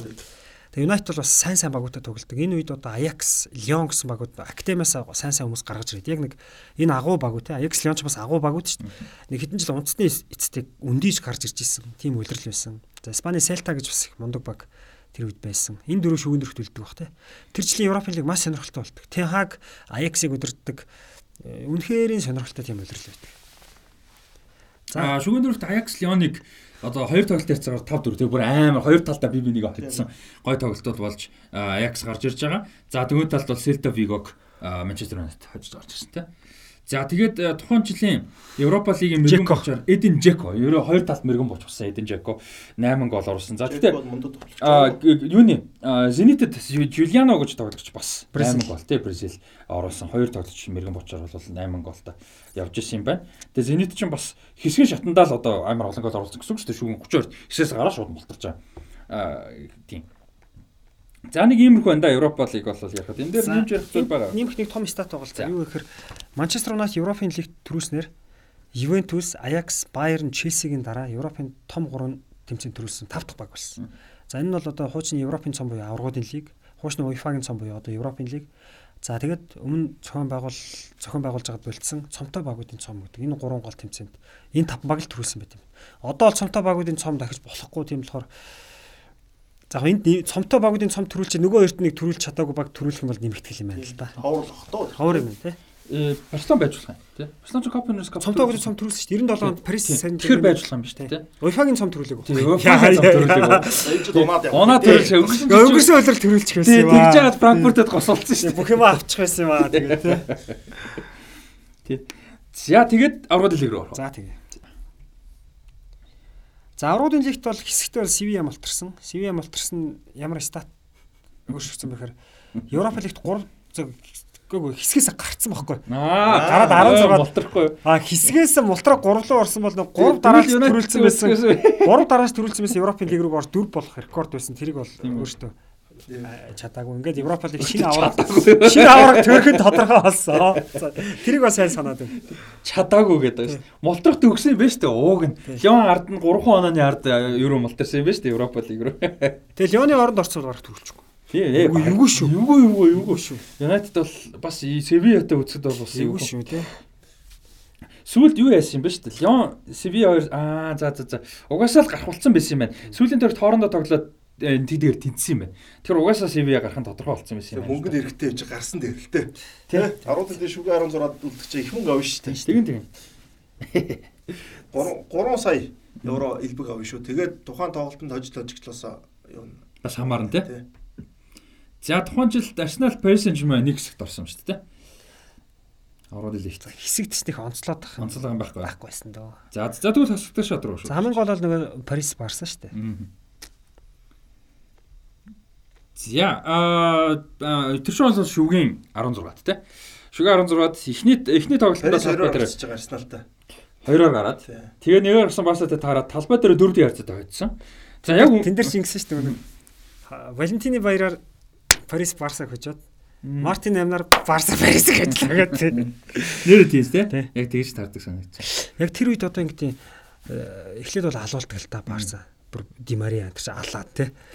Тэгээд нэг хариу тоглолт юм ягаад ч нэг тийм итгэл байсан шүү дээ. Бүр ягаад ч нэг тийм итгэл байсан. 4-0 бах тоо. Тий. Тэгээд тэр тоглолтын чинь юу үзт юм аа. Манай нөгөө спорт амраа. Тэр хороолт нэг спорт гэдэг нэг спот жилүү спорт жилүү. Тий, спот тий, тий. Тэнд үз. үзүүлдэг газар ш. Тэнд би яваад очсон чинь манай НТВ-гийн бэлгэн бүнцлигийн бэлгэн намайг үзээгээд за тэнд манай амраа захирал байгаа спорт амраа. Тэгсэн чи ягаад ч тэр өдөр балж аах хүрээд ирсэн. Гэхдээ ерөөсөө л нэг тийм Монголын логоороо соголцсон байсан юм шүү. онцгой юм гэдэг чинь онцгой л байт юм хэлээ. Тэгээд тэгээд ерөөсөө тэр тоглолтыг үзээд дүнгийн ягаад чи эхнээсээ л нэг сураас эхний Тэр минут одоо балж яах тайлбар би тайлбарлаж ирсэн Үгүй үгүй. Өөр өөр заяа байгаагүй. Тийм. Тэр зөвөр одоо яг тайлбарлагчтай э, нэрийг хэлээд яг зөвөр маа тайлбарчсан тэр жоохон буруу зүрх юм бас ярьсан шүү. Тэр бол. Тэгээд тэр тоглолтыг балжаах бид нар нэр ПМ яваад балжаах өрс юу ч байхгүй ингээл яг үзэл. Балжаач Барсагийн фэм биш шүү дээ. Тэгэл ерөөсөө тэнд нэг тийм орчин бүрдсэн. Эхний минутаас л нэг Парис жоо шийдсэн гарч ирсэн тэ. Бүр ингээд айцсан гарч ирсэн тэ. Тэгэл суураас 3 минутанд хийгээл ерөөсөө бүр ингээл. Тэгээд бүх юм гоё болж исэн чинь Кавани авч чигээд тэгээ ер нь бол хэцүү болсон. Тэгээд 6 1 болох болоо. Тэгээд амар юу одоо бодоход мэдхгүй. Тэгээ 6-ыг болдсон шүү дээ. Тэгээ энэ бол Неймарын карьерийн өргөл тоглолт. Тэгээ шигшээ байна уу клуб одоо Барса Paris Saint-Germain хамаагүй Сантос. Ерөөсөө карьерийн өргөл. Энэ зөвхөн нөгөө нэг хожлын голын дамжуулт гэсэн ч юм уу хаалт зөвлөлт хийх биш. Бүтэн тоглолтын хугацаанд боо үнэхээр одоо нөгөө Ликип ч нөгөө нэг түүхэндээ 13 4 тоглолт тоглогчид л одоо 10-аас 10 рейтинг өгчээсэн гэж байдаг. Тэгээ сая хааландд юу байсан юм бэлээ? 10 өгсөн юм бэлээ. Тэгээ тэрний нэгэнд байсан. Тэгээ энэ бол энэ бүр үнэхээр бүр дэндүү төгс тоглосон энэ дэр Неймар. Неймар тэр сүүл 3 гол дотоох нэг чөлөө цогтос гол хийж байгаа. Амар хэдэн шүү. Нэг пенальти хийж байгаа. Тэгээд л за Серж Робертог баг карьер хааш шүү. Тий, карьер хаа тий. Тэгээ голын дамжуултын Неймар бас өгч байгаа шүү. Солгоо өлөөрөө өгж байгаа тэр хийж байгаа бас.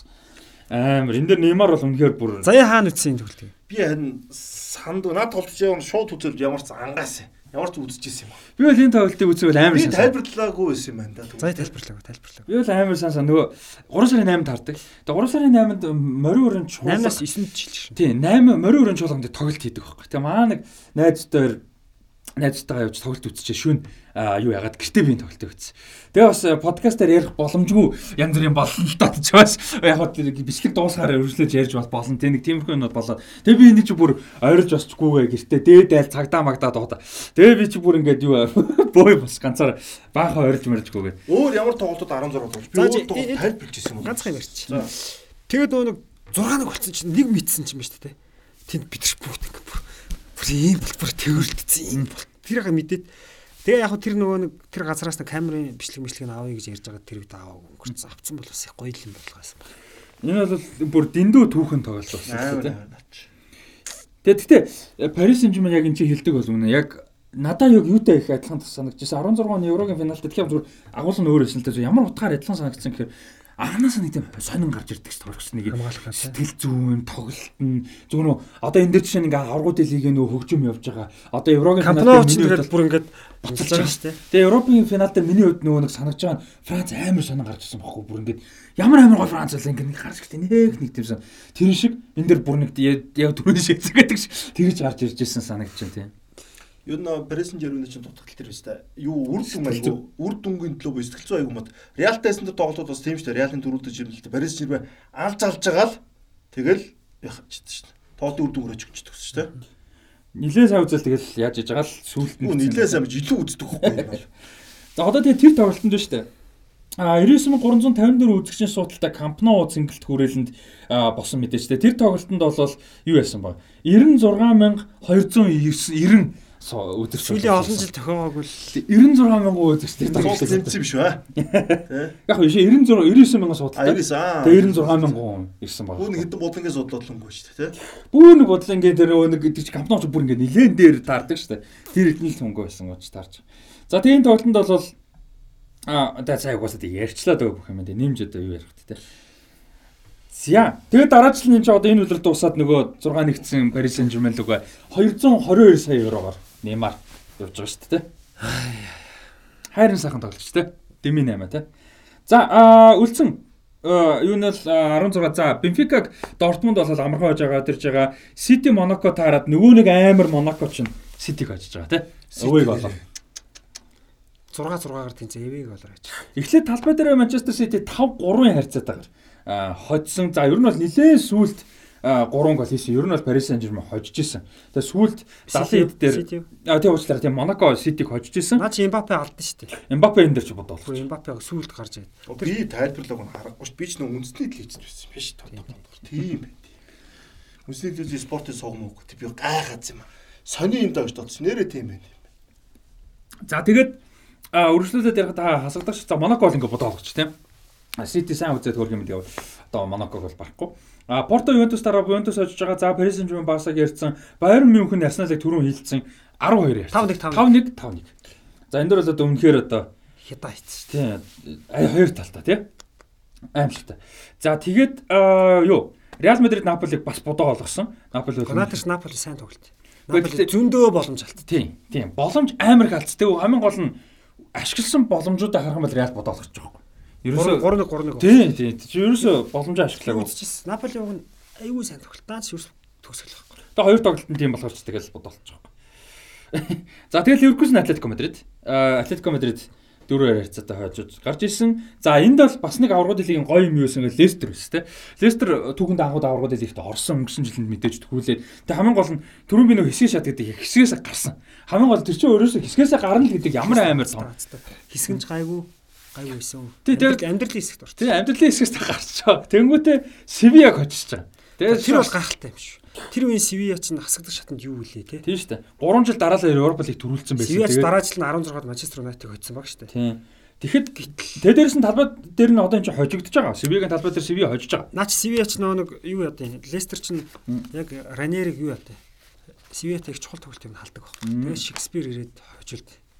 Тэгээд сэтгэл зүг өөрчлөлт. Вестморган Олбрайтн хоёр игээд хожиж шүгэ 8 руу гарч ирсэн. Энэ бол Лестерийн клубын түүхэнд те одоо байж хамгийн Лестер энэ үйлрэлт Английн клубудаас хамгийн өндөр амжилт үзүүлсэн. Бусны бүгд 16 да мулт. Сити Арсенал хоёр 16 мулт. Ливерпул Юнайтед доорн тоглож байгаа шүү. доорн тоглож байгаа.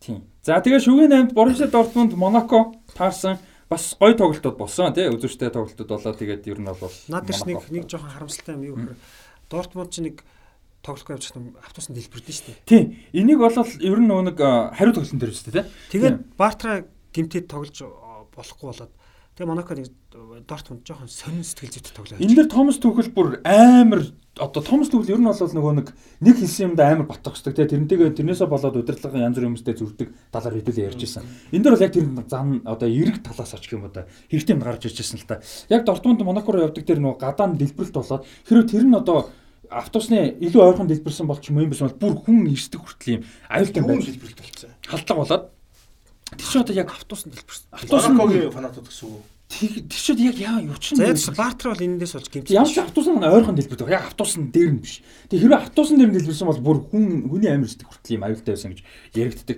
Тэгээд эн чинь нөгөө нэг баартраар гимтэж байгаа. Тэгээд тоглогчид бас ингээд нөгөө шил мэл гайвал өрн ороод гимтсэн.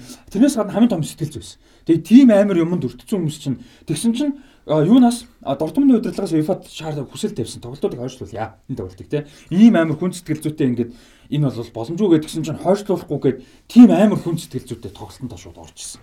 Тэгээ энэ тоглолтонд бол угаасаа тэгээд тогсон ч болоогүй тэгээд хариу тоглолт нь шүү дээ. Тэгээ ер нь бол эхний тоглолтонд бол яг хожигдсан байсан л та. Монако дээр ямар нэгэн шийдэл байхгүй та. Ман тийм юм. Тэгэл ер нь хожигдчихж байгаа. Ер нь. Яг мэдээж талбай дээр хожигдсан байсан Монакод хамаагүй давуу талтай байсан л та. Гэтэл бас энэ бол амар том асуудал. Тэ Томас Түгэл мөлч бүр амар том шүүмж өмж хэлээд баг тургуулж мургуулдаг баг шүү UEFA-гаас. Би Вандорог болол Томас Түгэл тийг байна. Тэгээд 3 1-ийн харьцаатай ер нь бол нэг хөрсөлтөөгүй тэгээд ажигдсан талбай дээр Монакогийн талбай дээр бол.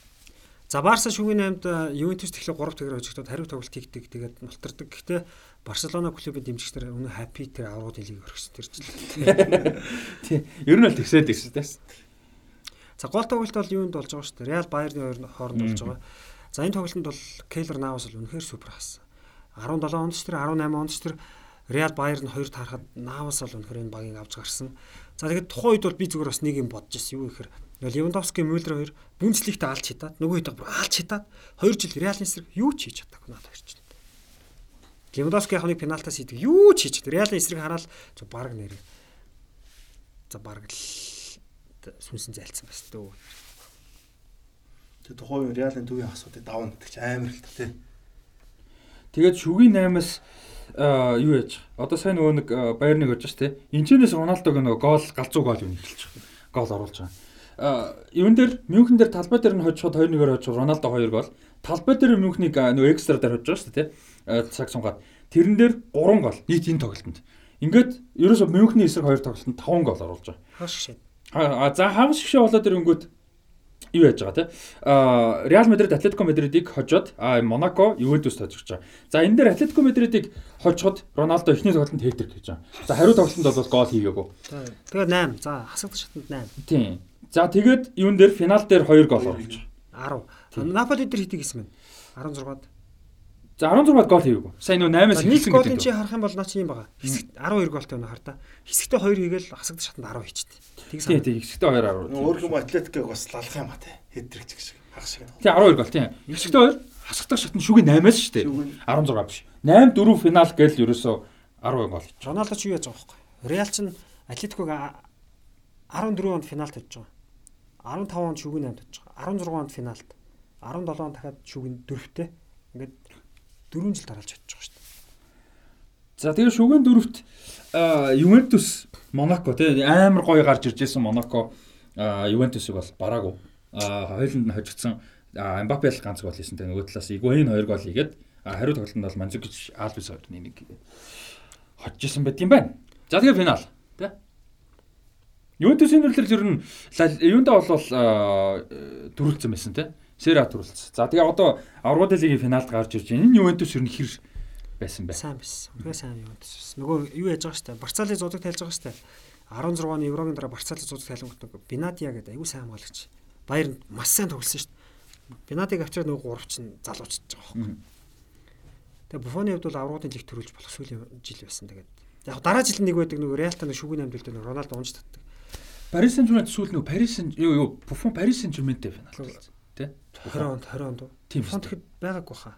Би тийг санагдав. Сүүлд Буфон ч Парист очоод нэг алцтын зайлвал нэг барьж чадлаггүй нэг Манчестер Юнайтед тоглоод 18 он. Тэгээ Буфон нэг жил тоглоод буцдаг санагдав. Тийм, тэгээ буцсан буцсан шууд буцсан тийм. Тэгэхээр 20 онд финал байх боломж байхгүй. Аа за за за. За энэ жилийн аврагууд лигээс үнэхээр үзээгүй юм би. Үнэхээр үзээгүй юм. 17 он тэгээд юу яасан нөгөө финал Уэльсд болоод битүү цэнгэлт хүрээлэнд болоод тэгээд Реал чинь За нэг ийм түүх байгаа. 90 онд Милан 89 90 онд төрүүлсэн шүү дээ. Түүнээс хойш аврагын лиг төрүүлсэн баг дараа жил ерөөсөө төрүүлдэггүй. Уламжлалыг эвтсэн. 2 жил дараалж. Энэ дараас нь бүр 3 болгосон. За би Андрог бол 2016 оны финалд гарсан гарааны 11 яг дараа жил дахиад гарсан. Бараг тийм баг. Тэгээд Ювентусыг бодгүй юм дөө. Реал бол. Амархаа утсан тий. Реал тэгээ финалд гарсан бол тэгээд дөрвөлт тий. Яг яг тийм ээ яг л адилхан бүрэлдэхүүн байсан. Навас, Рамос, Варан, Марсело, Карвахал, Касемиро, Модрич, Кросс а Иско гараад гарсан юм байна. Тэг гаран жоох өөр юм байна л да. А тэгвэл 17 оны бүрэлдэхүүн 18 онд яг нэг дэлхийн болсон баг шүү. Тийм. Иско, Бензема, Роналдо гэж гараад гарч ирсэн юм байна. Тэр жил Бейл сэлгээгээр орж ирж ирсэн юм тэр үед. Тэгвэл 18 он тийм биш. Иско гараад Бейл сэлгээр орж ирд. Одоо орж ирээд л. Гэтэ тэр үед яг хөө тэгээд бүрэлдэхүүн өөрчлөгдөж байгаа л да давхар сэлгээ энэ төр янз янз бүр. Тийм. Гэтэ ер нь бол бүрэлдэхүүн бол угаасаа өөрчлөгдөв те. Ийм байсан. За Реал юу яаж дээ энэ жил ингээ анх удаага дабл хийж байгаа. Тэгээд тухайн үед одоо ингэ 58 он 57 58 2000 яг тэрнээс хойш анх удаага тий. Тийм. Тэрнээс хойш анх удаага одоо нөгөө нэг энэ лиг юуны даблтай аргууд лигийн дабл хийж байгаа. Тэгээд тэр жил тэр үед нөгөө нэг энэ чинь ингээд одоо хоёр дахь тэгээд дараа гурав дахь төрүүлж байгаа шүү дээ. Тэгээд Барса нэг аваад дахиад төрүүлдэг тий. Тэнгүүт Реал авахгүй шүү дээ одоо. Биш 15 онд авсны дараа 14 гэж Барса аваад тэгээ одоо 10 5 жил дөрөв төрүүлж байгаа байхгүй. Тийм дахиад тийм. Одоо энэ дараа дахиад нэг төрүүлж шүү дээ гурав дахь. Тэнгүүт ер нь ингэдэж шүү дээ. Одоо хэдүүлээ шилдэг тасалжуулагч ярьж байгаа орчин цагийн та контент одоо юу гэдэг Клоп Гордела. Зидан нэг яригдгүй. Тэгээ ер нь бол яригдгүй. А тэгэд түүх ингээ харах юм бол гурван давргуудыг дараалал төрүүлсэн. Ялангуяа орчин үед ийм амар өсөлтөнтэй үе те. Гурав төрүүлсэн тасалжуулагч яг Зидан яаж одоо яг ямар юун давуу талтай, юун мундаг байгаад энэ бүрэлдэхүүн 3 жил дараа жил төрүүлсэн ер нь тэр талаар нэг товчхон ярил сэтгэл байна. Зиданыг бол угаасаа Реалын бүрэлдэхүүн амар байсан шүү дээ Роналдотой Бензематай тэр төвийн гурван хагастай тий.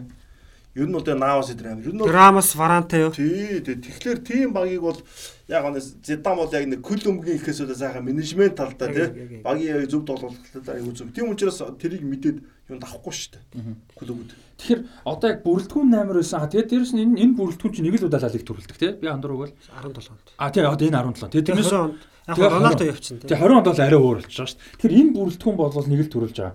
Тэнгүүт лигт ягаа явахгүй хасагдах шатнд одоо аргуудын лигт амар яваад байгаа нь бас тоглогчдын юунаас болоод. Хасагдах шатнд тоглоно гэдэг чинь өөрөө маш том сэтгэл зүй байхгүй. Зидан ч өөрөө хасагдах шатнд сайн тоглолт өгсөн шүү дээ. Ер нь бол зүгээр яг товчондоо байлгаа Зиданы харизма л авсан. Нэг тийм амар ур чадвар мадар биш зүгээр тэр хүний л харизма. Тэр хүн хүнтэй харьцахад бүгд Зиданыг хүндэлдэг. Зиданыг юм ярихад бүгд анхаардаг. Зиданыг тэгвэл бүгд заагдаг. Тэр харизма л авах хэрэг. Тэр олон том одуудыг барьж явахад Зиданы хэмжээний хүн байх хэрэгтэй. Зиданы харизма л авах. Бүгд Зиданыг үдшиж шүтжсэн хүмүүс байна. Дээрэс нь ийм бүрэлдэхүүнтэй зөвхөн нэг л төрүүлж тэгвэл өөрөө амар хангалтгүй байхгүй тийм үстэй. Тэр тэр бас нэг сонирхолтой одоо энэ бүрэлдэхүүн дээрэс нь ингэж заавчлаа дүгнэхэд аврагуудын лиг болон клуб лиг хоёр аливаа дүгнэгүй лигэр дүгнэх хэрэгтэй байхгүй энэ бол одоо бүтэн жилийн турш 7 хоногт болгон тоглож байгаа. Тэрэн дээр дасгалжуулагчны бүх ур чадвар бүх юм харагдана шүү дээ. Аврагуудын лиг ч юм уу дэлхийн авраг төрүүлж мөрүүлэхэд өөр ихгүй Европын авраг тийм үстэй. Одоо тэгээ заяа юу болчиход дасгалжуулагч юм бол одоо бүх бүх журмаар системээр болж байгаа тэмцээнд төрүүлэх болчиход. Тэр хасагдах шатнд бас ялж ийн гэдэг бол тийм тулсан чухал тоглолт бас л нэг чадвар болчиход. Тэгэхээр бол одоо л ерөөсөө аль аль л одоо бүр хайбрид л болчиход. За тэгээд э, тийм энэ үйлрэлт бол арай илүүсэн. Гэхдээ тэрний дараагийн үйлрэл те оргод хэлэг дөрөлчтэй. Яг дүнгийн дахан дүнгийн дахан явсаар байгаа төрөлчдгийг бол агуу. Тийм учраас Зиданыг одоо нөгөө том клубүүд ч юм тасалж чаар авыг гэхгүй хошилтон тэр ихгүй энэ бол. Тэгээд хасагдах шатнд бас одоо сайн тасалжуулдаг байгаад энэ давуу тал гэх юм бол юу ажиллах юм те. Ер нь шгшээдэл гэж яригадаад байгаа шүү дээ Яванда те. Шгшээд бол гоё дохрох байх уу? Эсвэл Парис Сен-Жермен гэж яригадаад байгаа. Харж дээ. За 16-аас 17 үйлрэл дээр нэмэх зүйл байгаа. За баг яг хөө мэдээж бид нар бол бүгдийг яриаггүй те зөндөө хүн хүний өнцгөөс гой гой юм байгаа. Бид хэд бол өөрсдөө өнцгөөс ингээл байж болох зүйлээ. Би бол айгүй баг үтсэн байна. Арга юм ирч чадахгүй шүү дээ. Харин тэгшгүй боллоо те.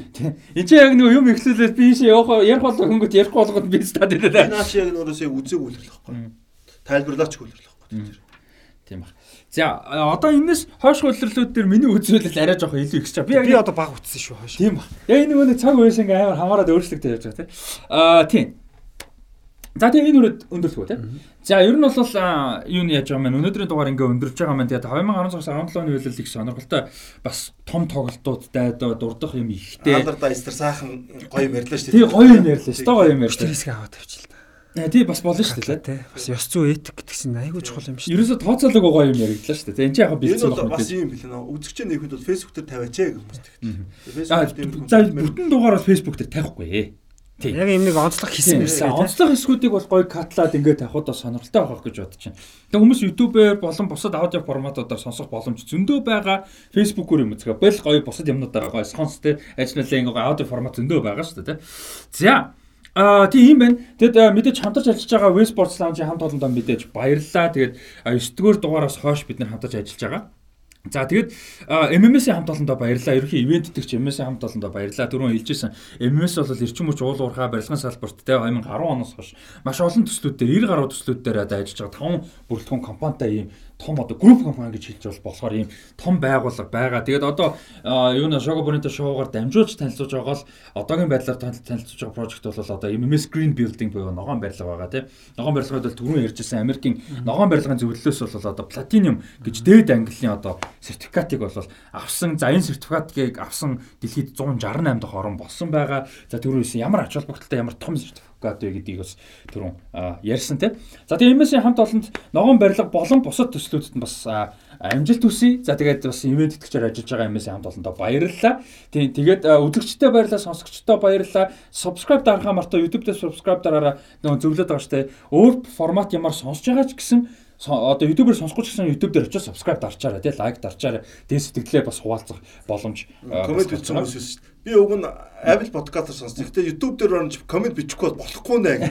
Гоё өг шүү өдрөгээд гэж ütсэн шүү дээ. Тэгээ маань нэг сонсогчоос ярьсаас ингээд бүр ингээд айгүй дэмжиж сонсож байгаа тий ингээд юу яаж байгаа спонсор олдох хүртэл бүр ингээд сүултээ юу яд юм уу donation donation хийд юм ууга бодож байсан бодсон. Тэгсэн чинь ингээд спонсортоос амар баярлсан. Тэгээд Монгол ингээд юмаа сонсоод яваа ажиллаа хийх ч юм уу тий энэ тэнд ингээд явхад бол айгүй гоё гэдэг гэж одоо Монголд Монгол гинэ энэ тэнд өөр улсуудад байдаг Монгол сонсогчд маань айгүй байдаг хүмүүс айгүй тэгтэй их хэлсэн байлээ. Тэгээ одоо YouTube дээр ингээ статистик гарч ирдэг шүү дээ. Ингээ харах юм бол айгүй олон улсад байдаг монголчууд маань сонсож байна. Ер нь бол. Тэгээ тэрийг бас би товчхон хуваалцъя гэж бодлоо л да. Бас сонирхолтой. Манай спонсор сонсог тий. Ийм олон улсаа сонсож байгаа шүү гэд. Тий бас сонирхолтой болоо гэж бодож байна тий. За одоо энэчнээс ингээ харъя л да. За YouTube дээр хамгийн их одоо сонсож байгаа урн орнууд зэ Монгол одоо ороод гэсэн үг шүү дээ. За хамгийн ихтер нь одоо Финланд, Норвег, Австрал, Их Британь, Америк, Нидерланд, Герман, Швед, Канада, Швейцар, Бельги, Хонконг, Испани, Польш, Япон, Шинзланд, Өмнөд Солонгос, Франц, Итали, Франц, Ирланд, Австри, Чех бүр ингэ явж байгаа байхгүй. Монгол хэдэн дунд нь бүр ингэ YouTube дээр орохчгүй эхний 30-т нь ч орохгүй. Монголоос үзэж байгаа сонсогч. Тийм. Бүр ингэ YouTube дээр бол ингэ Монгол юу бол бүр би одоо Монголын тасархаа байгаад бусны араасаа ийм баг гэж юу өсөж үзэж үгүй мүү чанар бол амар байгаа шүү дээ. Үе чи тэгвэл бүр амар юм тий үе чи одоо шиг юу подкаст болчихжээ. Монгол нь наад чи надад яг үзэхгүй юм үзэл дээр үгүй юугаар гүцэхгүй. Чанараар гүц яг чанар гэдэг чинь өөр шүү. Зөвхөн топ биш би чанар гэдэг нь нөгөө одоо энэ YouTube дээр чинь нөгөө нэг үнэлгээний чанар нь шүү би тэрийг нь ярьж байгаа шүү. Чанар нь яг тоогоор бол яг Монгол арай дээр гарна. Гэхдээ чанарын хувьд бол арай дээр гэдэг шээс би ч одоо Монгол нь баг 80 90% тагаа үзсэн над руу гадаадаас зөндөө бичтэй тэгэхээр аргагүй юм байна ачаа Тэгээ яг хөө гэтээ юу шүү. Энэ нөгөө үдэлцийн чанар гэдгийг би ярьж байгаа шүү. Тоон биш шүү. Тэр зүг ойлгоорой. А тоог бол мэдээж чанар гэхэлж одоо юу гэлж байна. Аа чанартай сонсоод. Одоо энэ юу нөгөө YouTube дээр чи үнэлгээ нөгөө нэг улсынхаа үнэлгээ тэрийг л би ярьж байгаа. А жишээ нь тоо гэх юм бол ийм байл да. Цэвэр улс гэх юм бол Монгол мэдээж юу яаж байгаа. Нийт үзэгчдийн тоон YouTube дээр 70% монголчууд байд. Монголоос. Тэгээ монголчууд шиг монголоос. Тэр бол ойлгомжтой шүү. Тийм би буруу ойлгосон юм байна. За 30% гадаад ч өндөр өндөр өндөр. Тийм одоо гадаадас өөр орнууд хэл юм байл да. Яг зөв цэвэр сонсож байгаа хандлт нь гэвэл одоо чанар нь биш. Тэгэх юм бол одоо өмнөс солонгос, Япон, Швед аа тоон тий. Тийм ийм солонгос угаасаа тэргүүлсэн монголчууд бас зөндөө байна. Чехэд байна, Австрид байна, Швейцард байна. Наадхаас бараг судалгаа гаргасан шүү. Монголчууд хаана их байна тий. Бараг социологийн судалгаа явуулдаг байхгүй юу. Тэгээ хөлөөс харагдав. За насны хувьд гэх юм бол нийт хандлтын одоо 10 юу н 27.5% нь 18-аас 24 насныхан байна. А нийт хандлтын 53.6% нь 25-аас 34 насныхан байна. 17.3% нь 35-аас 44 насныхан. А тэгээд 45-аас 54 насныхан 1% бас явж байна. Үдчихээн тий. Тийм ийм байна. За эн чинь бол нөгөө нэг манай одоо хамтарч ажиллаж байгаа байгууллагуудад зориулсан гол одоо дата статистик болж байгаа байхгүй. Тэ. Тэрүүний чанар гэдгийг харин зөв ялгаж бас ойлгоорой тийм би буруу ойлгоо. Амар амар усууд хэлдэг гэж tas үзэж байгаа. Тэр усууд бүгд монголчууд байна гэсэн үг шүү дээ. Цөөхөн биш нэлийн үдчихэж байгаа учраас чанар өндөр байгаа байхгүй тийм биз. Тэгэхээр нэг 10 20 үзээд нэг Финланд, Финланд одоо юу гэдэг те нэг Тэр Хонконг Монгоос 12 хүн үзээд байгаа биш байхгүй наа чи нэлээд бас хөөрхөн дооны хүмүүс үзэж байгаа учраас шанар өнөр гарч байгаа л да тий. Тийм хүмүүс олон үзэж байгаа учраас тэгж тийм тийм тэр бол зөв. За баярлалаа. Баярлалаа. За за юм аа дараа талаануудыг спонсортой олж ирж байгаа шүү дээ төлөөч. Тэгээд нэмэгдээд яваад ирэхээр бүр гоё болж байна те. А тийм чи нэг спонсорын биш нэг комментнес би нэг дата харах гэжсэн бэлдээгүй байсан болохоор бас яачлаа. Өрчлээ. За за манай Arkansas Arkansas байдаг Монгол сонсогч үзэгч маань бас нэг аягүй гоё детальтай комент хийсэн байсан. Тэрнэр ингэжсэн баг. Одоо чанар гэж юу яриад байгааг би товчхон тайлбарлах гэдэг юм л да. Дундуур реклам явж байгаа те үнэлгээг нь ярих гэдэг юм л да. Тэгсэн чинь сая ингээд юу эхлээд явж хахад 10 10 жилүүдэд 8 9 дэх дугаарын үед явж хахад ингээд видеоны дундуур одоо реклам явж ирсний дараа нэг 10 маруун реклам явж исэн гэж байгаа байхгүй юу? 3 цагийн дугаар шүү дээ тэгэхээр 10 хүрхээ хүртээгүйтэй реклам явж исэн гэж YouTube реклам YouTube реклам. Тэгсэн чинь сая 23 реклам явсан гэж өмнөх дугаар дээр. Тэр бол ингээ маш өндөртэй яг үдж байгаа жоохон ядгатай санагддаг зарим хүмүүс. А гэхдээ тэр бол зүрүүлээ бид нар тэр амар үнцэнтэй болж эхэлж байгаа байхгүй 23 реклам явсан гэж лээ шүү 3 цагийн дугаар. Тэгээ тоосон гэсэн. Бүр ингээ тоолж бүр ингээ тэгээд тэрэнд нь өстө өмнөөс нь амар баярлсан гэдэг манай юм дээр одоо юу чинь 3 цагийн контент дэлхийд ирсэндээ хүн ингээ сонсох хэцүү байхгүй. Тэгэхээр манай контент чи бас YouTube-д өгж байгаа айгуу том юм. Энэ дээр 3 цал юм яриад гэхдээ 3 цаг хүн сонсоод үдчих чи YouTube-ийн үдчих өөрөө чанар ахгүй. Сони болов тийм биз дээ. Хүмүүс нэг цаг үрхгүй юм сонсож байгаа ш тийм биз дээ. Зав зай бүх юм товчхон сонсож байгаа ш. Цагны үед бол амар энэ тий. 3 цаг ингэж хүмүүс байдаг тугаасаа хамааргүй ш тийм ямар ч юм. Тийм 7 хоног болгоо. Аа. За тэгээд дундаж үзэлтийн том бол ер нь нэлээд гоё өсөлттэй ер нь бас гоё явж байгаа. Тэгээд манайд бас юу ягаараа лайк дараад хамгийн гол нь коммент чи subscribe дараад тэгээд дэмжээрэй. Тэгээд энэ үрээд дуусгая. MMS болон Web Sport Lounge хамт олондоо байлаа тулгаадаа баярлалаа ерхий продюсер. За тэгээд бусад мэдээж одоо дэмжих ирээдүйд дэмжих байгууллагад маань бас welcome шүү. Тэгээд үзэгч сонсогчтой хамгийн түрүүнд баярлалаа. Тэгээд хамгийн сүүл баярлалаа бас тийм. Тэгээд энэ үрээд дуусгая. Баярлалаа.